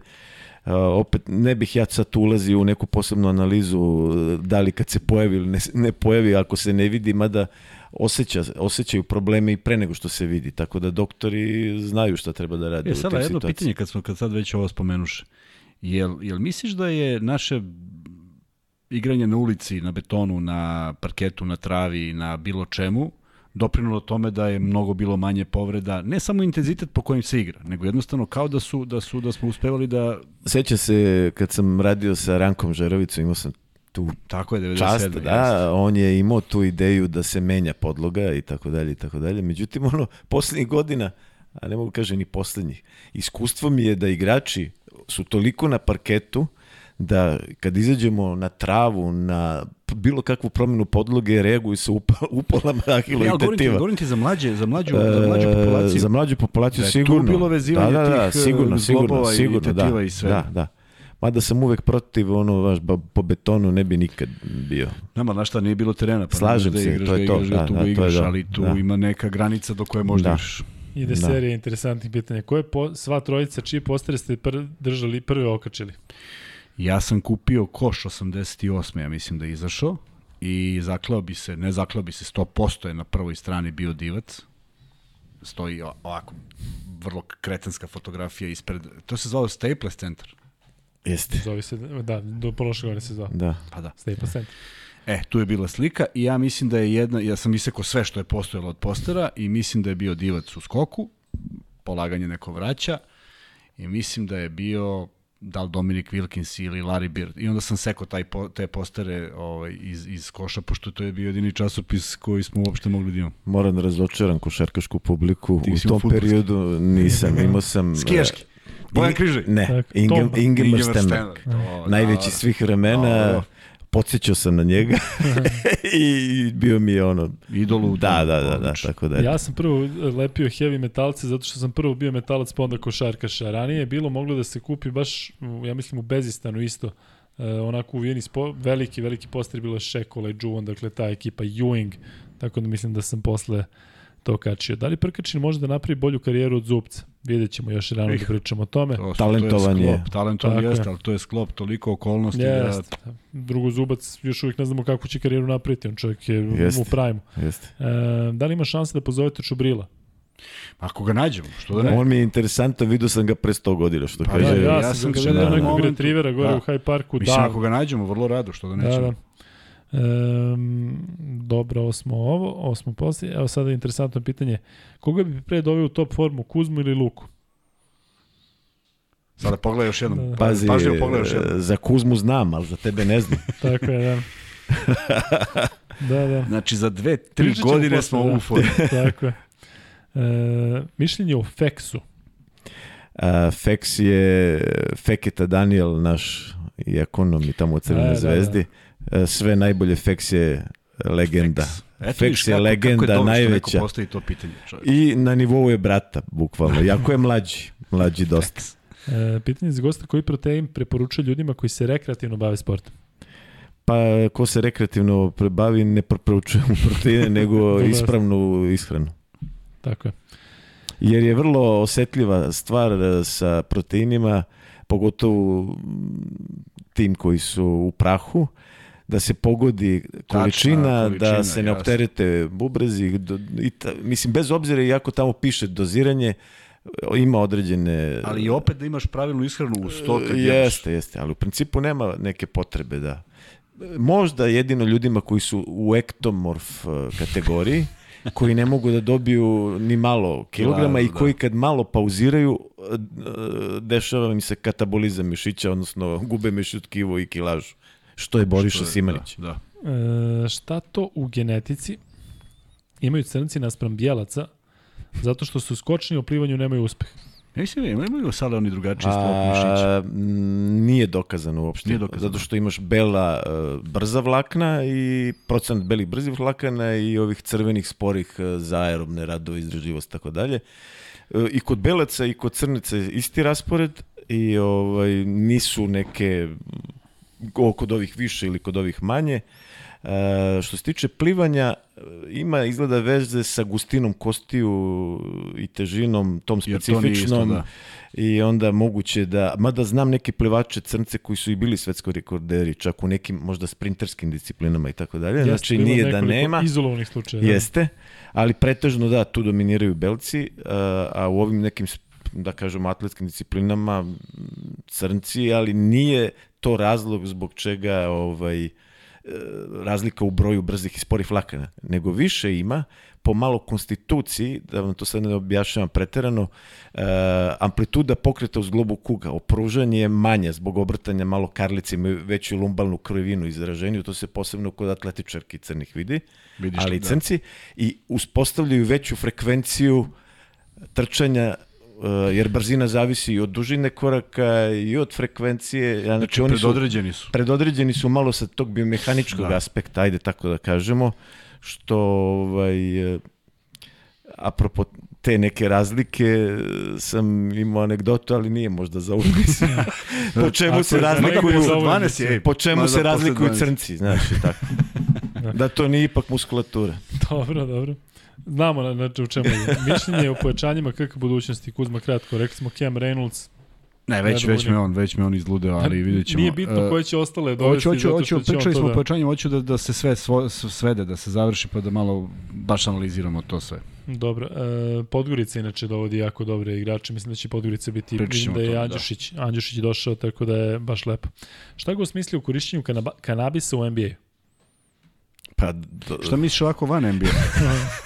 e, u svakom smislu korišćenje e, narkotika za mene i cigara, pušenje neshvatljiva, kamoli korišćenje nedozvoljenih sredstava zarad boljeg rezultata, mislim, stvarno je kretenski. A pritom znaš da će da ti navodi u životu u velikoj većini života koji treba da proživiš. Koji treba, da. Ne ovih šta, da budeš kao ne znam da... ko, šta, i dalje mi to ali, nije Ali jasno. Gaga Radanović je pričao o tome da je bila anketa. Jeste, znam, 80%, 80%. bi rekli da, oni su stvarno nenormalni. Da, da, da. da. da. Šta da kažem? Pitanje za doktora Lukmana, koje je verovatno šaljivo. Doktor. I, je li zdravo ostajati budan posle ponoći? A, da, da, da. E, moram da vam kažem jedan daje. detalj. Kako starite, sve manje i manje spavate Jeste. i imam ja lični algoritam koji sam shvatio, ako legnem pre 12, probudim se u 3 i ne spavam više. Ako Čelo legnem, ako legnem u 2, spavam do 8, 9. Da. Trebalo, da zovemo, trebalo da zovemo u četvrtak. ponedjeljak, ponedjeljak. Ponedjeljak dođe da. u pola 12. Može tako neka... da to je zdravo, nezdravo, tako u svakom slučaju tako je, tako to je, da. Može li neka anegdota Lukmana sa Nešom Ilićem? Pa to je beskonačno. to, to moramo da ostavljamo. To će biti jedna da. epizoda. E, beskonačno. Samo mogu da ga opišem ukratko, to je e, jednostavno ja koji sam dugo godina s njime, pa ne anticipiram njegovo ludilo u zezanju. da me prevesla i iskusnog. To je stvarno ne, neviđeno da umeće. znaš ko je i da znaš da može. Znači sve da, znam i ono kao op, prevesla me i nisam jedini. Znači svi padaju. I sad šta je fora? Pošto on te stalno ubacuje u te šeme, ti kad je on ozbiljan nekad i hoće nešto ti kažeš, ti To kao šta skloni da, se. skloni se da- Nemoj da mi pričaš ti što ne zanima me. Mora ono iz 15 puta da mi kaže, ej, u 4 ujutru putujemo kao ispred arene. Ma, poverovao. važi, brajte. E, ali samo ti kažem za Nešu Ilića, znači ovo sale, ja verujem da bi mogu da priča do sutra. A to je beskonačno. Igrački, igrački moment koji ja neću zaboraviti. Čuda je pravio. Ne. Igra se utakmica, sad ja ne mogu se zakunem da li je protiv nas, protiv nekog od mojih timova ili ja to gledam na televiziji, to stvarno ne mogu da se setim. Ali ima scena kada lopta leti čoveku preko cele odbrane i Neša trči i već je svi vidimo u kontri. Da. I ovaj igrač stoji i dalje. I on ovako pruža ruku i ovaj već kreće nazad i on pomeri ruku. I ovog direktno u glavu pogodi. Da, I on uživa U tome. On vrišti od smeha što ovaj nije mogu da se da, da se Da, to je nego- klasična fora da uradiš ovo pa da popustimo. ali on da, ali on ima kontru. A Da, da. fintirao je isto nekog od igrača jedno 3-4 puta da se okreto prema košu, Da, prema da, da, njemu, da, prema da, nisu košu i onda znali da- kraju jest, ostao na košu, kao Jest. nema veze. Interesantno kaže, priča mi je Ćale za Praju da ga Žeravica ili neko terao da radi skok šut, a Praja pitao šta će mu to kad je ovako šutira preko svih. Pa Praja je imao Ne, je ovaj, nemoguće. metar odskok, tako Da, nešto. ono je bilo neverovatno Da, da, da. da. kak je on fizikali imao za ono vreme. Ma debre. Znaš, ono kada sam rekao da se jave samo devojke koje nema toga očigledno ovde, dakle, ono, je, ono su sporadični Pa, slučajevi. Ne znam da li za Nešu Ilića znate kad se sam zamenio jer su se kladili A, da, da, da. Ovaj, da će da da toliko i toliko koševa, Lale Lučić ga Jest. stavi na klupu, a on se nervira i onda ode iza i Tomaševića zameni. Da, da. I uđe Rekao u igru, da a ovaj Ovaj, otkud, otkud nešto? a Lale kao, Šta se dešava? da, da, da. Pogledajte košarkaša Conor Williamsa na YouTube, Hoćemo, zapamti. pamtim. E, Rađa i Magic su prekinuli karijeru uz, uz, uz obrazloženje da žele sačuvati koljena da bi mogli prošetati unuke parkom. Ima Ili smisla. ima to smisla? Pa nego šta? Tako kako da nema smisla, ne samo za unuke, nego za sebe. Da sebe mogu prošetati u Tako parku. je, da, vjerojatno da. su mislili da do, dođu do tog vremena da... Da. Da, Šta da. se dešava sa Rebićem, čitao sam da je u borcu, ali ništa od toga. Ne, znam. neko me je pitao za Rebića, ali zaista nisam ispratio. On mi je bio onako uvek I drag. meni. Da. Da. da si radio sa njim? Ne, ali gledajući ga iz Rusije kad je igrao za zvezdu, ono, odličan mi je bio. Jeste i meni. Da, da. E, Teško pitanje i opšte. Luka pita je Lukmana ili ima spasa za naše zdravstvo?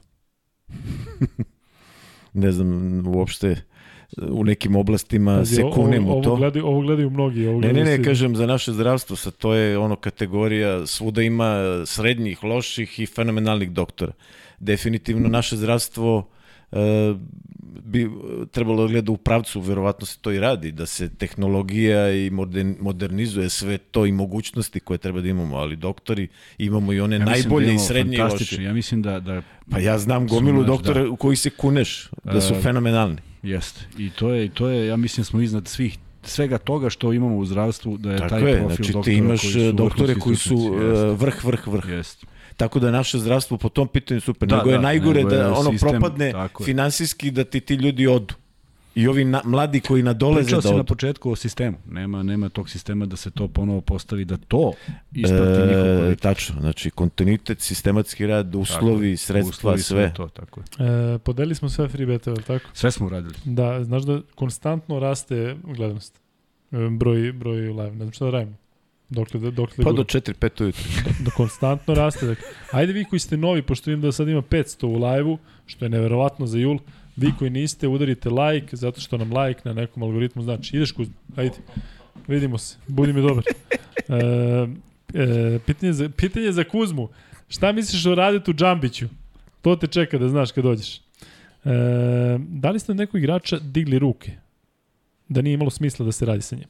Mm, nisam imao tu situaciju. Ni Ali od ovaj. Davis izgleda da je bio baš Paul- pretežak. a? Ne, Paul Davis nisam digao, to, to je najveći angažman mogući koji sam pravio, jer e, treneri su izrazili e, želju da on ostane bez obzira na njegove teškoće objektivne, jer ima kvalitet koji nam je bio potreban ja sam rekao, ok, onda to mora na ovaj način da se prati, mene morate da slušate vezano za njegov ono, pauza, rad, pauza, rad, što se tiče košarkaškog treninga, i ovaj sve ono što radim sa njima da bi ga držao u optimumu da može da to pruži koliko je pružio. Tako da je to bilo pun pogodak, fenomenalno i ovaj, nisam nik, nikada ni od koga digo ruke. Pa da je totalno promašilo se sve. E, razlika u košaci 3x3 u svemu, spremi, anaerobno. A jeste, znači čim je ovaj, teren polovina, priprema u smislu funkcionalnih sposobnosti za toliko lakše. Lakše, jel? Da, da, a sve ovo drugo stoji. Znači, aerobni kapacitet nije potreban toliki. Meni je free bet dobitak kad mi Luka pročita komentar. Ljudi, ja čitam komentare dva sata. Ako sam nekog propustio, ne znam šta da radim. E, kako raditi sa Švedom? A, to, to je, ovaj, kako da kažem, onako podvojeno iskustvo što se mene tiče lično, odličan je momak, znači privatno odličan, e, super talentovan što svi to vide e, može da igra u sistemu timskom ako se to od njega zahteva i takav trener, e, odnosno odnos sa trenerom se uspostavi, to sam imao priliku da vidim, ali isto tako ovaj, lako se prebaci u mod ono, one man band, što kaže. I u situaciji kada je taj Riz Rice bio druge sezone, bio ono MVP Evrokup, posvojili Evrokup sa Himkim, sledeće sezone igramo Euroligu, dolazi Šved, njih dvojica u početku izuzetna saradnja, imali smo to ono, dobijali smo ove favorite da, po 30 da. kusu razlike. Čak smo i ono zvezdu 40 razlike dobili, rekao ljudi, smanjite doživljaj. Uh, ali mi ovi ne veruju da sam to rekao, stvarno bre, znaš, ono, insistirao sam kod Monje, kod daj reci tu, baci decu im. Tako da je, ali dobro, Zvezda je te sezone ušla u top 8 iako je startovala loše, ako se, mislim, sećate se to. Jest, jest. Tako da je to bilo fenomenalno. Koji igrač sa kojim niste imali A, a samo da se, za, za, za, da završim sa Švedom. Znači, vrhunske performanse može i ovako i onako. Zavisi od trenera kakav će da bude. Samo trener. A samo od njega. Znači, ako uspostavi to, on ima, on je onako, da kažemo, e, detinje osobine da. ima i onda stvarno zavisi od te figure trenera. Da. Ja sam mu mnogo dobro lego bio i onda je uvek meni se žalio. ja sam ga sklanjao, rekao, beži tamo. Igraj malo za tim. Znači, bilo je ta situacija, vodimo 20 razlike kad sarađuju, a kad krene ono pojedinac, onda i taj riz ode na drugu stranu i gubimo I gotovo, 20. Da, da. E, koliko si u kontaktu sa tim nekim ljudima? Ne znam koliko pa na društvenim mrežama je e, U društvene mreže sam poisključivo jer ono gubiš Tako, vreme od toga. E, mislim, neko vreme, ono, ajde... Pa promovisat ćemo se kao što, tako što ja... A ne, znaš kako, e, društvene mreže, kad imaju smisla? Kada imate ovako neku emisiju, kad imate neki biznis, kad ne znam ni ja šta, i onda to ima nekog smisla. Ovako privatno, šta će ti to? Gubiš vreme s tim. Ali ih ima na Viberu, Whatsappu, ima njih, njihovi Pa jeste, što kaže, imam, čujem se. Čak, čak se povremeno čujem i sa čuvenim Adamom Morrisonom, koji mi je bio ono fenomenalan Ozbiljno. da sa Karijem. Hmm. Je li istina da, da, Gonzaga da se drugačije osjeća Adam Morrison? E... To su mu nalepili da on čovek se osjeća. Misliš... E... Da smrt. a, a zbog čega? Zbog čega? Zato što žvaće duvan ko manijak. Ja zato? Da. Pa znači I ono to iz, izbija kroz telo. Da, da, da, da. A ovaj što se njega tiče, ono, sa Karijem i njime, to je bilo smešnih tih situacija, nesporozuma i tako dalje. Pa dobro, to je ono simpatično na tom da. nivou, Kari normalno disciplina, ovaj nešto svoje peto, a još plus e, kao čovjek koji ima šećernu bolest, e, ono spada u kolerike, one, znaš, da, da, da, da, da, ima onu pumpu i čovjek je onako nervozni I sad to sve treba ishendlovati. Tako da mi je na kraju napisao oproštojno pismo, ne ljubavno, nego ono zahvalnost, što sam imao razumevanja za njega, znaš, tako dobro, da. Dobro da nije oproštajno. E, je, je, u tom smislu, On da. On deluje kao tip onako Nije, e, ne, ima, sad vidim ga, ima decu, ima ovaj, e, Mislim, trener je u trener. Gonzagi, trener, tamo da. gde je i on bio. Pomoćni. Pomoćni. Tako je. Sad je on Gonzagi trener. Yes. Tako. E, pazi šta je meni stiglo, molim te, od Dejana Metzgera. Daj to što si donao, da evo. Kaže, gledam podcast i kažem ženi da spominjete njenu petu Beogradsku i ispostavi se da je s Kuzmom išla u raz. pa eto, vidiš. E, e, rekli si da za to da reklamiraš remix. No dobro, što je sad? Ovo nije remix. A šta god je. Ovo je domaći e, sok od... I piše, nije vreme Banan. za sok, nego za pivo, Kuzma. Nemaju pivo e, Da. E, pivo posle treninga utakmice, da ili ne? Da. Da. Može. Ima, ima hranljive momente, a, a, a ne možeš da kao, da se napijaš sad. A kao tri nedelje naredne to utiče na organizam? Ne, da sad da kažem, generalno, znači, kratka pića, e, kod većine ljudi ono sve što si formu finu gradio, to ono fino građenje forme se razbije, ne možeš mesec dana stigneš što naša braća Ruska su naviknuta pa nekako su se volšebno izvlačili iz toga.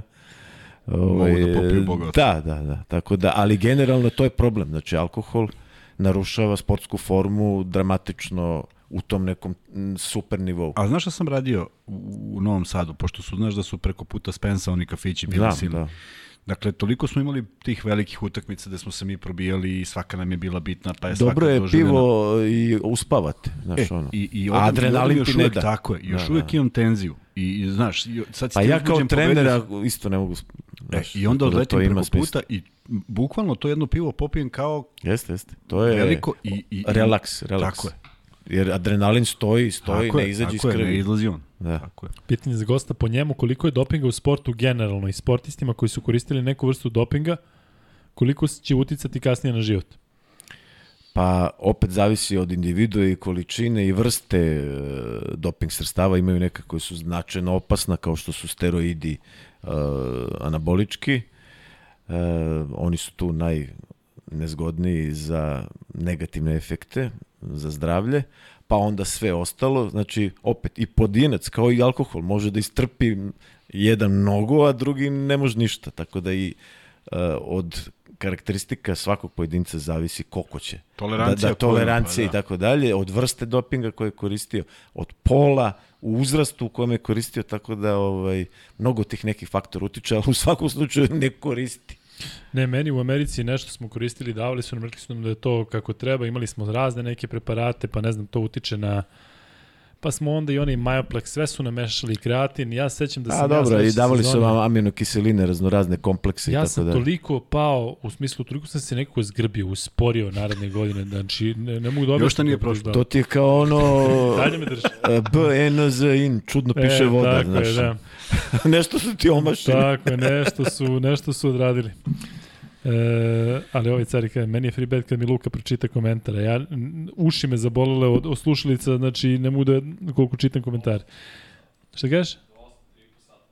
Da, evo više, Vanja, Vanja... Ne, stvarno je, stvarno je, bez obzira što je divno. Još pa vam je trajao bre neki podcast ovoliko. Jeste, uh, jeste. Jeste. Da, Miće Berić. Da. Mić. Pitanje iz gosta, da li smatra da trebali atletika da se vrati u osnovne škole? Da se ubaci u osnovne škole? Pa ne mogu sad da kažem atletika, sigurno jedan od bazičnih sportova, međutim prva stvar je fizičko vaspitanje, Samo dva časa postoji, svako, tako je, da. znači fizičko vaspitanje svaki dan. I to da je neko samo posvećen deci da ne tako bude je, ajde nešto. Posvećeno da, i da bira šta god to bilo. ne, neću ja da forsiram atletiku lupam, rukomet je kompletan sport. E, da, samo da je motorika ne znam ja da šta, da su, da. i nek kom, kombinuju. I nek bude svaki dan. I to je suština, a ne atletika ili bilo šta drugo. Sve to treba. Pitanje gosta, ali sarađivao sa Kuzminim omiljenim trenerom strancem koji ga je trenirao u Zvezdi? Ludvig. Toma? Da. O, jesam. Kako nije? Pa, da. pa te sezone. Kakav je bio? pa, on je interesantan čovek koji se prvi put susreo verovatno sa, sa Evropom. Sa životom. Da, mislim, što se tiče Evrope, on sigurno je znalac čovek košarke na tom nivou kojem je radio i on se trudio i, i nešto smo igrali, šta ja znam, ali evo Kuzma to zna bolje. Imao je neke, seća se, super smo to nešto e, ljudski odnos imali to da, nije on bio, da, da, da ljudski smo imali, okej. Okay. Nije se on petlo nešto mnogo, nego jedan put ušao u teretanu i seća se on imao neke svoje viđenje, to sad ne znam, treba ovako, jer gledam, rekao, važi coach. kako ti kažeš, nema problema. I, Važi ovaj, na plaži, ja? Pa dobro, e, uglavnom ne, ne neka stručna posebna saradnja, ljudska, ok, interesantno je to sve bilo i tako. Slušaj ovo. Osvojili smo titulu, čovječ. Što je najvažnije, pa tako. Da. Kuzmi posle ponoći drastično pada koncentracija, a raste smisao za humor. Slažem. Genijalno. A tačno posle ponoći, da. Genijalno. I onda je to problem kada radimo one od 23 30. Pošto sam onda stalno Tako u padu koncentracije. Koga i... vidite na mestu selektora nakon Pešića? Aleksandar Đorđević. Mišljenje o Radetu Džambiću. Rade Džambić, da. ne znam šta treba mislim, dečko, ovaj, bio dobar košarkaš, ali mislim da je imao jednu žicu koja ga je vodila u, da ne bude, da bude, ne bude kompletni mislim da je bio previše za sebe nešto okrenut ka nek, kako on izgleda i sve to, a inače vrlo eksplozivan i ovaj, vrlo interesantan igrač koji nije razvio neki svoj potencijal do maksimuma. Mislim da sad radi na nekom od koleđa i da se time bavi i da je trener i puno mu sreće želim, ali kažem, bio je eksplozivan, paklen, a nije znao da ga kanališ. Da, e, da iskoristi to. Da iskoristi. Vreme da privodimo kraju, evo možemo još po samo neko pitanje. Dakle, pitaju vas za mišljenje Kevina Duranta o izjavu Merhanu. Šta je, šta je rekao Kevin Durant u marihuani? Da, nešto je on rekao. Pozitivno ili negativno? Pa verovatno pozitivno, znači njega sigurno da je pozitivno. E, šta mislite o Tyrisu Rajsu? A, Tyrese, pa ja igrao sam, o, igrao sam, trenirao sam ga u ovome Himkiju on je došao posle te sezone Makabija kad je bio MVP i MVP kod nas je, je bio MVP, osvojili smo Eurocup, sve dok nije došao drugi dominantan igrač, to je bilo perfektno. Mi smo bili tim faktički za Final Four Euroligi, jer te sezone je treća bila lokomotiva, mi smo ih očistili u prvenstvu Ruskom. E, znači... E, bilo je pitanje o Saši Kaunu, si sa njim sarađivao? Nisam. Ja, ali, ali smo igrali protiv njega. Da. Rajs je stvarno eksplodirao i odjednom se samo nestao. Ne, Rajs je... Ne, I on je nešto rano završio karijeru. Nešto pa odjednom, išao je ono posle u Barcelona, pa na Tanejkos, I... bio je u Bambergu gore. I videli smo se pred dve sezone kad je bio u Panatanikusu, ispozdravljali se i to je to. Pitanje za sve trojicu mišljenje o Deljanu Kuturoviću. Moje super, pamtim ga kad sam ga gledao. Izuzetan Odličan, igrač da, da. i on je, moramo da se podsjetimo, u Spartaku i Subotice sa Fincem pa pravio te neke prve i bili su ozbiljan problem ozbiljan, ozbiljan. Mišković i Koturović jest, i možda je, možda je Deki negde mogao više, mislim da je neki splet okolnosti oko njegovog njegovog angažovana u reprezentaciji ja mislim, kasnije. Deki je imao problem ono sa Jovom Stanojevićem kad su se u Palmotićevoj Je on bio? Pa da. I onda je tu znam malo imao za... nagnječenje grudno koša Joj, i čini mi se da je... Ne, ne, Jova je tu prošao okej. Okay. Ali... Bije me, Mišković je bio, nama Mišković nam je bio. E, pa kažem ti Miško. Ne, mi pričamo o Kotoru. A ne, ali se rekao i, A, i Mišković, i Mišković da, da, da, je bio. Mišković je tu okrenut, da, da, da, ja rekao da, da. nije Kotor. Da. Ne, ne, nije Kotor. Ne. O, ovaj, I znaš šta, ako smo pričali o Radmanu i o mnogim ljudima koji su ovde bili, ako je on našao svoj mir, ja mislim da jeste. I mi smo se čuli sa Kotorom predno dva meseca i rekao je da kad prođe avgust da možemo da razgovaramo s njim, što bi ja vrlo rado voleo da... Pa on je sada jako interesantan sagovornik pa za da. onim čime se bavi. Tako je, tako da. je, pa jeste, što da ne, ali da, da se podsjetimo... Da li emisiju, ali... Pa dobro, sigurno, sigurno sećanje ima, sigurno sećanje ima, nije, nije izlapeo. Dobro, hoćemo da završamo. Moram. Moramo, ali imaš nešto da kažem, Kuzma? ne, nešto da se hmm. zahvalimo nekome, kome. Ja, hvala čemu. svima, ne, ne ali sad stvarno vidi. vama koji ste do, donirali Ma, ovo što mi nismo znali da postoji, da. dakle Nikola Jovanović od tebe je krenulo, mi nismo znali da to može vidimo stiže u kunama, stiže u evrima, stiže u, u dinarima, stiže u dolarima, dakle zaista fenomenalno, gde to sve ide, kako se to ide, to ide valjda, valjda na YouTube. Na YouTube da objasnili su nam da. da makar to da znamo da ide na YouTube, ali svakako hvala na ovome što što što traje gledanost ovoliko dugo i što što smo interesantni velikom broju gledalaca i što se zaista trudimo da dovedemo ljude i meni je drago što imam mnogo komentara vezano za naše gosta, ja negde kad sam razmišljao o njemu nisam ni mislio da može da bude ni bilo ja kako. Znači... Pa ja sam mislio da sam, pošto sam ono pozadinac, ali u negativnom smislu,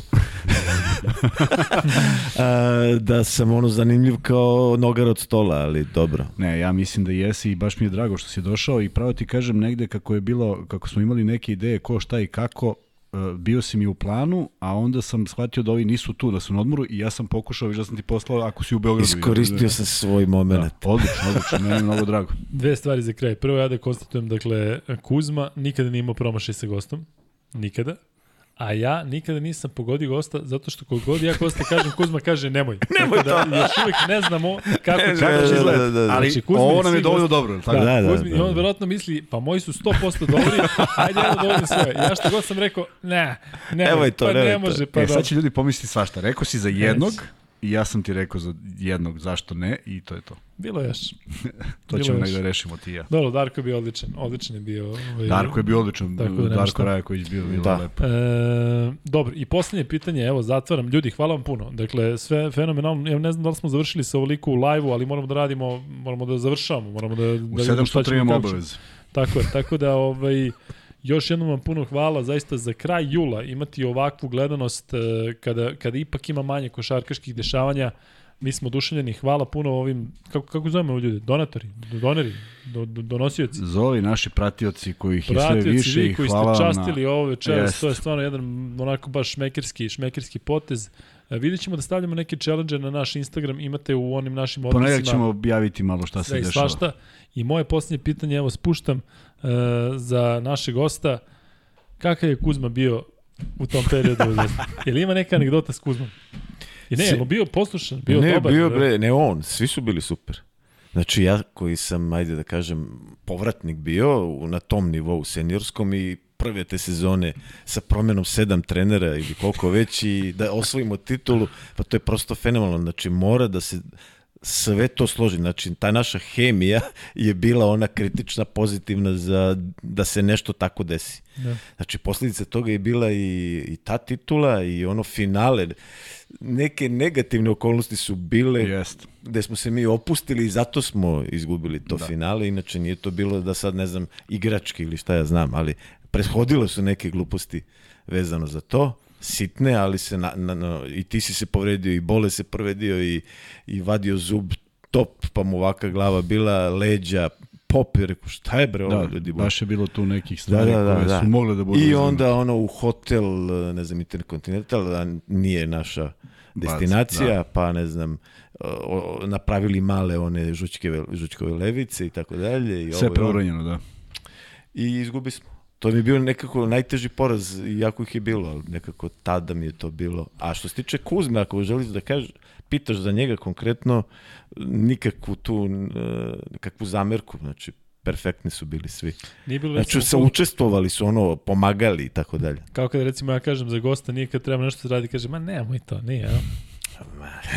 ne, nije, Vidi, nije, ti kažem, ja mislim da je, da je Sale bio u, malo stariji od nas. Pa malo, i da. Je da. I imao sam priču, i, vršnjake, koji, tako, Benja je bio tako vršnjak. I da je ušao u priču, znaš kako, zaista onako kako, kako, kako je najbolje mogo da nam nametne sve to da radimo. Jest. I meni je vrlo drago, pošto je Sale prvi, a Bata Zovinić zato što je mlađi, pa je drugi, to su prvi treneri koje sam ja upoznao, možda ih je bilo i ranije, ali da su počeli individualno da obraćaju pažnju na svakoga od nas. Dakle, ne stavi sale kilažu da dižemo stragarac i ja isto, nego smo prosto bili u nekim grupama, individualno beležilo se. To se zove se ono, individualni pristup u timskom radu. U timskom radu, da. tako je. E, i onda je, on je, on je, on je to otvorio oči, to je bilo posle Pera Zimonjić to radi u Beobanci, a onda dolazi Bata koji je to još, još više razložio. Bata još ima onaj proces i oporavka tako i je, tako, tako dalje. Je. E, i onda, je, i onda, je, i onda je došli, došli smo do toga da Uh, ti znaš da imaš pulsar, pa to je nekad bi imao jedan pulsar, pa da. pratiš, pa ko trči, padneš mrtav. Ne, mi smo imali grupe. Tačno znaš koga pratiš. Ne možeš pratimo Tomašević pa da, ja da se nema pratimo. Veze, ili bilo znači, ko.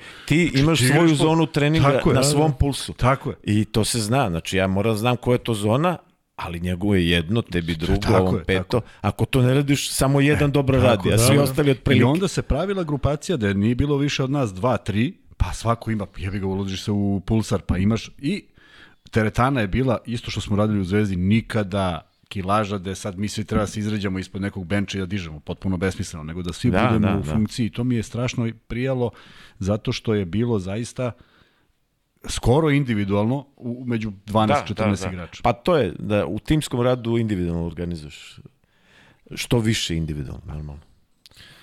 Sale, hvala puno. Sale, hvala i vama, kažemo. osjećao sam se kao da nisam kao... na podcastu. Da, tako svi, tako da stvarno je bilo zadovoljstvo. Ja moram priznati da sam bio malo skeptičan u smislu da li će e, gledalci imati dobra pitanja, koliko će ih biti čini mi se da nikada nismo imali više pitanja i nikada više Ne samo da su pitanja, dobra, nego si se ti boja da će biti samo za jednu sezonu, a vidiš koliko je bilo pitanja različitih. Da, ali e, znaš šta je isto, što... E, I ti si rekao je... što njega da dovedemo, sećaš kad si rekao? Nije valjda. Dobro, da. E, što njega? Ali, e, veliki, veliki, veliki plus za Saleta što je zaista sve odgovarao bukvalno od ovo, ne? ali veliki plus i za naše pratioce za koje se vidi da znaju. Vidiš ti kakve oni imaju? Tako oni je. povezuju recimo nešto što ja ne mogu tako sad. Je, tako ja da mi neko sad kaže Tyrese Rice u Himkiju, u tom periodu, znaš, moram da se prisetim da ovo. Mnogo ljudi prati čast. košarku, mnogo ljudi zna gde je radio, mnogo ljudi povežu to vreme Vič, i neke kažem ti... preposke kile, znači kažem vidi, ti, znaju čemu pričaju. Pričamo o periodu od 97. Ajde da ne kažemo da je pre bilo nešto. Od 97. do 2022. pričamo ipak o njegovoj karijeri koja je izuzetno bogata. Hvala svima vama, Patreonima, ovim donatorima, svaka čast svima imate sada u opisu, dole imate gde možete nas pratiti na ovim ostalim mrežama koje Kuzma, Kuzma ovaj sve pregleda. Koje, koje Luka ne vodi. Tako je. I 51. izdanje je gotovo, pa se vidimo u 52.